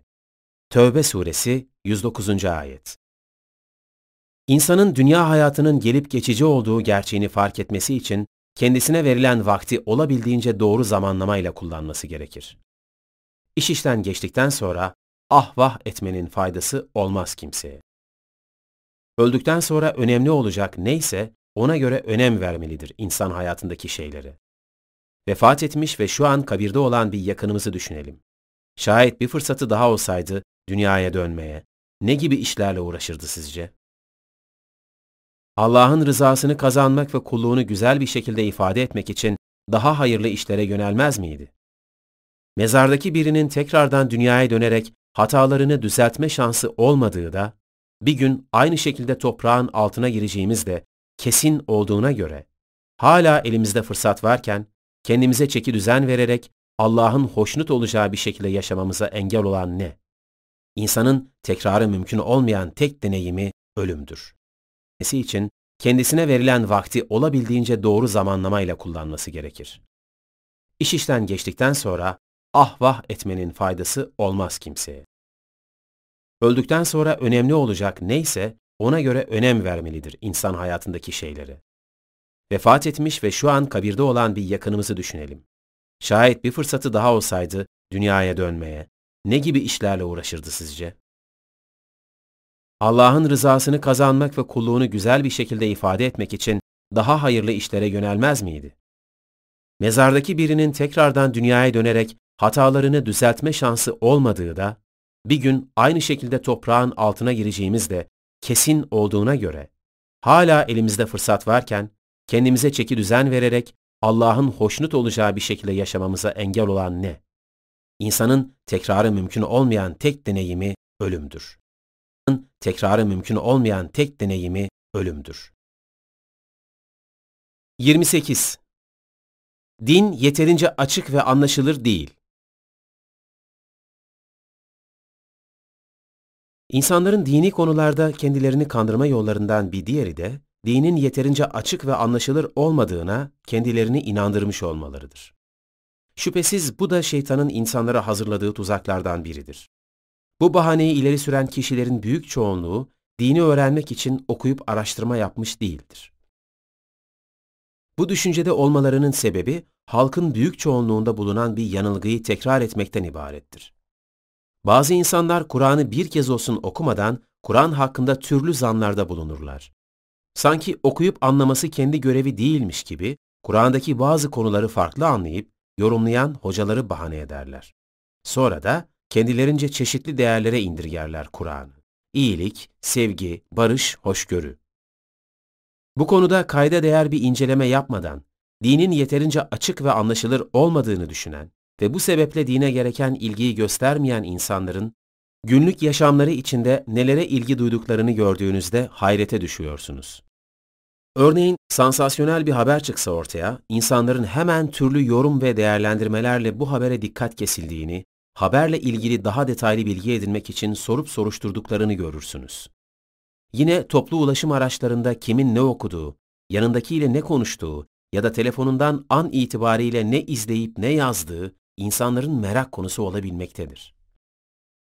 Arkadaşının üzerindeki elbiseyi ya da ayağındaki ayakkabıyı nereden aldığı, hangi mağazada ne oranda indirim olduğu gibi konulara pek bir ilgili olur insanlar.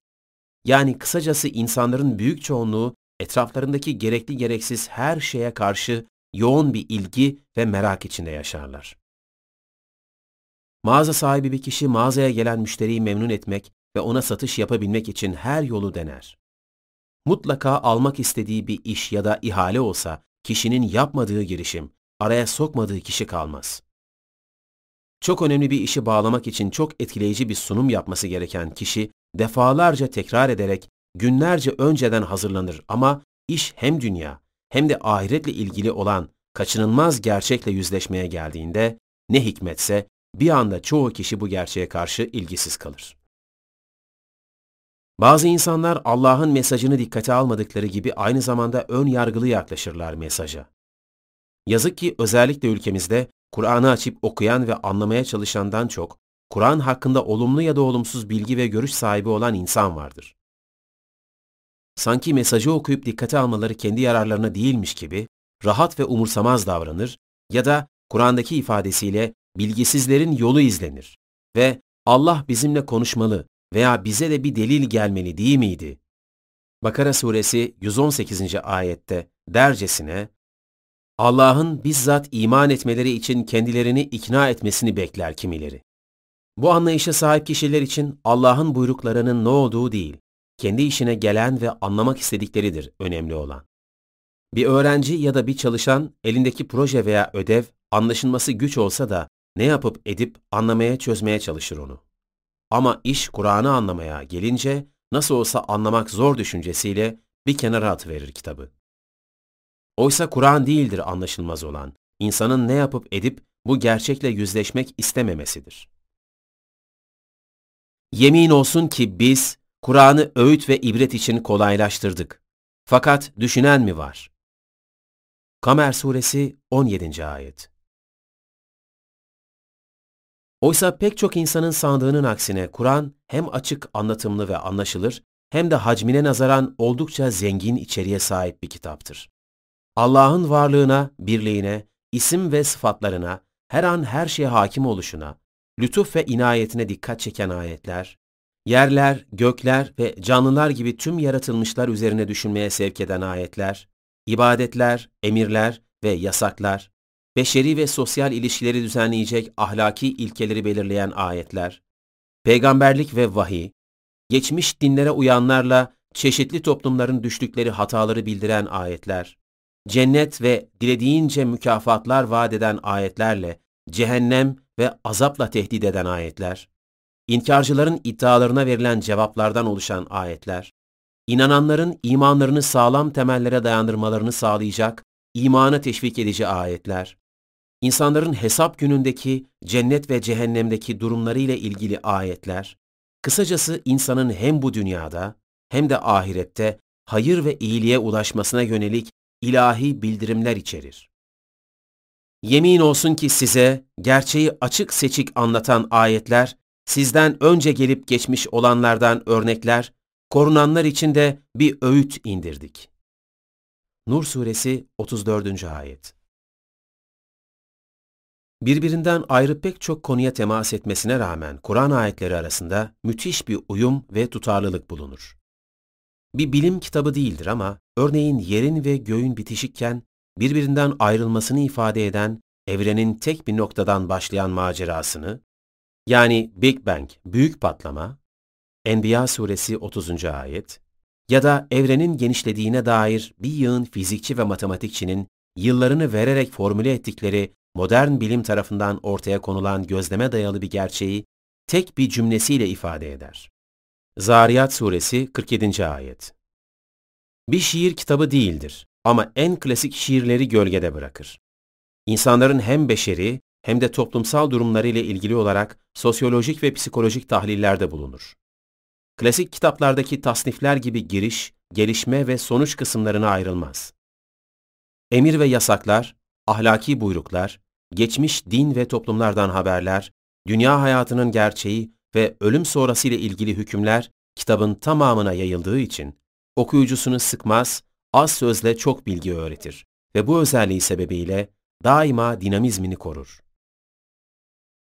Biz ayetleri gerçeği apaçık bilmek isteyenler için iyiden iyiye açıklamışızdır. Bakara Suresi 118. Ayet Kur'an'ın dini, akli, ahlaki, sosyal ve beşeri konularda ortaya koymuş olduğu eşsiz ruhu yakalayabilmek için, önceden edinilmiş dini bilgi ve kabullerle değil, temiz bir zihinle Kur'an'a başvurmak ve ilahi mesajı bu yolla kavramak gerekir. Şüphesiz Kur'an-ı Kerim sadece emir ve yasaklardan oluşan bir buyruk kitabı değildir. Az önce de ifade edildiği gibi, ahlaki prensipleriyle hem beşeri hem de toplumsal anlamda bir yaşam kılavuzudur. Okumayı, incelemeyi, araştırmayı ve düşünüp anlamayı teşvik eden ayetleriyle ilme sevk edici bir nurdur. Bunun yanında insanların doğruyla yanlışı öğrenip, birbirinden ayırt etmelerini sağlayan bir furkan, toplumsal düzenin sağlanması ve bireylerin hem bu dünyası hem de ahireti için hayırlı olacak emir ve yasaklarıyla ilahi bir hukuk kitabıdır.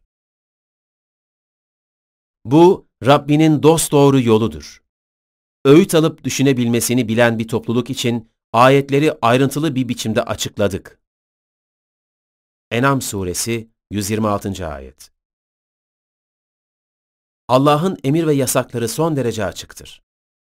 Kula düşen söz konusu emir ve yasakları okuyarak yaratıcısının kendisinden neler istediğini öğrenmeye ve uygulamaya çalışmaktır. Sürekli olarak Kur'an okumak ve bu yolla ayetlerdeki ilahi ruhu kavrayarak Kur'an'ı yaşam rehberi edinmek gerekir. İnsanlar Kur'an'ı anlamadıklarını iddia ederler. Çünkü onu okumazlar. Oysa Kur'an ayetlerinden hareketle kitabın indiriliş sebebi şu şekilde ifade edilir.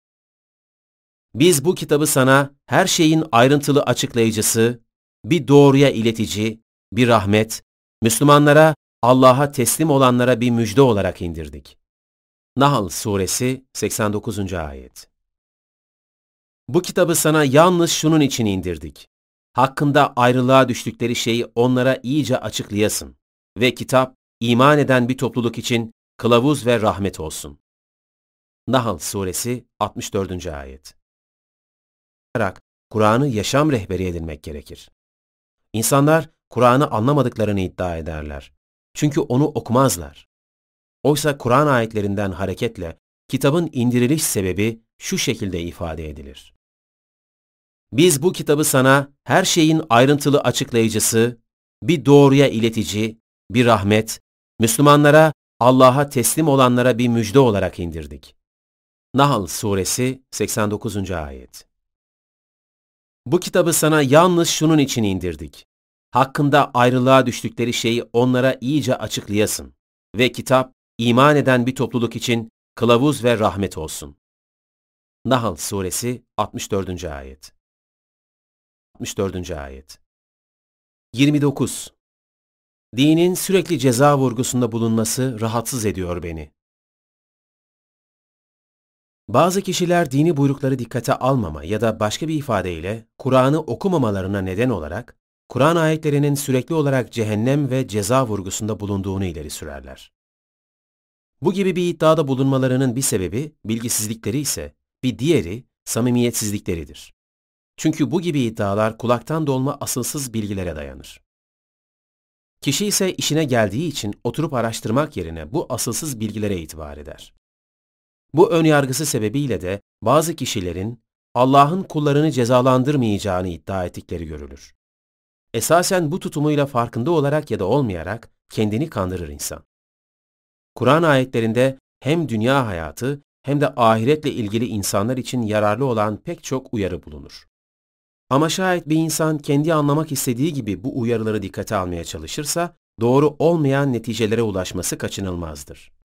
İnsanların işledikleri günahlar sebebiyle ceza görebileceklerinin bildirilmesi, bu günahlardan uzak durmaları için insanın menfaatine olan bir şeydir. Ama bununla birlikte insanlar aynı zamanda Allah'ın rızası ve cennetlerle de müjdelenerek motive edilirler. Her ikisi de bir denge içinde sunulur insanlara.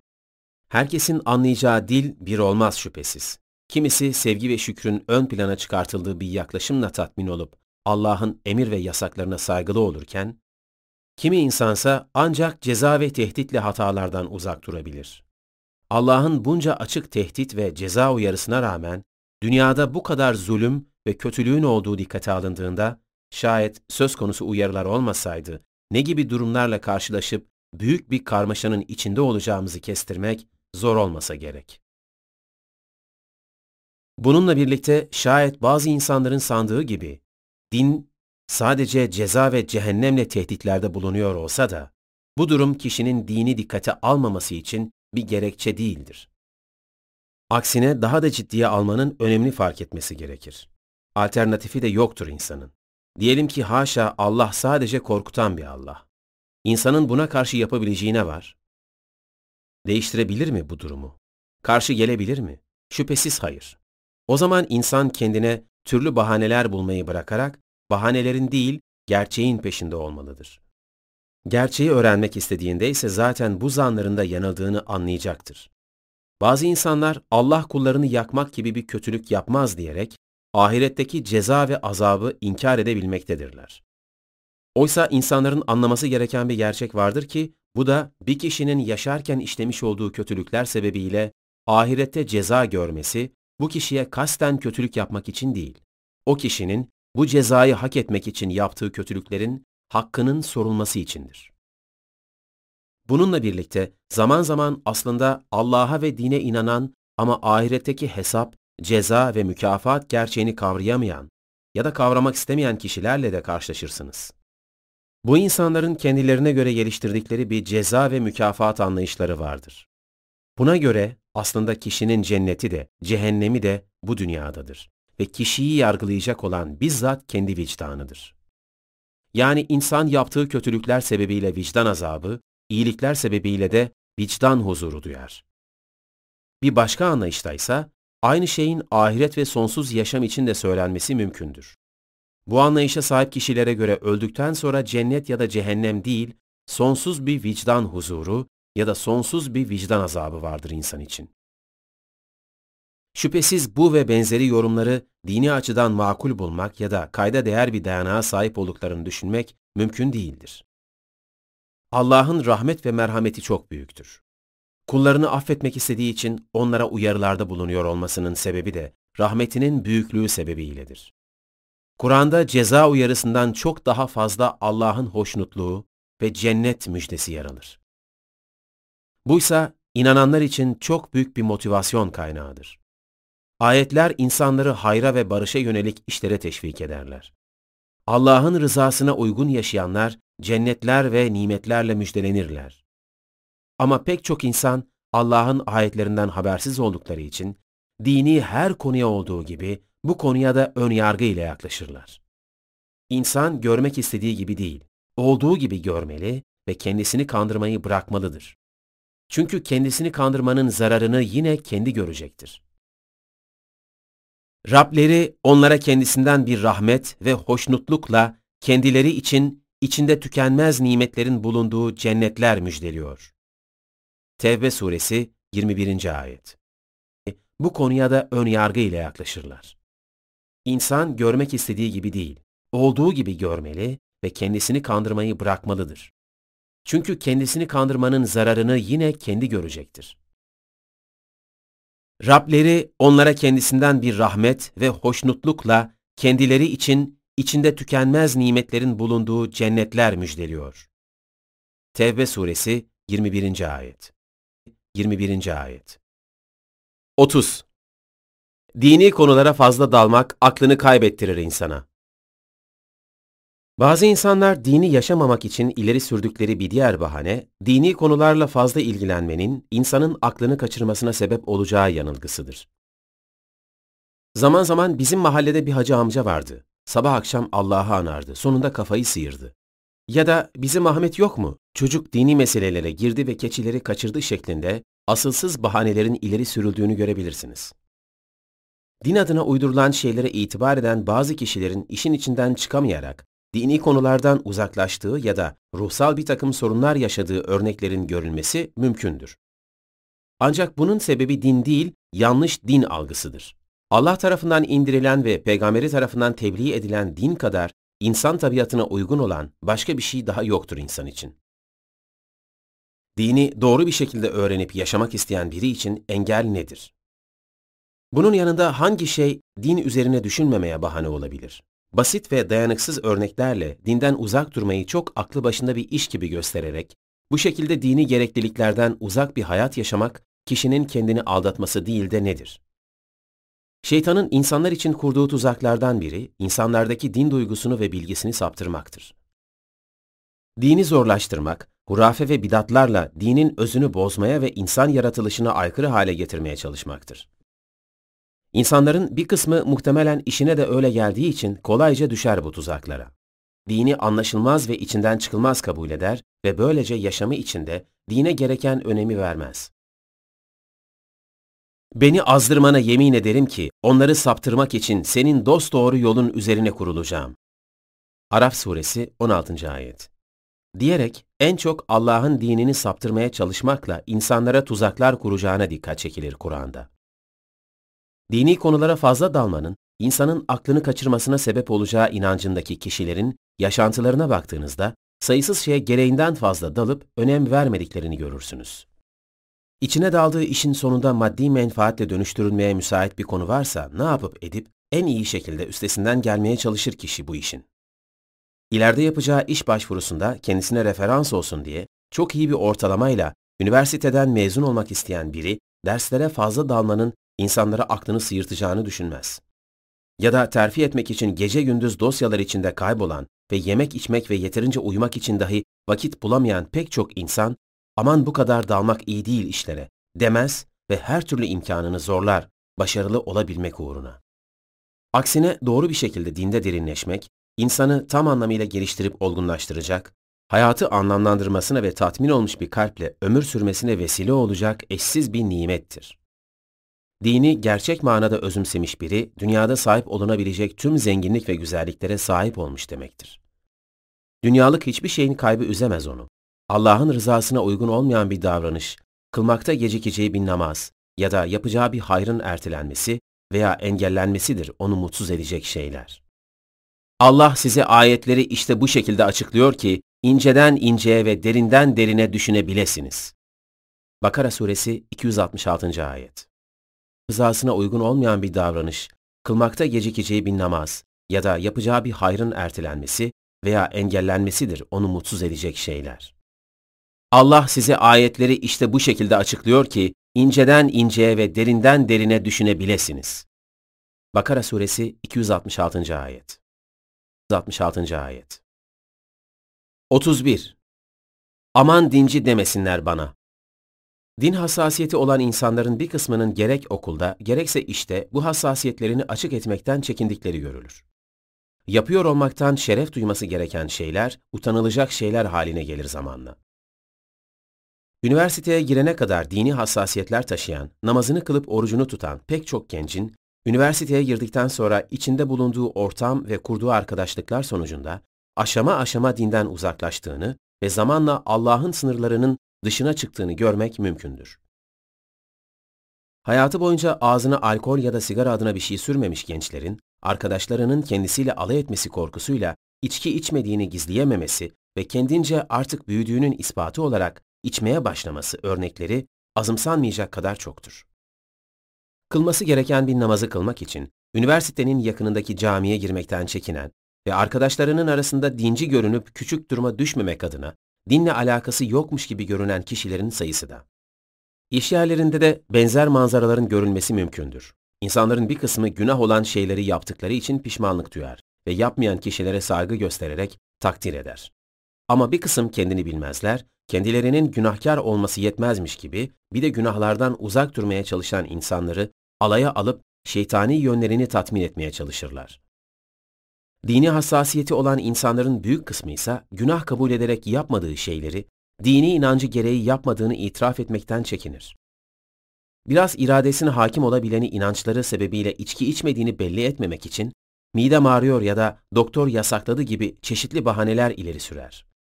Bir kısmı ise aman kimse beni dinci görmesin diye içerek kendini ispat etmeye çalışır. Oysa Kur'an bu konuda da insanların dikkatlerini çeker ve gerçek anlamda inanan kişilerin başkalarının kınamasından korkmadıklarını ifade eder. Ey iman edenler! İçinizden kim dininden geri dönerse Allah yerine kendisinin onları sevdiği, onların da kendisini sevdiği, inananlara karşı alçak gönüllü, inkarcılara karşı güçlü ve onurlu, Allah yolunda mücadele eden ve hiçbir kınıyanın kınamasından korkmayan bir topluluk getirir. Bu Allah'ın bir fazlıdır. Onu dilediğine verir. Allah rahmetiyle geniş olandır, bilendir. Maide suresi 54. ayet. Kendini tüm benliğiyle Allah'a beğendirmesi gereken kul, Allah'tan başka herkese beğendirmeye çalışır kendini. Kendisi gibi aciz ve ölümlü olan, yıkanmasa iki günde leş gibi kokan, herkes gibi yiyip içmeye ve tuvalete gitmeye muhtaç olan birilerine kendini beğendirmek bu kadar önemli olmasa gerek. Dinci yaftası yememek uğruna Allah'ın değil, insanların beklentilerine göre yaşamaya çalışır insan. Niçin? İşinden olmasın, terfi etmesi engellenmesin, aman insanlar hakkında kötü konuşmasın. Kötü konuşmasın, dindar olmak arkasından kötü konuşulma sebebi olmamalıydı oysa. Ya da bunu sebep edinen biri insan olarak değerlendirilmemeliydi. Din, insanın tüm hayatı boyunca üzerinde şerefle taşıyacağı bir madalya gibidir. Kişinin alnındaki secde izi utanmasının değil, Allah'a olan kulluğunu ifade etmenin vereceği huzur ve gururun nişanesidir. Kendini Allah'a beğendirmeyip rızasına uygun yaşamadıktan sonra tüm dünya seni beğenip senden razı olsa ne olur? Yeter artık, koy bir kenara nefsini dinlendir, biraz da kendini Allah'a beğendir. Alnındaki secde izi utanmasının değil, Allah'a olan kulluğunu ifade etmenin vereceği huzur ve gururun nişanesidir. Kendini Allah'a beğendirmeyip rızasına uygun yaşamadıktan sonra tüm dünya seni beğenip senden razı olsa ne olur? Yeter artık, koy bir kenara nefsini dinlendir, biraz da kendini Allah'a beğendir. Biraz da kendini Allah'a beğendir. 32. Kimseye zararım yok. Kendi halinde bir insanım. Farkında olarak ya da olmayarak günaha giren birini uyardığımızda çoğu zaman evet yapıyorum ama kimseye zararım yok şeklinde ortak bir tepkiyle karşılaşırsınız. Birilerine zararı olup olmamasıyla alakalıymış gibi değerlendirilir kimilerince mesele. Bunun yanında sanki kişinin kendi menfaatine bir şey söylememişsiniz gibi, Allah'la arama girmesene der kimileri. Yahu ben Allah'la senin arana girme derdinde değilim. Ama görüyorum ki Allah'la senin arana nefsin ve nefsinin bitmeyen istekleri girmiş ben ona dikkat et diyorum diyesiniz gelir. Ama yine de insanları kırmamak adına Uyarınızı yapar ve susarsınız çoğu zaman.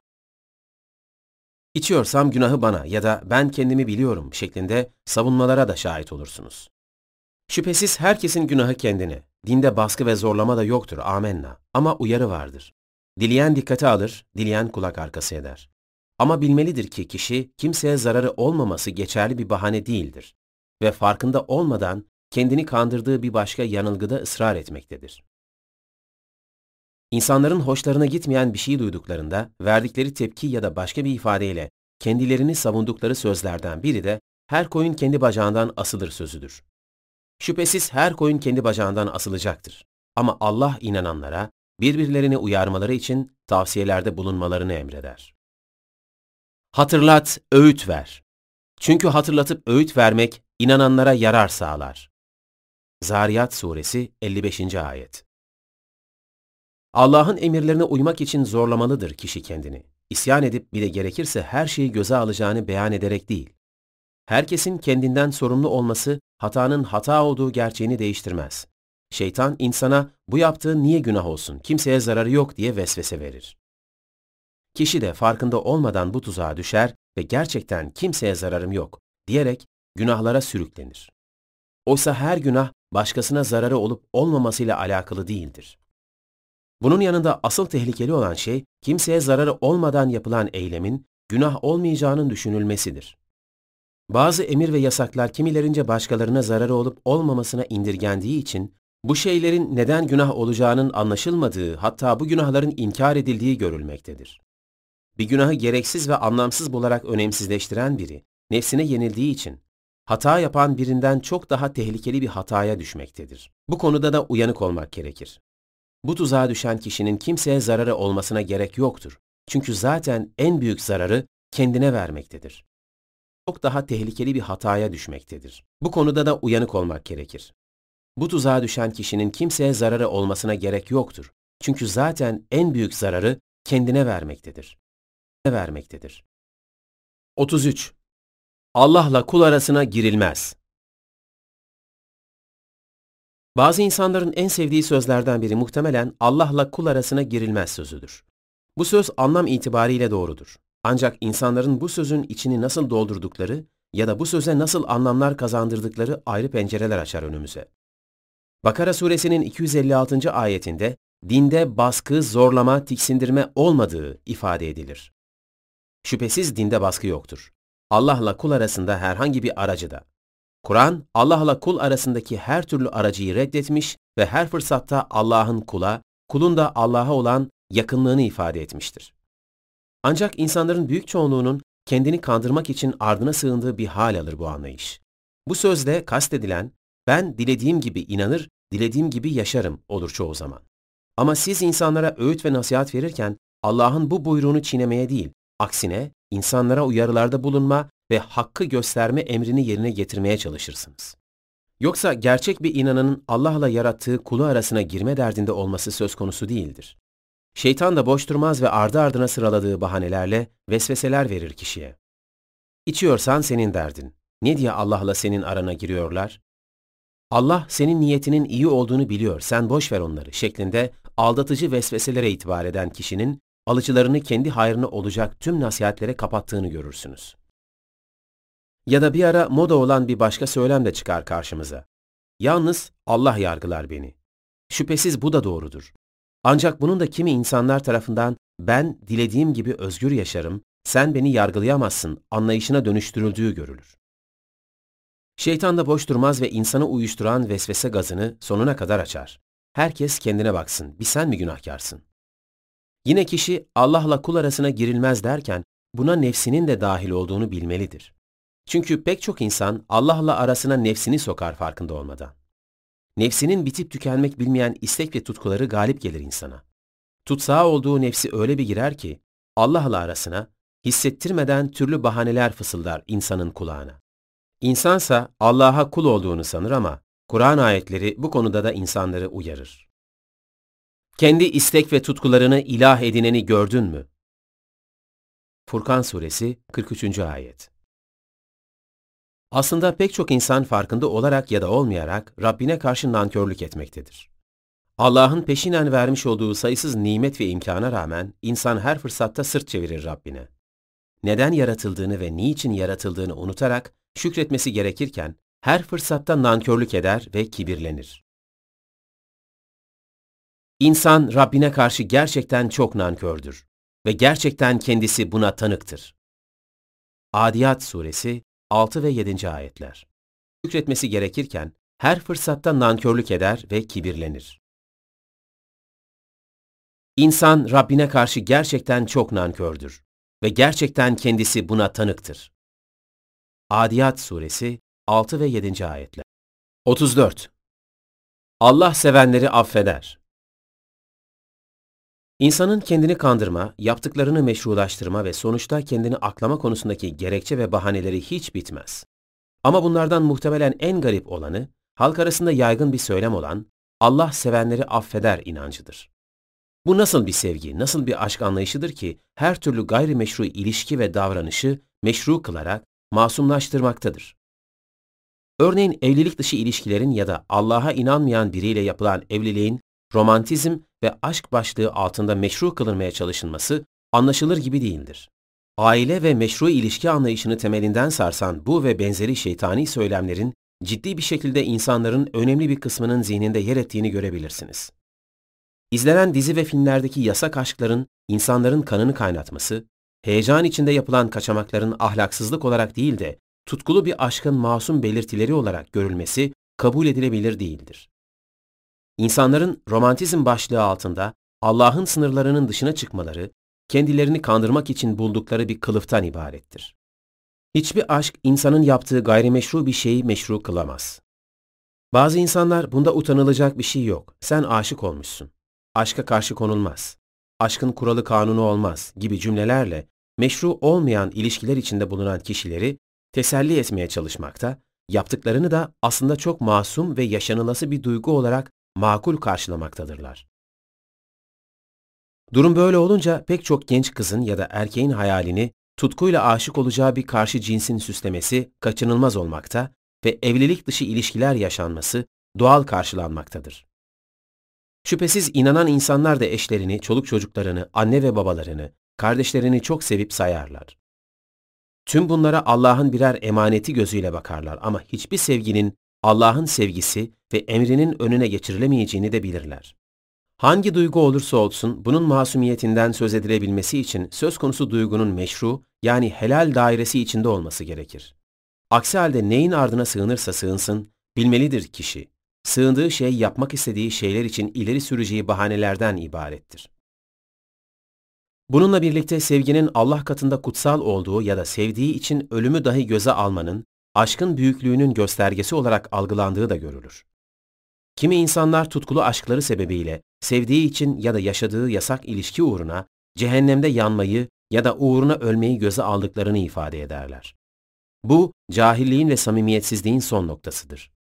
Bu gibi iddialarda bulunan ancak ufacık bir zorluk ya da dünyevi menfaat uğruna canını vereceğini söylediği sevdiğini yarı yolda bırakan sayısız örnek görmek mümkündür.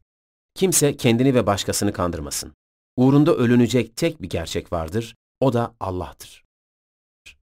Bu gibi iddialarda bulunan ancak ufacık bir zorluk ya da dünyevi menfaat uğruna canını vereceğini söylediği sevdiğini yarı yolda bırakan sayısız örnek görmek mümkündür. Kimse kendini ve başkasını kandırmasın.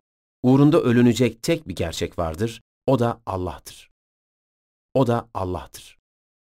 35. Ardımda kalıcı bir iz bırakmalıyım. İnsanların yaşadıkları bu dünya hayatını anlayıp anlamlandırma noktasında kendilerini kandırdıkları bir diğer konuda ardında ölümsüz eserler ve izler bırakma yanılgısıdır. Şüphesiz Allah kendi yolunda hayra ve barışa yönelik ihlaslı davranışlar sergileyerek insanların faydasına işler yapan ve ardında hayırlı izler bırakan kullarından razı olacaktır. Ama inanan insanların yapacağı işler bir gün yok olup gidecek olan bu dünya hayatında iz bırakmak ya da kendisinden sonra da ismini yaşatmak için değil, Allah'ın rızasını ve ahireti kazanmak için yapılır. Tarih boyunca inşa edilmiş ama şu anda yıkık bir viraneden ibaret sayısız gösterişli eser vardır yeryüzünde.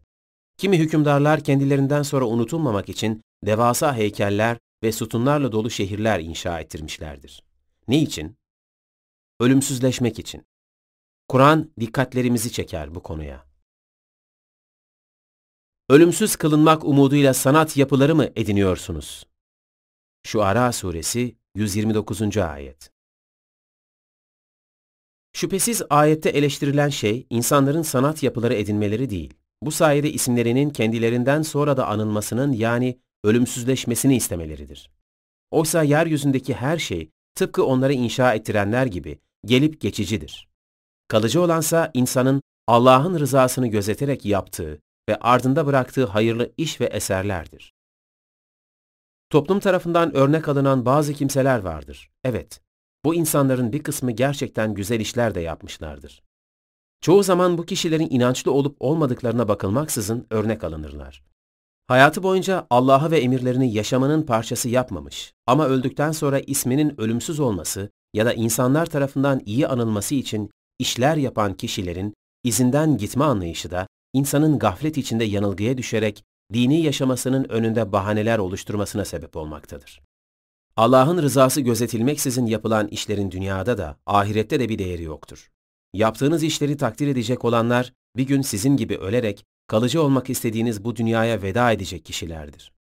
Önemli olan Allah'ın kulundan hoşnut olması, yani Allah'ın beğenisinin kazanılmasıdır. Bazı insanlar sırf etraflarına hava ve gösteriş olsun diye bir takım hayır işlerinin parçası olurlar. Ya da yaptıkları her işi etraflarına anlatarak insanlar üzerinde olumlu bir etki bırakmaya çalışarak önemli olanın insanların takdiri olduğunu sanırlar. Şüphesiz Allah'ın razı olacağı bir işin insanlar tarafından da takdir edilmesi kişinin motivasyonunu olumlu yönde etkileyebilecek itici bir güçtür. Ancak her zaman için asıl hedefin Allah'ın rızası olduğunun unutulmaması gerekir. Dünya hayatının ünlü gibi süslü sıfat ve yakıştırmalarına aldanmamak gerekir. Ün de, karizma da, makam, mevki ve servet de öldüğünde kişinin ardında kalacak şeylerdir. Bunların ve benzeri birçoklarının hesap günü insana bir faydası olmaz. İnsana faydalı olacak şey, her işinde Allah'ın rızasını gözetmesidir. Çünkü insanın geçici olanın değil, kalıcı olanın rızasını gözetmesi, tüm işlerini bu gerçeğe göre gerçekleştirmesi ve şunu bilip hesap etmesi gerekir. Her gün bir adım daha atarken ölüme, bu gösteriş, bu kibir, bu hırs ne? Bilmem ki neden kendimizi bu kadar bir şey sanır, yaptığımız işleri bu kadar abartır ve bu kadar kibirleniriz. Hepimiz dökülen meniden bir damla ve hesap günü tekrardan diriltene kadar toprağa karışacak olan bir parça değil miyiz? Şu iğreti dünya hayatı geçici bir nimetlenmeden ibarettir. Ahiretse sürekli durulacak yurdun ta kendisidir. Mü'min Suresi 39. Ayet Hepimiz dökülen meniden bir damla ve hesap günü tekrardan diriltene kadar toprağa karışacak olan bir parça değil miyiz? Şu iğreti dünya hayatı geçici bir nimetlenmeden ibarettir. Ahiretse sürekli durulacak yurdun ta kendisidir. Mü'min Suresi 39. Ayet 36. Aklım ve mantığım yeter bana. Gerek eğitim amacıyla, gerekse kültürlü olmak için doğal olarak pek çok kitap okuruz hayatımız boyunca. Gerek isteyerek gerekse mecburiyet sebebiyle hayatı boyunca bir sürü kitap okumasına rağmen ilahi mesajdan habersizdir çoğu insan. Yıllarca derin araştırmalar yapmış, sayısız kitap makale okumuş ya da yayınlanmış kimi ilim insanları vardır. Ama aynı insanlar hayatları boyunca bir kez olsun açıp da yaratıcımın bana gönderdiği mesaj nedir diye ilahi kelamı okumamıştır. Sanki herkesin vardır da kendisinin ihtiyacı yoktur ilahi uyarı ve bildirimlere. Ya da kendince hayatta daha önemli, daha öncelikli şeyleri vardır kimi insanların. İnsana bir zorluk, zarar dokunduğunda bize yalvarır, yakarır. Sonra ona bizden bir nimet lütfettiğimizde şöyle der. Bu bir ilim sayesinde verildi bana. Hayır, öyle değil. O bir fitne, kendisini bir denemedir. Ama onların çokları bilmiyorlar. Zümer Suresi 49. Ayet Bazı insanların dini buyruklara uymamalarına bahane olarak ileri sürdükleri gerekçelerin bir diğeri de kendi akıllarınca Allah'ın bazı emirlerini gereksiz ve anlamsız bulmalarıdır. Hatta bu gibi kimselerin büyük çoğunluğunun böyle olmalı değil miydi ya da madem öyle bir konu neden şöyle değil veya bence bu daha doğru ve mantıklı şeklinde cümlelerle itiraz ve savunmalarda bulundukları görülür. Yani nefislerine yenildikleri ve Allah'a dayanıp güvenmeleri gerektiğini bilmedikleri için bazı konuların hikmetini anlamayıp anlamlı bulamamaları bir yana bir de kendini bir su damlasından var eden yaratıcısına akıl vermeye kalkar insan. Gerçek şu ki insan azar, kendini yeterli gördüğünden. Alak Suresi 6 ve 7. ayetler. Allah'ın varlığını bir şekilde inanan ama bu inancının gereğini yerine getirmeye ihtiyaç duymayan bu gibi kimseler, günlük yaşamlarında Allah'a da ihtiyaç duymadıklarına inanırlar. Çünkü bu anlayıştaki kişilere göre sahip oldukları her şey kendi bilgi ve becerileri sayesinde edindikleri şeylerdir. Oysa insanın önce kendini, sonra da haddini bilmesi ve sahip olduğu her şey için yaratanına şükretmesi gerekir. Sahip olduğunuz her nimet Allah'tandır. Sonra size bir zorluk, keder dokunduğu zaman yalnız O'na yakarırsınız. Nahl Suresi 53. Ayet Bazı kişiler Allah insana akıl vermiş, aklını kullanacaksın derler. Şüphesiz aklın kullanılması, Kur'an'da sıklıkla vurgulanan bir gerekliliktir. Ancak bu ve benzeri söylemlerde bulunan çoğu kimsenin aklı kullanmaktan anladığı, kendi istek ve beklentilerine uygun şeylerin akla uygun görülmesinden ibarettir. Bu anlayıştaki kişiler için işlerine gelen şeyler akla uygun, gelmeyenlerse akıl dışıdır. Bu durum öyle noktalara gelir ki bazen Allah'ın apaçık bir hükmü bile söz konusu kişiler açısından mantıksız olduğu gerekçesiyle hiçe sayılabilir. Oysa kendisini yoktan var eden ve her şeyin en iyisini bilen Allah'ın açık bir hükmü varken, bence diye başlayan bu cümlenin kurulmasından bile haya etmelidir insan. Allah'ın ilahi mesajını yetersiz görerek mesaja değil, istek ve arzularına uyarak bu doğrultuda hareket etmek isteyen ve bunun en doğru yol olduğuna inanan insanlara uyulması durumunda yeryüzünde fesat ve karmaşa çıkacağını çok güzel ifade eder Kur'an. Eğer hak, gerçek onların istek ve tutkularına uyacak olsaydı, hiç tartışmasız gökler, yer ve bunların içinde olan herkes ve her şey bozulmaya uğrardı. Hayır, biz onlara kendi şan ve şeref zikirlerini getirmiş bulunuyoruz. Fakat onlar kendi zikirlerinden yüz çeviriyorlar. Mü'minun Suresi 71. Ayet Aklım ve mantığım bana yeter diyen insanların muhtemelen tamamı, akıl ve mantıklarının içinde bulundukları toplum ve kültürün etkisi altında şekillendiğinin farkında bile değildirler. Bunun en büyük göstergesi çok zeki ya da pek çok konuda çok makul yaklaşımlara sahip bazı kişilerin, toplum ve kültürün genelleştirmiş olduğu kimi konularda tıkanarak çok mantıksız kabullere sahip olabilmeleridir.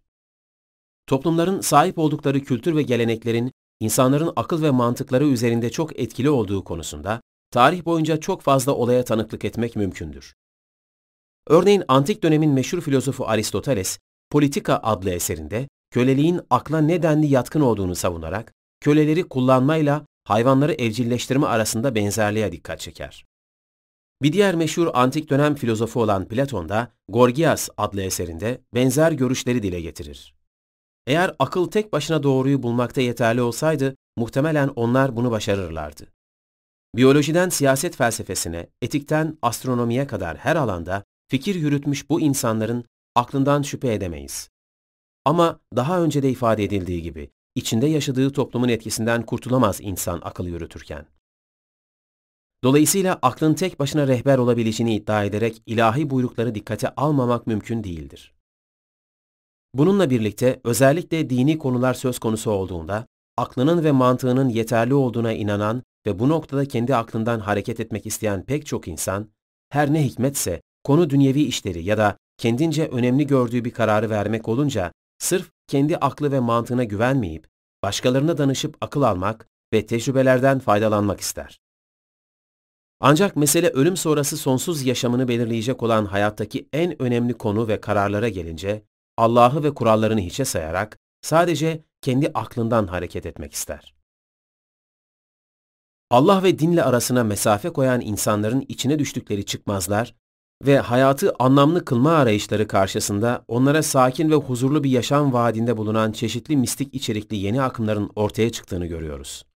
İnsanların ruhsal boyutlarına yönelik psikolojik bir harekat yapılmaya çalışılmakta.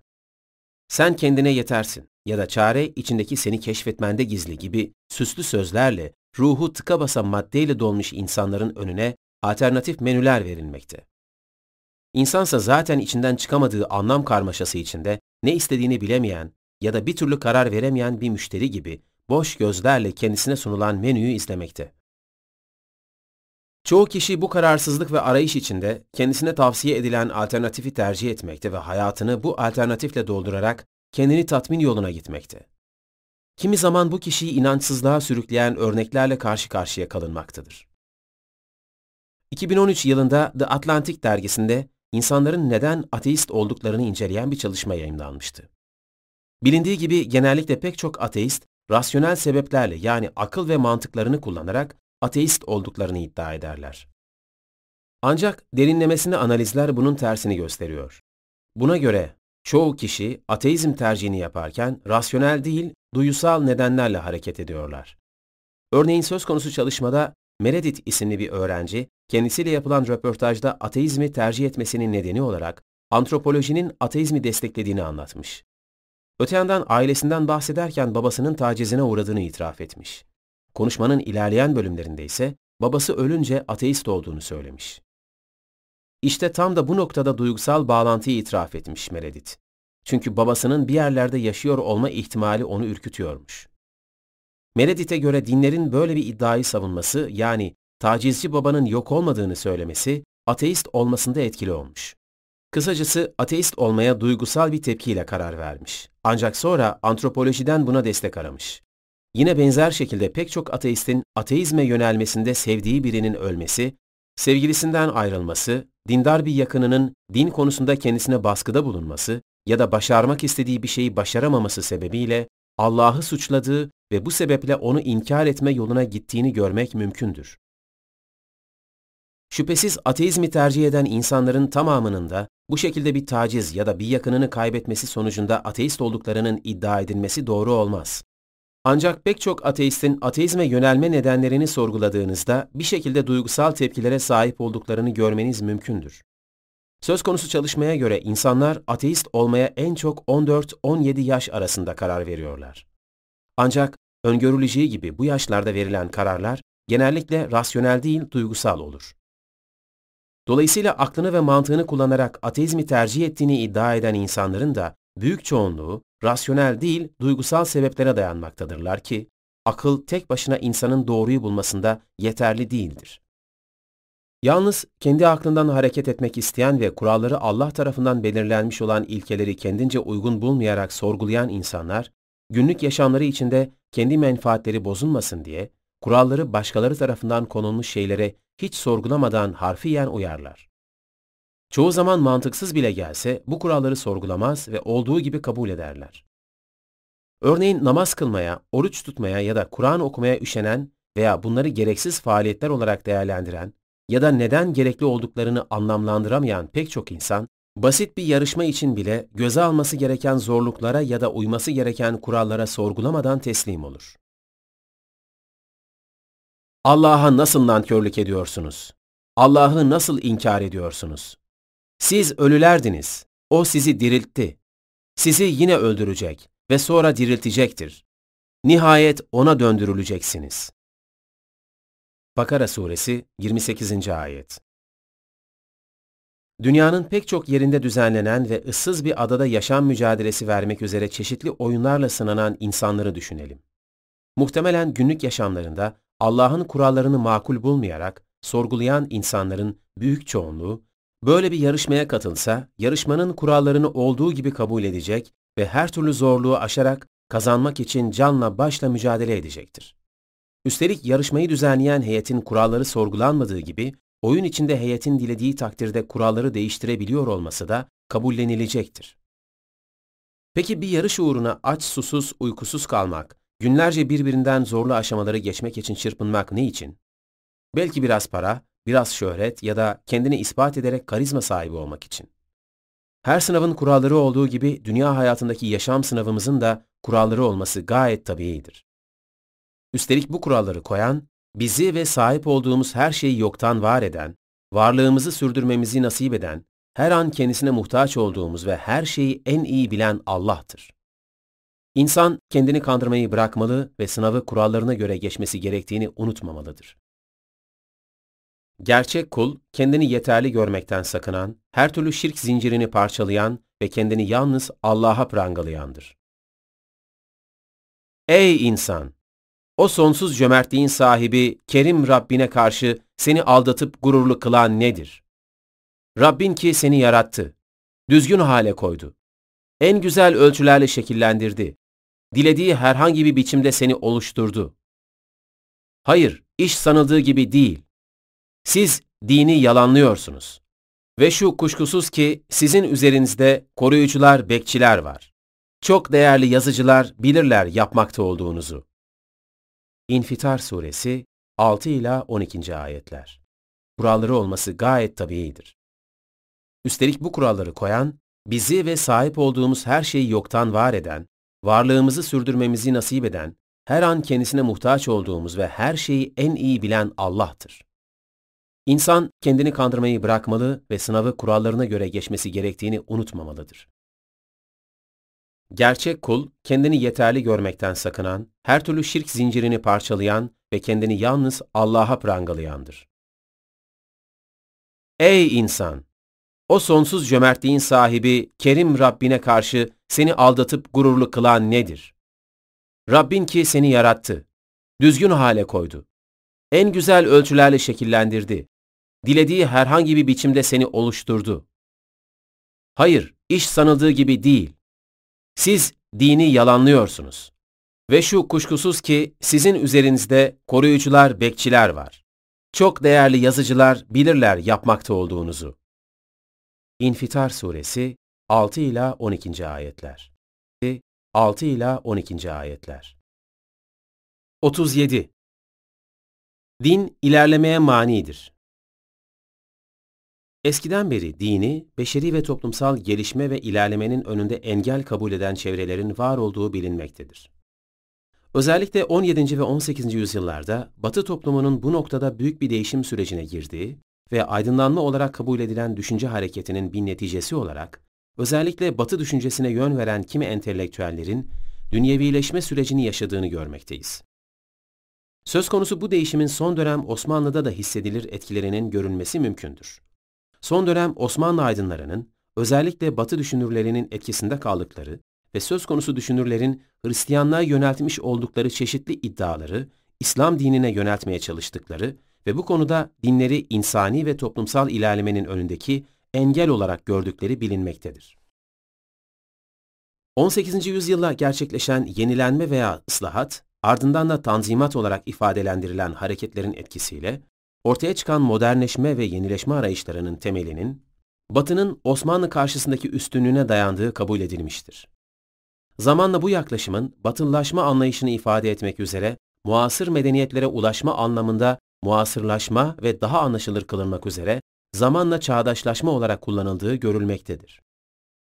Doğal olarak bu arayışlardan İslam dini ve toplumun din anlayışı da ciddi manada nasibini almış ve bazı çevreler tarafından bütün bozukluk İslam dinine fatura edilmişti.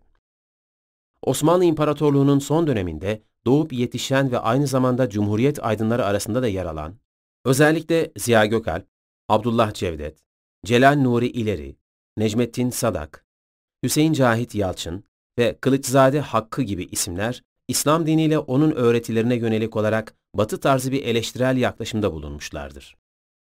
Söz konusu aydınların genelde geleneksel dinlerin tümüne, özelde ise İslam dinine getirmiş oldukları pek çok eleştirel yaklaşımdan hareketle, onların 18. ve 19. yüzyıl materyalizm ve pozitivizm düşüncesinin etkisinde kaldıkları görülmektedir.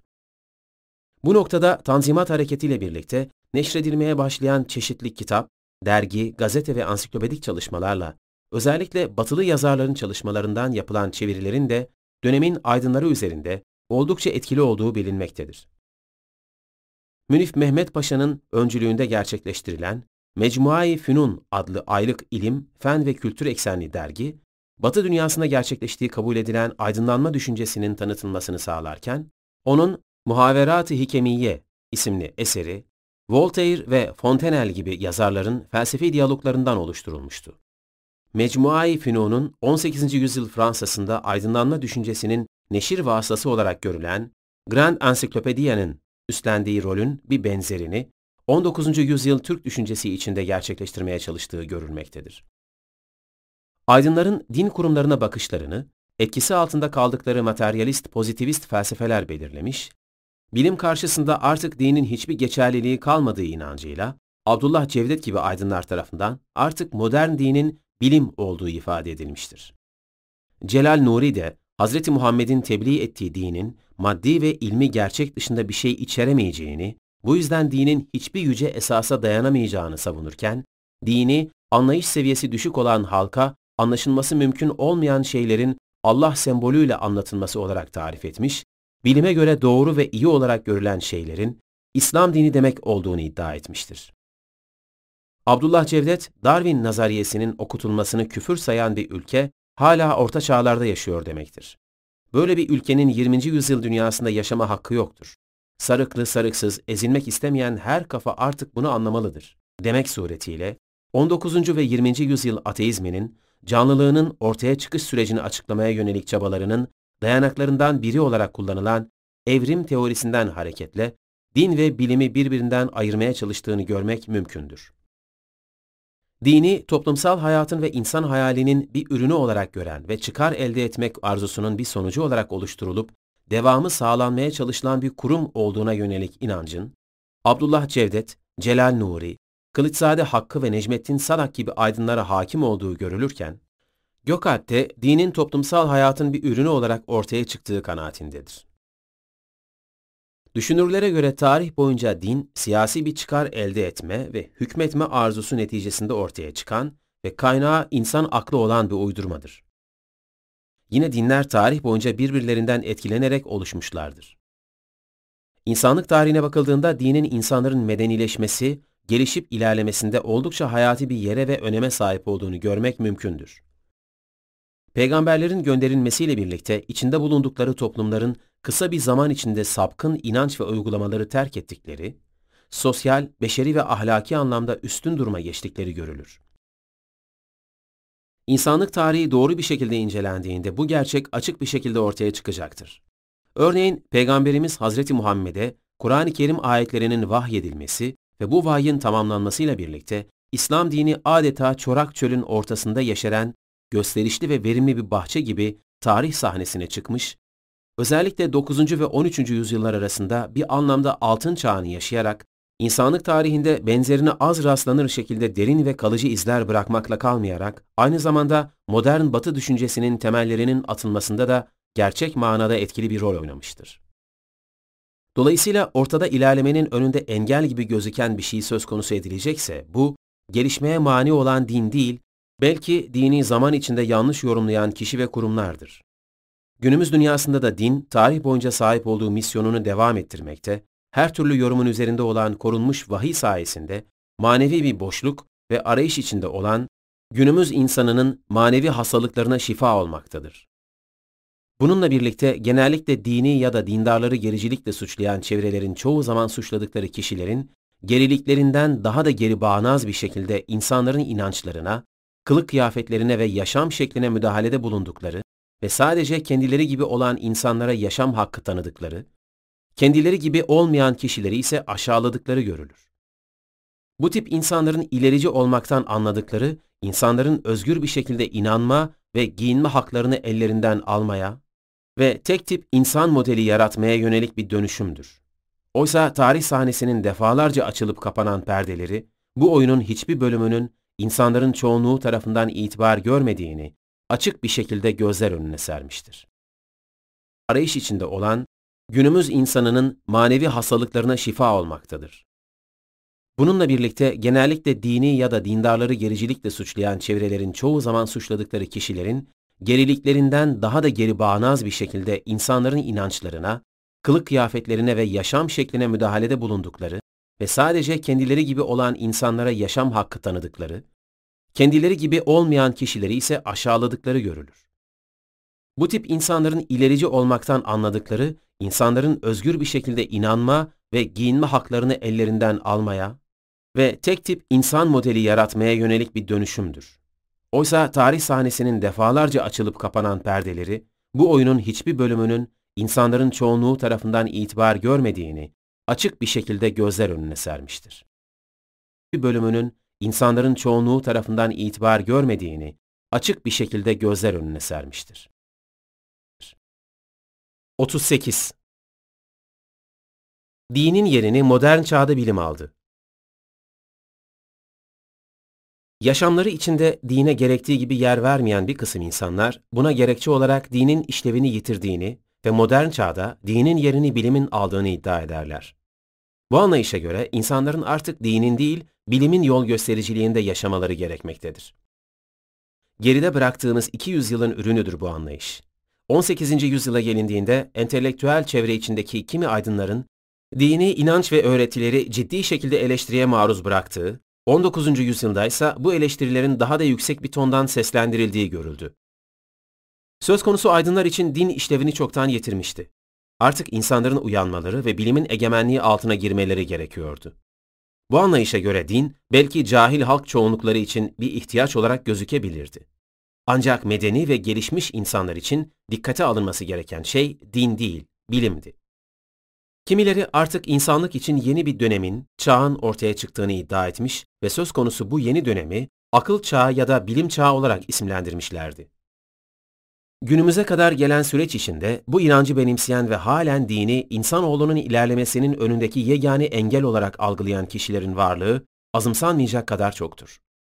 Ancak hem tarihteki hem de günümüzdeki söz konusu kişilerin dikkate almadıkları çok önemli bir nokta var ki, bu da insanın etten kemikten müteşekkil maddi bir varlıktan ibaret olmadığı gerçeğidir. Kimileri inkar etse de insanın manevi bir doğası vardır ve öyle ki farkında olmasa da insanın kişilik ve davranışlarına yön veren şey büyük oranda manevi doğasıdır. Seküler bir şekilde gerçekleştirilen bilimsel faaliyetlerse hiçbir dönemde olmadığı gibi günümüzde de insanın manevi doğasına hitap edemediği için salt bilimden hareketle oluşturulan bir dünya görüşü insanoğlunu tatmin edememektedir. İnsan yalnız evrendeki hadiselerin nasıl olduğunu değil, aynı zamanda neden olduğunu da merak eder ve buna cevap arar. Gerek evrenin, gerekse yaşamın kökenine yönelik yapılacak hiçbir bilimsel açıklama, hiçbir zaman tek başına insanı tatmin etmeye yeterli gelmemiştir. Ve insan doğası değişmediği sürece de belli ki yeterli gelmemeye devam edecektir. Bununla birlikte mesele sadece evreni anlamakla sınırlı da değildir. Bundan daha da önemlisi yaşamı anlamak ve anlamlı kılmaktır. Farkında olsun ya da olmasın, yaratılışı itibariyle her insan varlığa, varlık amacına, ölüme ve ölüm sonrasına karşı ilgi duyar. Bu türden metafizik olarak isimlendirebileceğimiz kökensel ve temel sorulara ise tek başına bilimin verebileceği tatmin edici bir cevap bulunmamaktadır. Bulunmamaktadır çünkü bu gibi sorular bilimin sınırlarını aşan hadiselerdir. Ünlü agnostik düşünür Bernard Russell da bilimin bu konularda sessiz kalacağını itiraf etmiştir. Bununla birlikte gerek bilim, gerekse felsefeyle ilgili bilgileri edinmek ve onları anlamak için belirli bir seviye ve araştırma gerekir. Oysa din her seviyeden insanın anlayabileceği türden net ve açık bilgiler içerir. Çünkü insanı yaratan Allah, yarattığı kullarının ihtiyaçlarını da en iyi şekilde bilmektedir. Tarih boyunca pek çok filozof ve bilim insanının yıllar süren düşünsel ve fiili çabaları sonucu anlam kazandırmaya ve geliştirmeye çalıştıkları evren, insan ve yaşam hakkındaki görüşleri, dini bildirim tarafından her türlü çelişki ve tutarsızlığın üzerinde net bir şekilde ortaya konulur.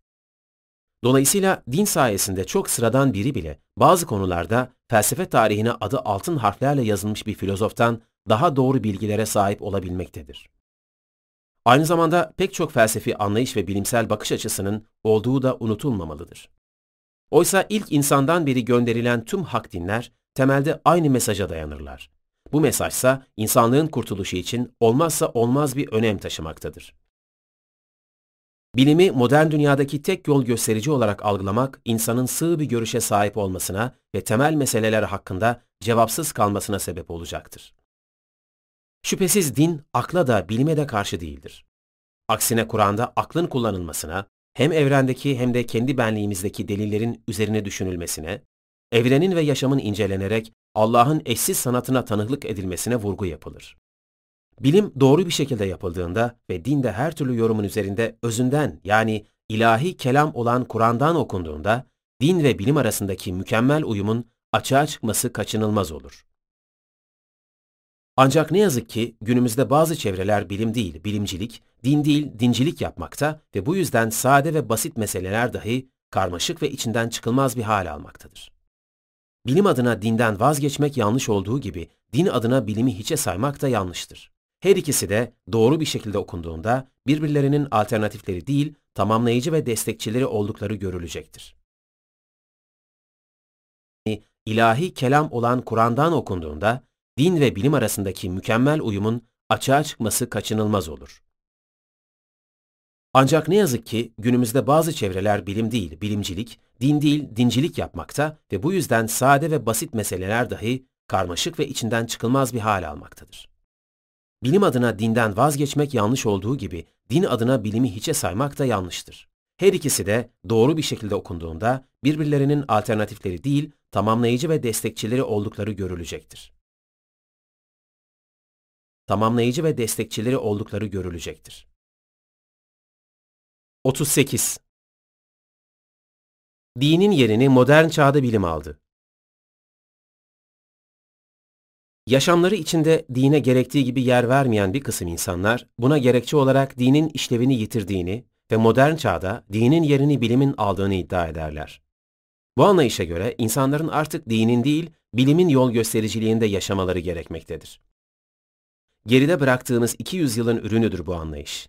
18. yüzyıla gelindiğinde entelektüel çevre içindeki kimi aydınların dini inanç ve öğretileri ciddi şekilde eleştiriye maruz bıraktığı, 19. yüzyılda ise bu eleştirilerin daha da yüksek bir tondan seslendirildiği görüldü.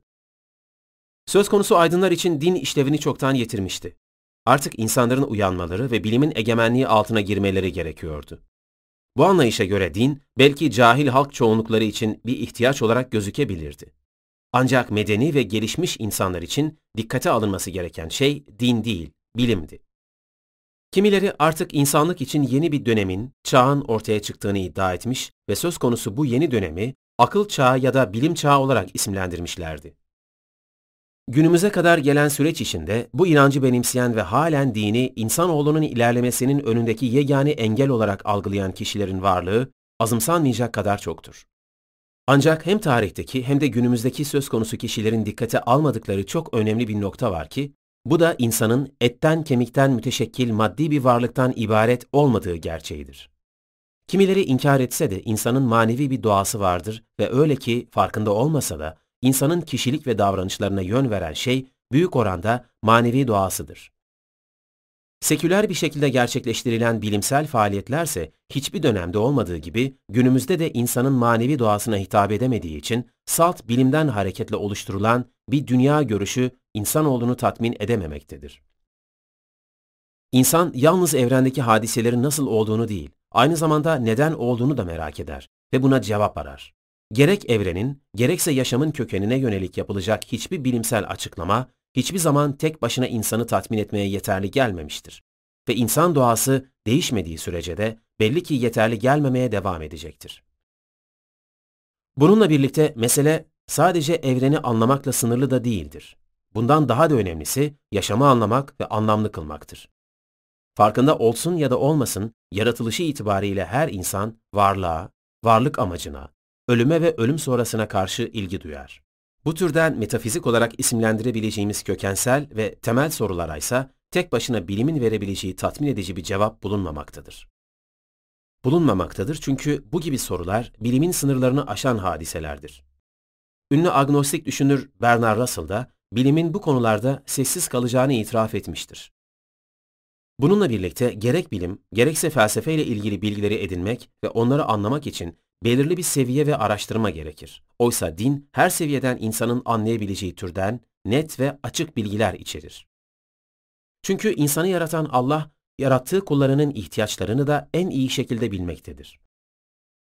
Tarih boyunca pek çok filozof ve bilim insanının yıllar süren düşünsel ve fiili çabaları sonucu anlam kazandırmaya ve geliştirmeye çalıştıkları evren, insan ve yaşam hakkındaki görüşleri, dini bildirim tarafından her türlü çelişki ve tutarsızlığın üzerinde net bir şekilde ortaya konulur. Dolayısıyla din sayesinde çok sıradan biri bile bazı konularda felsefe tarihine adı altın harflerle yazılmış bir filozoftan daha doğru bilgilere sahip olabilmektedir. Aynı zamanda pek çok felsefi anlayış ve bilimsel bakış açısının olduğu da unutulmamalıdır. Oysa ilk insandan beri gönderilen tüm hak dinler temelde aynı mesaja dayanırlar. Bu mesajsa insanlığın kurtuluşu için olmazsa olmaz bir önem taşımaktadır.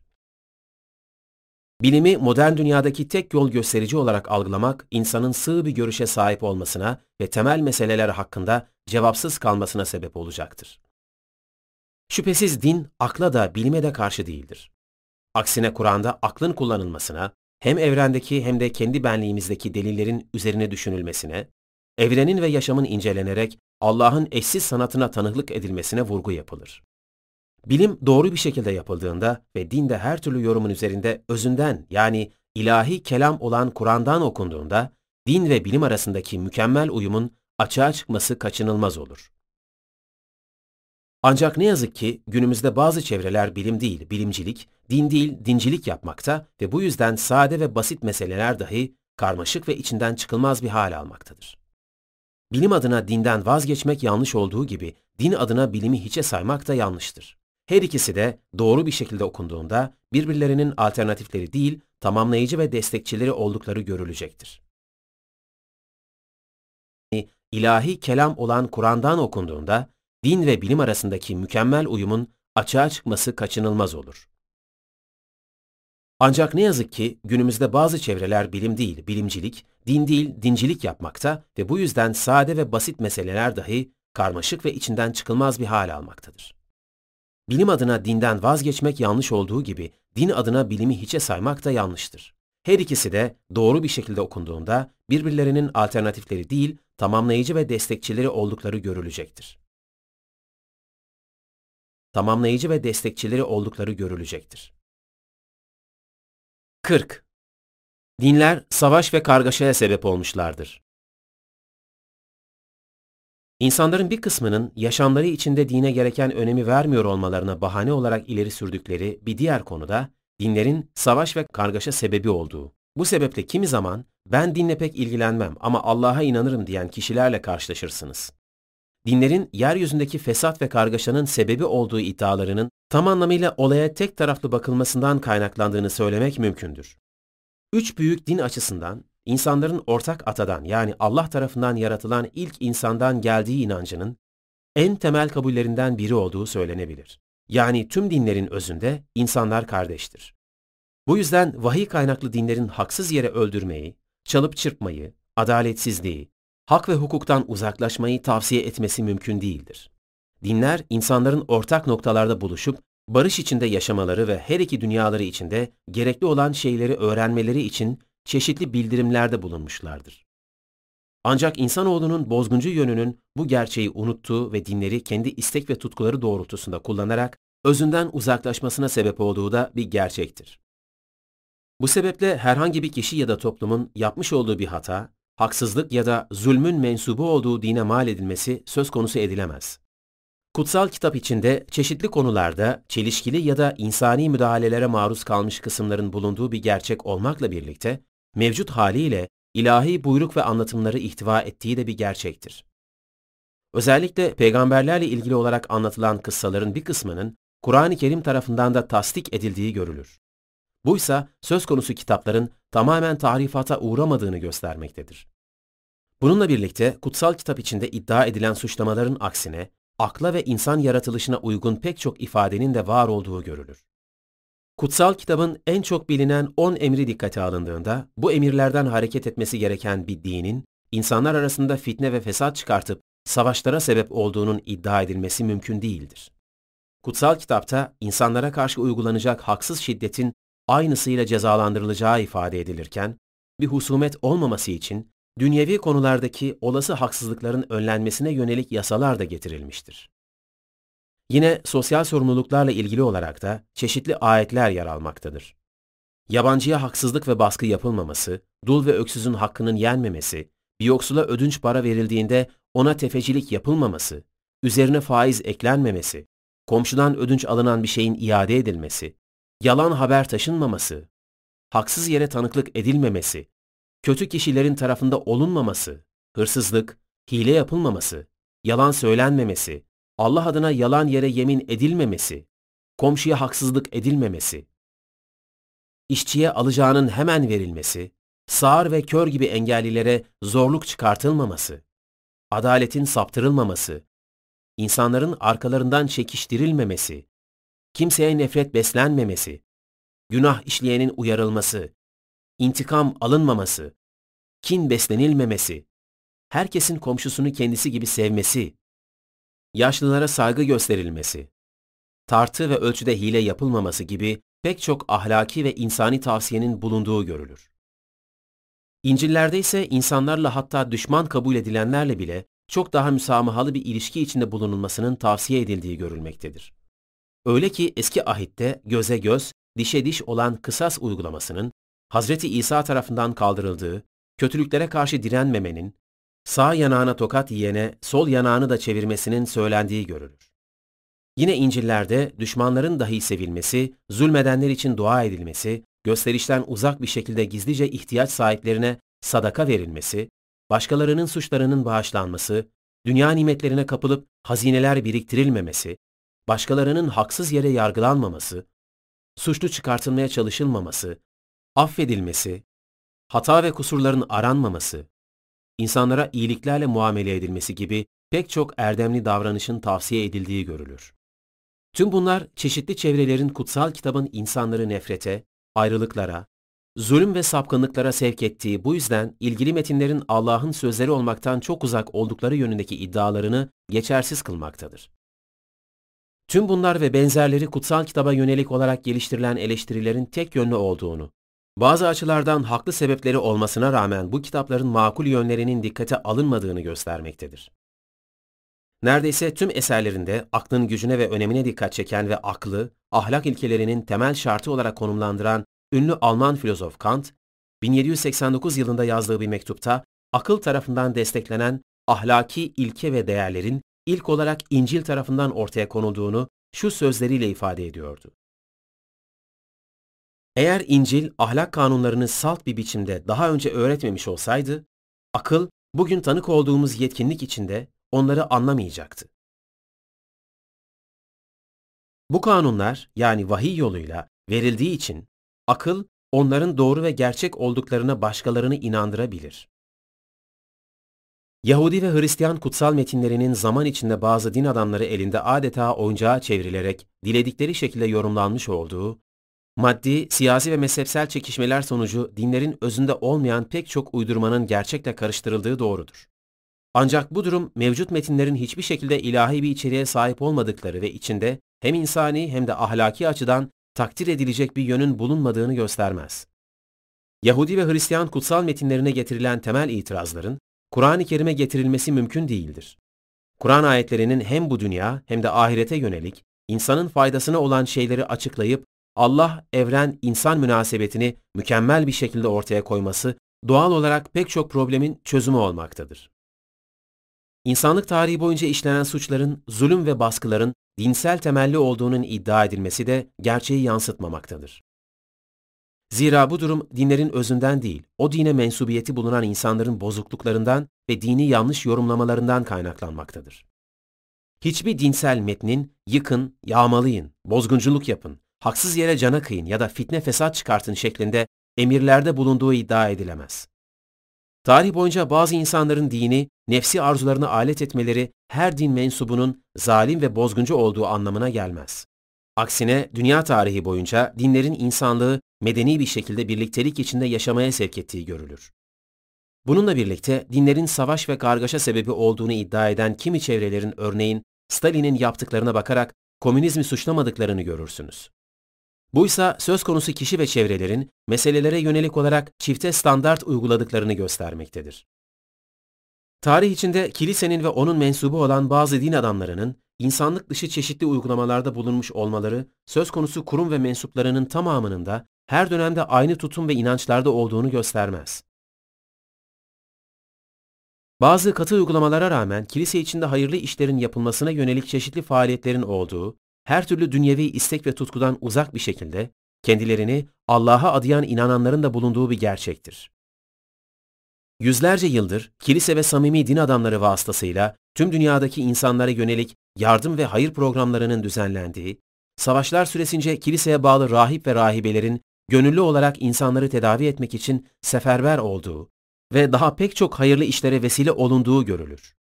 Din adamlarının misyonerlik faaliyetleriyle dünyanın en uzak bölgelerindeki halklara giderek dini tebliğ ve telkinlerde bulunmaları, inançsız, putperest ve kabile dinlerine mensup pek çok insanı önemli tahrifatlar yapılmış olmasına rağmen, İslam inançlarına daha yakın bir din olan Hristiyanlığa çevirmelerinin ve bu uğurda hayatlarını adamalarının takdir edilmesi gerekir. Doğal olarak bir din adamının yaptığı hata sıradan insanların yaptıklarından çok daha fazla dikkat çeker. Ancak dini insanlık için engel olarak gören zihniyetin kasıtlı olarak her fırsatta dinler ve dindarlarla ilgili gerçekten uzak, abartılı bir takım ithamlarda bulunmaya çalıştıkları görülür. Sanki kötülük ve ahlaksızlığın sebebi dindarlarmış gibi bir din adamının ya da dindarın hatasından hareketle tüm din adamlarının ya da dindarların zan altında bırakıldıkları görülür. Medya tarafından hem bu kişilerin sayılarının abartıldığını hem de söz konusu kişilerin sapkınlıklarının kasıtlı olarak dine fatura edildiğini görüyoruz. Örneğin medya açısından bir köpeğin bir insanı ısırması manşetten verilecek bir haber niteliği taşımazken, bir insanın köpeği ısırması gibi istisnai bir durumun manşet olacağında hiç şüphe yoktur. Bu sebeple zaman zaman Batı medyasında ya da ülkemizde bir din adamının sapkın bir davranış sergilemesinin olay yapıldığı ve sanki bütün din adamları öyleymiş gibi bu tür haberler üzerinden dine ve dindarlara çeşitli ithamlarda bulunduğu görülür. Gerek Yahudi, Hristiyan gerekse İslam tarihinde zaman zaman dini ve insani açıdan zulüm sebebi olacak bir takım inanç ve uygulamaların ortaya çıktığı kabul edilebilir. Ancak hiçbir dönemdeki din adamlarının tamamının kimi çevrelerce tasvir edildiği gibi olduğu kabul edilemez. Kilise açısından da durum aynıdır. Tarih boyunca kilise içinde de uygulamaları ve din anlayışı açısından oldukça makul bir yaklaşım benimseyen papaların bulunduğu inkar edilemez. Kutsal kitapta yer alan ahlaki ilkeler gibi Kur'an'da da gerek ferdi, gerekse toplumsal manada eşsiz bir ahlaki sistem koyar ortaya. Kur'an-ı Kerim, dini, ahlaki, sosyal ve beşeri ayetleriyle tüm insanlığa rahmet ve kılavuz olarak gönderilmiştir.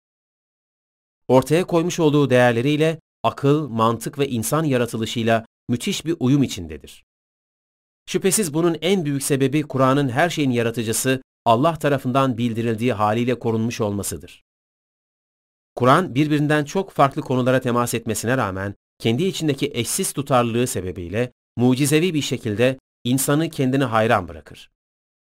Kur'an ayetleri en zor konularda dahi getirmiş olduğu sade anlatım ve açıklamalarıyla her seviyeden insana hitap edebilmekte ve bu sayede insanlığa bir hidayet rehberi ve kılavuz olabilmektedir.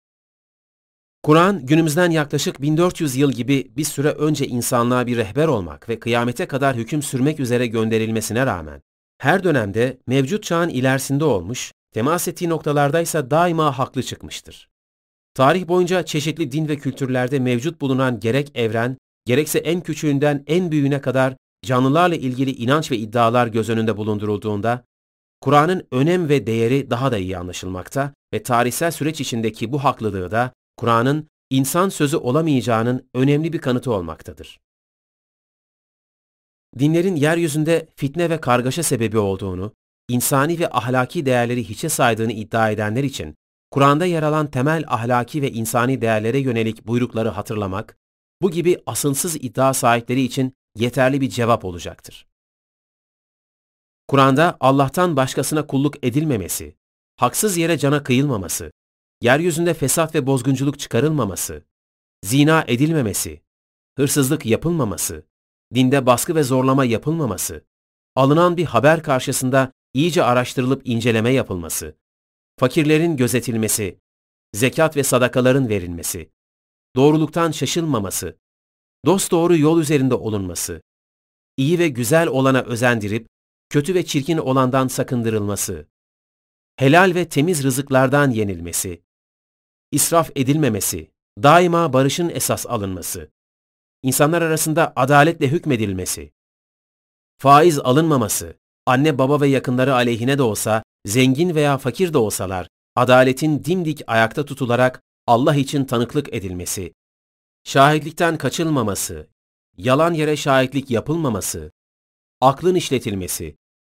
göklerin ve yerin yaratılışı hakkında derin derin düşünülmesi, hayra ve barışa yönelik işler yaparak ihlaslı olunması, güvenilir, fedakar, çalışkan olunması, yalan ve hileden uzak durulması, hayırlı işlerde yarışılması, yardımlaşılması, güzel söz söylenmesi, güler yüzlü olunması, insanlara selam verilmesi ve selamlarının alınması, affetmenin ve hoşgörünün esas alınması, zandan uzak durulması, sinsi casuslar gibi ayıp aranmaması, gıybet edilmemesi, insanlar aleyhine söz taşınmaması, emanetlere ve verilen sözlere sadık kalınması, emanetlerin ehil kişilere verilmesi, ölçü ve tartıda dürüst olunması, yetimin, öksüzün ve ihtiyaç sahibinin gözetilmesi, yoksulluk korkusuyla çocukların öldürülmemesi, intihar edilmemesi, sevilen şeylerden başkalarına infak edilmesi, yani verilmesi, harcanması, insanlar arasında barışın sağlanması, insanlara öğüt verip gerçeklerin hatırlatılması, çirkin işlerden, fenalık ve azgınlıktan uzak durulması, zalimlere eğilim gösterilmemesi, lüzumsuz söz ve davranışlardan yüz çevrilmesi, boş yere yemin edilmemesi, ana babaya çok iyi davranılması, yapılan iyiliklerin başa kakılmaması, öfkelenilmemesi, kibirlenerek insanlardan yüz çevrilmemesi, yeryüzünde kasılarak yürünmemesi, insanlarla alay edilmemesi ve onlara lakaplar takılmaması, insanların evlerine habersiz ve onların izni olmadan girilmemesi, insanın daima kendini sorgulaması ve nefsini temize çıkarmaya çalışmaması, başkalarının sahip olduğu nimetlere göz dikilmemesi, uyuşturucu, içki ve kumardan uzak durulması, kötülük ve düşmanlık üzerine yardımlaşılmaması, çirkin iş ve edepsizliklerin yayılmaması ve Allah'ın sınırlarının aşılmaması gibi gerek ferdi, gerekse toplumsal yaşamı güzelleştirecek şeylere uyulması emredilir. Tarihte dinsel ve mezhepsel bazı savaş ve anlaşmazlıkların yaşanmış olduğu bir gerçek olmakla birlikte, esasen insanlık tarihindeki pek çok savaşın dinsel içerikli ya da mezhepsel anlaşmazlıklardan kaynaklandığının iddia edilmesi gerçeği yansıtmamaktadır. Pek çok savaşın dinden ziyade toplumların çoğalıp yayılmaları, yeni yerler keşfedip zenginleşmeleri ve sömürgecilik gibi nedenlerden kaynaklandığı görülür. Makedonyalı İskender'in ordusuyla Hindistan'a kadar gitmesi de, Roma İmparatorluğu'nun geniş bir coğrafyada hakimiyet kurması da, Cengiz Han ve oğullarının Avrupa'ya kadar dayanarak karşısına çıkan her yeri yıkıp yağmalaması da dinsel nedenlerden kaynaklanmamıştır. Hatta Haçlı seferleri olarak bilinen ve Hristiyanlarla Müslümanlar arasında gerçekleşen çeşitli savaşlarında dinsel nedenlerden çok siyasi ve ekonomik nedenlere dayandığı bilinmektedir. Tarihte pek çok medeniyetin savaşlar sonucu yıkıldığı ve yine savaşlar sonucu kurulduğu görülebilir. Dünya tarihindeki en kanlı olayların yaşandığı ve en fazla insanın hayatını kaybettiği Birinci ve İkinci Dünya Savaşları da tamamen siyasi sebeplerden kaynaklanmıştı. Birinci ve İkinci Dünya Savaşları ile ilgili bazı verileri incelediğimizde, örneğin 1914'te Britanya ordusunda görevli olan 25 yaşın altındaki Oxford ve Cambridge öğrencilerinin dörtte birinin öldüğünü görebilirsiniz. Yine sadece Batı cephesinde Fransızlar 1.6 milyon, İngilizler 800 bin, Almanlar 1.8 milyon, Amerikalılar 116 bin kayıp vermişlerdi. Bununla birlikte savaş yöntemleri de son derece acımasızdı. İki savaşta da zehirli gazlar kullanıldı. Birinci Dünya Savaşı'nda Almanlar bu yönteme başvurmuşlardı. İtalyanlar da İkinci Dünya Savaşı'nda sömürgelerine karşı bu barbar silahı kullandılar. İkinci Dünya Savaşı'nda birincisinin aksine üniformalı askerler kadar siviller de öldürüldü. Almanya'daki 5.7 milyon Rus savaş tutsağının 3.3 milyonu öldü. 1959'a gelindiğinde bile Rusya'da her 4 erkeğe karşılık 35 ile 50 yaş arasında 7 kadın vardı. Charles Phillips ve Alan Axelrod tarafından hazırlanan Encyclopedia of Wars yani Savaşların Ansiklopedisi isimli kapsamlı çalışmada 1763 savaş listelenmiştir. Araştırmacıların ulaştıkları sonuç neticesinde söz konusu 1763 savaştan sadece 123 tanesinin dini sebeplerle ilgili olarak sınıflandırılabileceği ortaya çıkmıştır.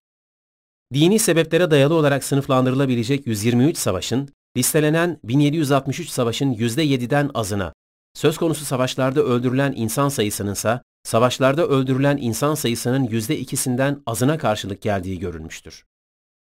Örneğin Haçlı Savaşlarında 1 ila 3 milyon civarı insanın trajik bir şekilde can verdiği, yaklaşık 3000 kişinin Engizisyon mahkemelerince ölüm cezasına çarptırıldıkları yerde, sadece Birinci Dünya Savaşı'nda yaklaşık 35 milyon asker ve sivilin anlamsız ve din dışı sebeplerle can verdiği görülmüştür. Bununla birlikte örneğin Napolyon'un seferleri, Amerikan ve Fransız devrimleri, Amerikan İç Savaşı, Birinci Dünya Savaşı, Rus devrimi, İkinci Dünya Savaşı ve Kore-Vietnam çatışması gibi pek çok modern savaşında dini sebeplere dayanmadıkları tespit edilmiştir. Yine yalnız 20. yüzyılda 160 milyon sivil soykırıma uğramış, yaklaşık 100 milyon civarı insan da komünist Rusya ve Çin yönetimleri tarafından öldürülmüştür. Bazı araştırmacıların da dikkat çektiği gibi esasen Birinci Dünya Savaşı ile birlikte milyonlarca insan daha önce hiç bu kadar farkına varmadıkları ölçüde insan davranışlarının akıl dışı yönlerinin farkına varmışlar, aynı zamanda dini ve ahlaki hassasiyetin gözetilmemesi durumunda insanın nedenli yıkıcı ve yok edici olabildiği gerçeğine tanık olmuşlardır. Bu yüzden her ne kadar bazı kişiler geleneksel dinleri savaşların asıl nedeni olarak göstermeye çalışarak dini hakikatleri görmezden gelmeye ve dini yükümlülükten kurtulmaya çalışsalar da bunun gerçeği yansıtmaktan çok uzak olduğu rahatlıkla görülebilir. Üstelik bu savaşların ironik bir şekilde insanların dini bir kenara bırakıp aydınlandıkları bir dönemde gerçekleşmiş olmasının da dikkatten kaçırılmaması gerekir. Ünlü ateist Hitchens dinlerin zararlarını anlatırken Saddam Hüseyin örneğini verir. Onu İslam dininin zararlarına kanıt olarak gösterir. Peki Saddam Hüseyin deyince bizim aklımıza ne gelir? Muhtemelen elinde bir Kalaşnikov'la Amerika'ya meydan okuyan bir mücahit fikri canlanır zihnimizde. Körfez Savaşı'nda dine bol bol referans veren, Allah'ın izniyle kafir Amerika'yı dize getiren bir adam olarak hatırlanır Saddam Hüseyin. Oysa biraz tarihe gidildiğinde resmi daha net görmek mümkündür. Saddam'ın partisi Baas, sosyalist eğilimlere sahip seküler bir partidir. En başından beri böyledir. Kurucusu ve Saddam'dan önceki lideri Michel Eflak da Hristiyandı. Saddam, İran-Irak savaşında İran'ın İslamcı olduğunu, kendisinin ise seküler olduğunu söylemişti. Peki Saddam İslami referanslara nasıl sarılmıştır? Körfez Savaşı'nda Amerika'ya karşı savaşırken birden Saddam'ın namaz kılan fotoğrafları ortaya çıktı. Bayrağa Allahu Ekber yazısı eklendi. Hatta kendi kanıyla bir Kur'an yazılması talimatı verdi. Dikkat edin bu dönemde Saddam, Irak içinde bir bütünleşme sağlamak istiyordu. Ve bunu dini istismar ederek yaptı. Şimdi bu örneği din savaşı olarak görmek ne kadar mantıklı? Üstelik Amerika'nın Orta Doğu politikasının altında yatanları bilirken. Bu örnek dinin zaman zaman savaşlar için kullanılabildiğini gösterir. Ancak dinin savaşa yol açacağını göstermez. Çoğunlukla maddi çıkarlar ve ülkeler arasındaki hırslar dini savaşlar olarak sunulur. William Cavanaugh'un The Myth of Religious Violence yani Dini Şiddet Miti isimli eseri de bu konuda önemlidir. Söz konusu çalışmada din savaşlarında örnek gösterilen savaşların aslında ne kadar dini olduğu tartışılır. Örneğin 16. ve 17. yüzyılda Avrupa'da ortaya çıkan savaşlar çoğunlukla Katoliklerle Protestanlar arasındaki savaşa örnek olarak sunulur ve din savaşı olarak betimlenir. Oysa tarihin detayına inince bu iddia hayli şüpheli hale gelir. Örneğin bu dönemde Katolik Fransa ile Katolik Kral tarafından yönetilen Kutsal Roma İmparatorluğu savaşmış, Fransa'nın yardımına Müslüman Osmanlı yetişmiştir. Dikkat edin Katolikler savaşıyor, yardıma Müslümanlar geliyor. Yani bazı protestan prensler Katolik Kral 5. Charles'ı destekler. Kime karşı? Protestanlara karşı. Kardinal Richelieu Fransa'daki protestanlara karşı protestan Hollandalılardan yardım alır. Yine din savaşı diye anılan dönemde Fransa'da Katolik barona karşı Katolik ve Kalvinist köylüler beraber savaşır. Tüm bu örnekler din savaşlarının bile tümüyle din savaşı olmadıklarının kanıtlarıdır. İran-Irak savaşında İran'ın İslamcı olduğunu, kendisinin ise seküler olduğunu söylemişti. Peki Saddam İslami referanslara nasıl sarılmıştır? Körfez Savaşı'nda Amerika'ya karşı savaşırken birden Saddam'ın namaz kılan fotoğrafları ortaya çıktı. Bayrağa Allahu Ekber yazısı eklendi. Hatta kendi kanıyla bir Kur'an yazılması talimatı verdi. Dikkat edin bu dönemde Saddam, Irak içinde bir bütünleşme sağlamak istiyordu. Ve bunu dini istismar ederek yaptı. Şimdi bu örneği din savaşı olarak görmek ne kadar mantıklı? Üstelik Amerika'nın Orta Doğu politikasının altında yatanları bilirken. Bu örnek dinin zaman zaman savaşlar için kullanılabildiğini gösterir. Ancak dinin savaşa yol açacağını göstermez. Çoğunlukla maddi çıkarlar ve ülkeler arasındaki hırslar dini savaşlar olarak sunulur. William Cavanagh'un The Myth of Religious Violence yani Dini Şiddet Miti isimli eseri de bu konuda önemlidir. Söz konusu çalışmada din savaşlarında örnek gösterilen savaşların aslında ne kadar dini olduğu tartışılır. Örneğin 16. ve 17. yüzyılda Avrupa'da ortaya çıkan savaşlar çoğunlukla Katoliklerle Protestanlar arasındaki savaşa örnek olarak sunulur ve din savaşı olarak betimlenir. Oysa tarihin detayına inince bu iddia hayli şüpheli hale gelir. Örneğin bu dönemde Katolik Fransa ile Katolik Kral tarafından yönetilen Kutsal Roma İmparatorluğu savaşmış, Fransa'nın yardımına Müslüman Osmanlı yetişmiştir. Dikkat edin Katolikler savaşıyor, yardıma Müslümanlar geliyor. Yani bazı protestan prensler Katolik Kral 5. Charles'ı destekler. Kime karşı? Protestanlara karşı. Kardinal Richelieu Fransa'daki protestanlara karşı protestan Hollandalılardan yardım alır. Yine din savaşı diye anılan dönemde Fransa'da Katolik barona karşı Katolik ve Kalvinist köylüler beraber savaşır. Tüm bu örnekler din savaşlarının bile tümüyle din savaşı olmadıklarının kanıtlarıdır. Katolik barona karşı Katolik ve Kalvinist köylüler beraber savaşır. Tüm bu örnekler din savaşlarının bile tümüyle din savaşı olmadıklarının kanıtlarıdır. kanıtlarıdır.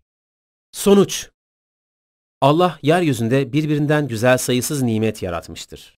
Yeryüzüne yaymış olduğu insan başta olmak üzere tüm canlıları bu nimetlerle rızıklandırmıştır.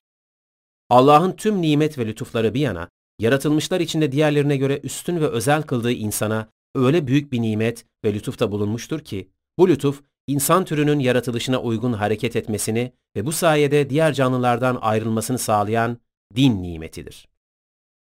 Allah insanı dine inanma ihtiyacı içinde yaratmış ve başka hiçbir yolla karşılanması mümkün olmayan bu ihtiyacını karşılaması için insanlar içinden seçmiş olduğu elçileri vasıtasıyla buyruklarını bildirmiştir.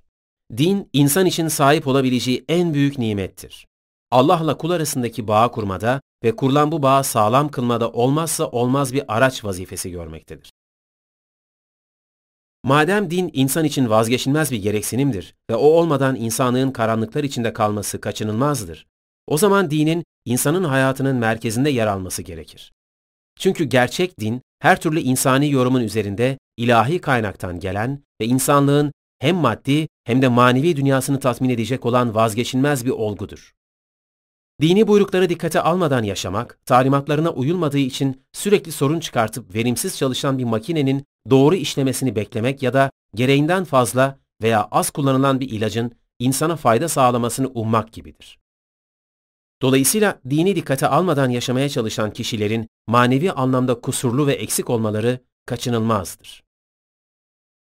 Dini buyruklar insanların hem dünya hem de ahiret yaşamları arasında insan yaratılışına uygun bir denge kurarlar. Dini buyruklar doğru bir şekilde dikkate alınmadığı noktada kişinin dünya ve ahiret dengesi şaşar.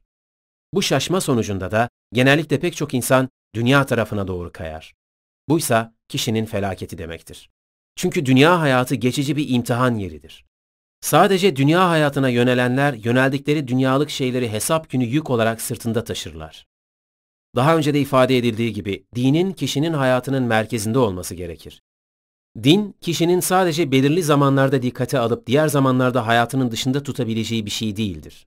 İnsanın tüm karar ve seçimlerinde belirleyici unsur olması gerekir. Hem Allah'a hem de dine inandığını ifade eden ancak yaşamında Allah'a da dine de gerektiği şekilde yer vermeyen insanlar kendi içlerinde derin bir çelişki içindedirler. Allah var denilip yokmuş gibi yaşanamayacağı gibi dine inanıldığı söylenerek dini ilkeler dikkate alınmadan da yaşanamaz. İnsanların inanç dünyaları üzerine yapılan çeşitli anketlerde, özellikle ülkemizde, Allah'a ve dine inandığını ifade eden insanların sayısının %98 gibi oldukça yüksek bir oranda çıktığı, ancak Allah'ın ve dinin kişinin yaşamına yön verme ya da özellikle günlük ibadetlerin yerine getirilmesi noktasında söz konusu oranın hissedilir bir şekilde gerilediği görülmektedir. Bu durum Allah'a ve dine inandığını ifade eden insanların önemli bir kısmının inançlarını içselleştirmediklerini göstermektedir. Allah'a ve dine inandığını söylemesine rağmen Allah'ın da dinin de yaşamında kayda değer bir önemi bulunmayan kişilerin nasıl olup bu çelişkiyle yaşayabildiklerini düşündüğümüzde ise söz konusu kişilerin bu çelişkiyi bastırmak üzere bu gerçeği düşünmemeye çalıştıklarını ya da dünya hayatının aldatmacası içinde kendilerini bu gerçeğe kapattıklarını görüyorsunuz. İşte tam da bu noktada insanların içinde bulundukları bu çelişkili durumu meşrulaştırmak üzere çalışma boyunca dikkat çekilmeye çalışılan bahaneleri geliştirerek bu bahanelerin arkasına sığındıklarına şahit oluyorsunuz. Amerikalı sosyal psikolog Leon Festinger tarafından ortaya konulan bilişsel çelişki kuramı, insanların çelişkilerini ve bu çelişkilerden kurtulmak için neler yaptıklarını anlamamızda kolaylık sağlar bize. Söz konusu kurama göre insanların davranış ve düşünceleri, inançları, tutumları ve ihtiyaçları doğrultusunda şekillenir. İnsan zihni çelişkili davranış ve düşüncelere bir arada sahip olmaktan rahatsızlık duyar. Dolayısıyla pek çok kişi birbirine zıt davranış veya düşüncelerinde çeşitli şekillerde değişiklikler veya düzenlemeler yaparak bu şekilde bu çelişkiden kurtulmaya çalışır. İnsanlar yaşamları içinde pek çok şeye değer biçerler. Bir dine, bir gruba, bir siyasi partiye ya da bir futbol takımına bağlanmak şeklinde ortaya çıkar söz konusu bu değer. Ancak zamanla insanlar değerleriyle yaşamlar arasında tezat oluşturacak şeylerle karşılaşırlar. Genellikle insanlar yapmak istedikleri şeylerin yanlış olmasını istemezler. Bu yüzden ya gerçeklerle yüzleşmekten kaçar ya da bu gerçeğe karşı koymaya çalışırlar. Üstelik bu konuda kendini öyle kandırıp ikna eder ki, kendi kendini kandırdığının farkına bile varamaz çoğu zaman. Örneğin sigara kullanmasının kendisine zararı olduğunu bilen ve aynı zamanda kendisini bir sigara tiryakisi olarak kabul etmiş biri için söz konusu bu iki bilgi birbiriyle çelişki içinde olan bilgilerdir. Kurama göre kişi bu çelişkiden dolayı sıkıntı duyacağı için bu çelişkiden kurtulmak ister. Sigara benim sinirlerimi yatıştırıyor. Fazla kilo almamamı sağlıyor ya da dikkatimi toplamama yarıyor gibi türlü gerekçelerle eylemini haklı çıkartarak bu çelişkiden kurtulmaya çalışır kişi. İşte Allah'a ve dine inandığını söyleyen ancak inancın gereklerini yerine getirmediği gibi yapamadığı şeylerle ilgili türlü bahaneler ileri süren kişilerin durumu da bundan farklı değildir. İnsan çelişkilerle yaşayamayacağı için kendince sıraladığı bahanelerin ardına gizlenir. Oysa dini konularda kendini kandırmak üzere üretilen bahanelerin zararı başkasına değil, bizzat bu bahaneyi üreten kişinin kendisinedir. Bu gibi bahanelerin arkasına sığınan kişiler belki ömürlerinin sonuna kadar içinde bulundukları çelişkiyi düşünmeyerek yaşayabilirler. Ama hesap günü dünya hayatında üretilen tüm bahaneler kişinin karşısına getirilir ve her birinin hesabı tek tek sorularak kişi hakkındaki hüküm verilir. Şu an mezarda olan ve yaşarken dini vazifelerini yerine getirmemek için türlü bahaneler sıralayan insanların tekrar dünyaya gelerek pişmanlık duydukları hatalarını telafi etme şansları kalmamıştır. Ama halen hayatta olan bizler, yeterli bir ömrümüz varsa, arkasına sığındığımız bahaneleri terk ederek, samimi bir şekilde Allah'ın rızasına uygun bir kul olabiliriz.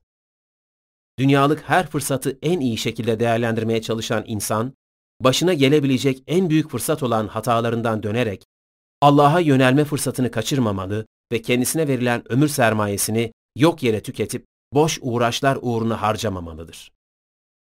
Dünyalık tüm edinimler dünyada kalır. İnsanın yanına kar kalacak olan ahiretine yönelik kazanımlarıdır. Dini vazifelerini yerine getirmemek için türlü bahaneler sıralayan insanların tekrar dünyaya gelerek pişmanlık duydukları hatalarını telafi etme şansları kalmamıştır.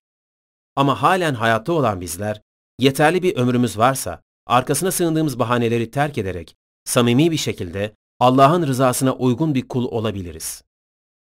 Dünyalık her fırsatı en iyi şekilde değerlendirmeye çalışan insan, başına gelebilecek en büyük fırsat olan hatalarından dönerek, Allah'a yönelme fırsatını kaçırmamalı ve kendisine verilen ömür sermayesini yok yere tüketip boş uğraşlar uğruna harcamamalıdır. Dünyalık tüm edinimler dünyada kalır. İnsanın yanına kar kalacak olan ahiretine yönelik kazanımlarıdır.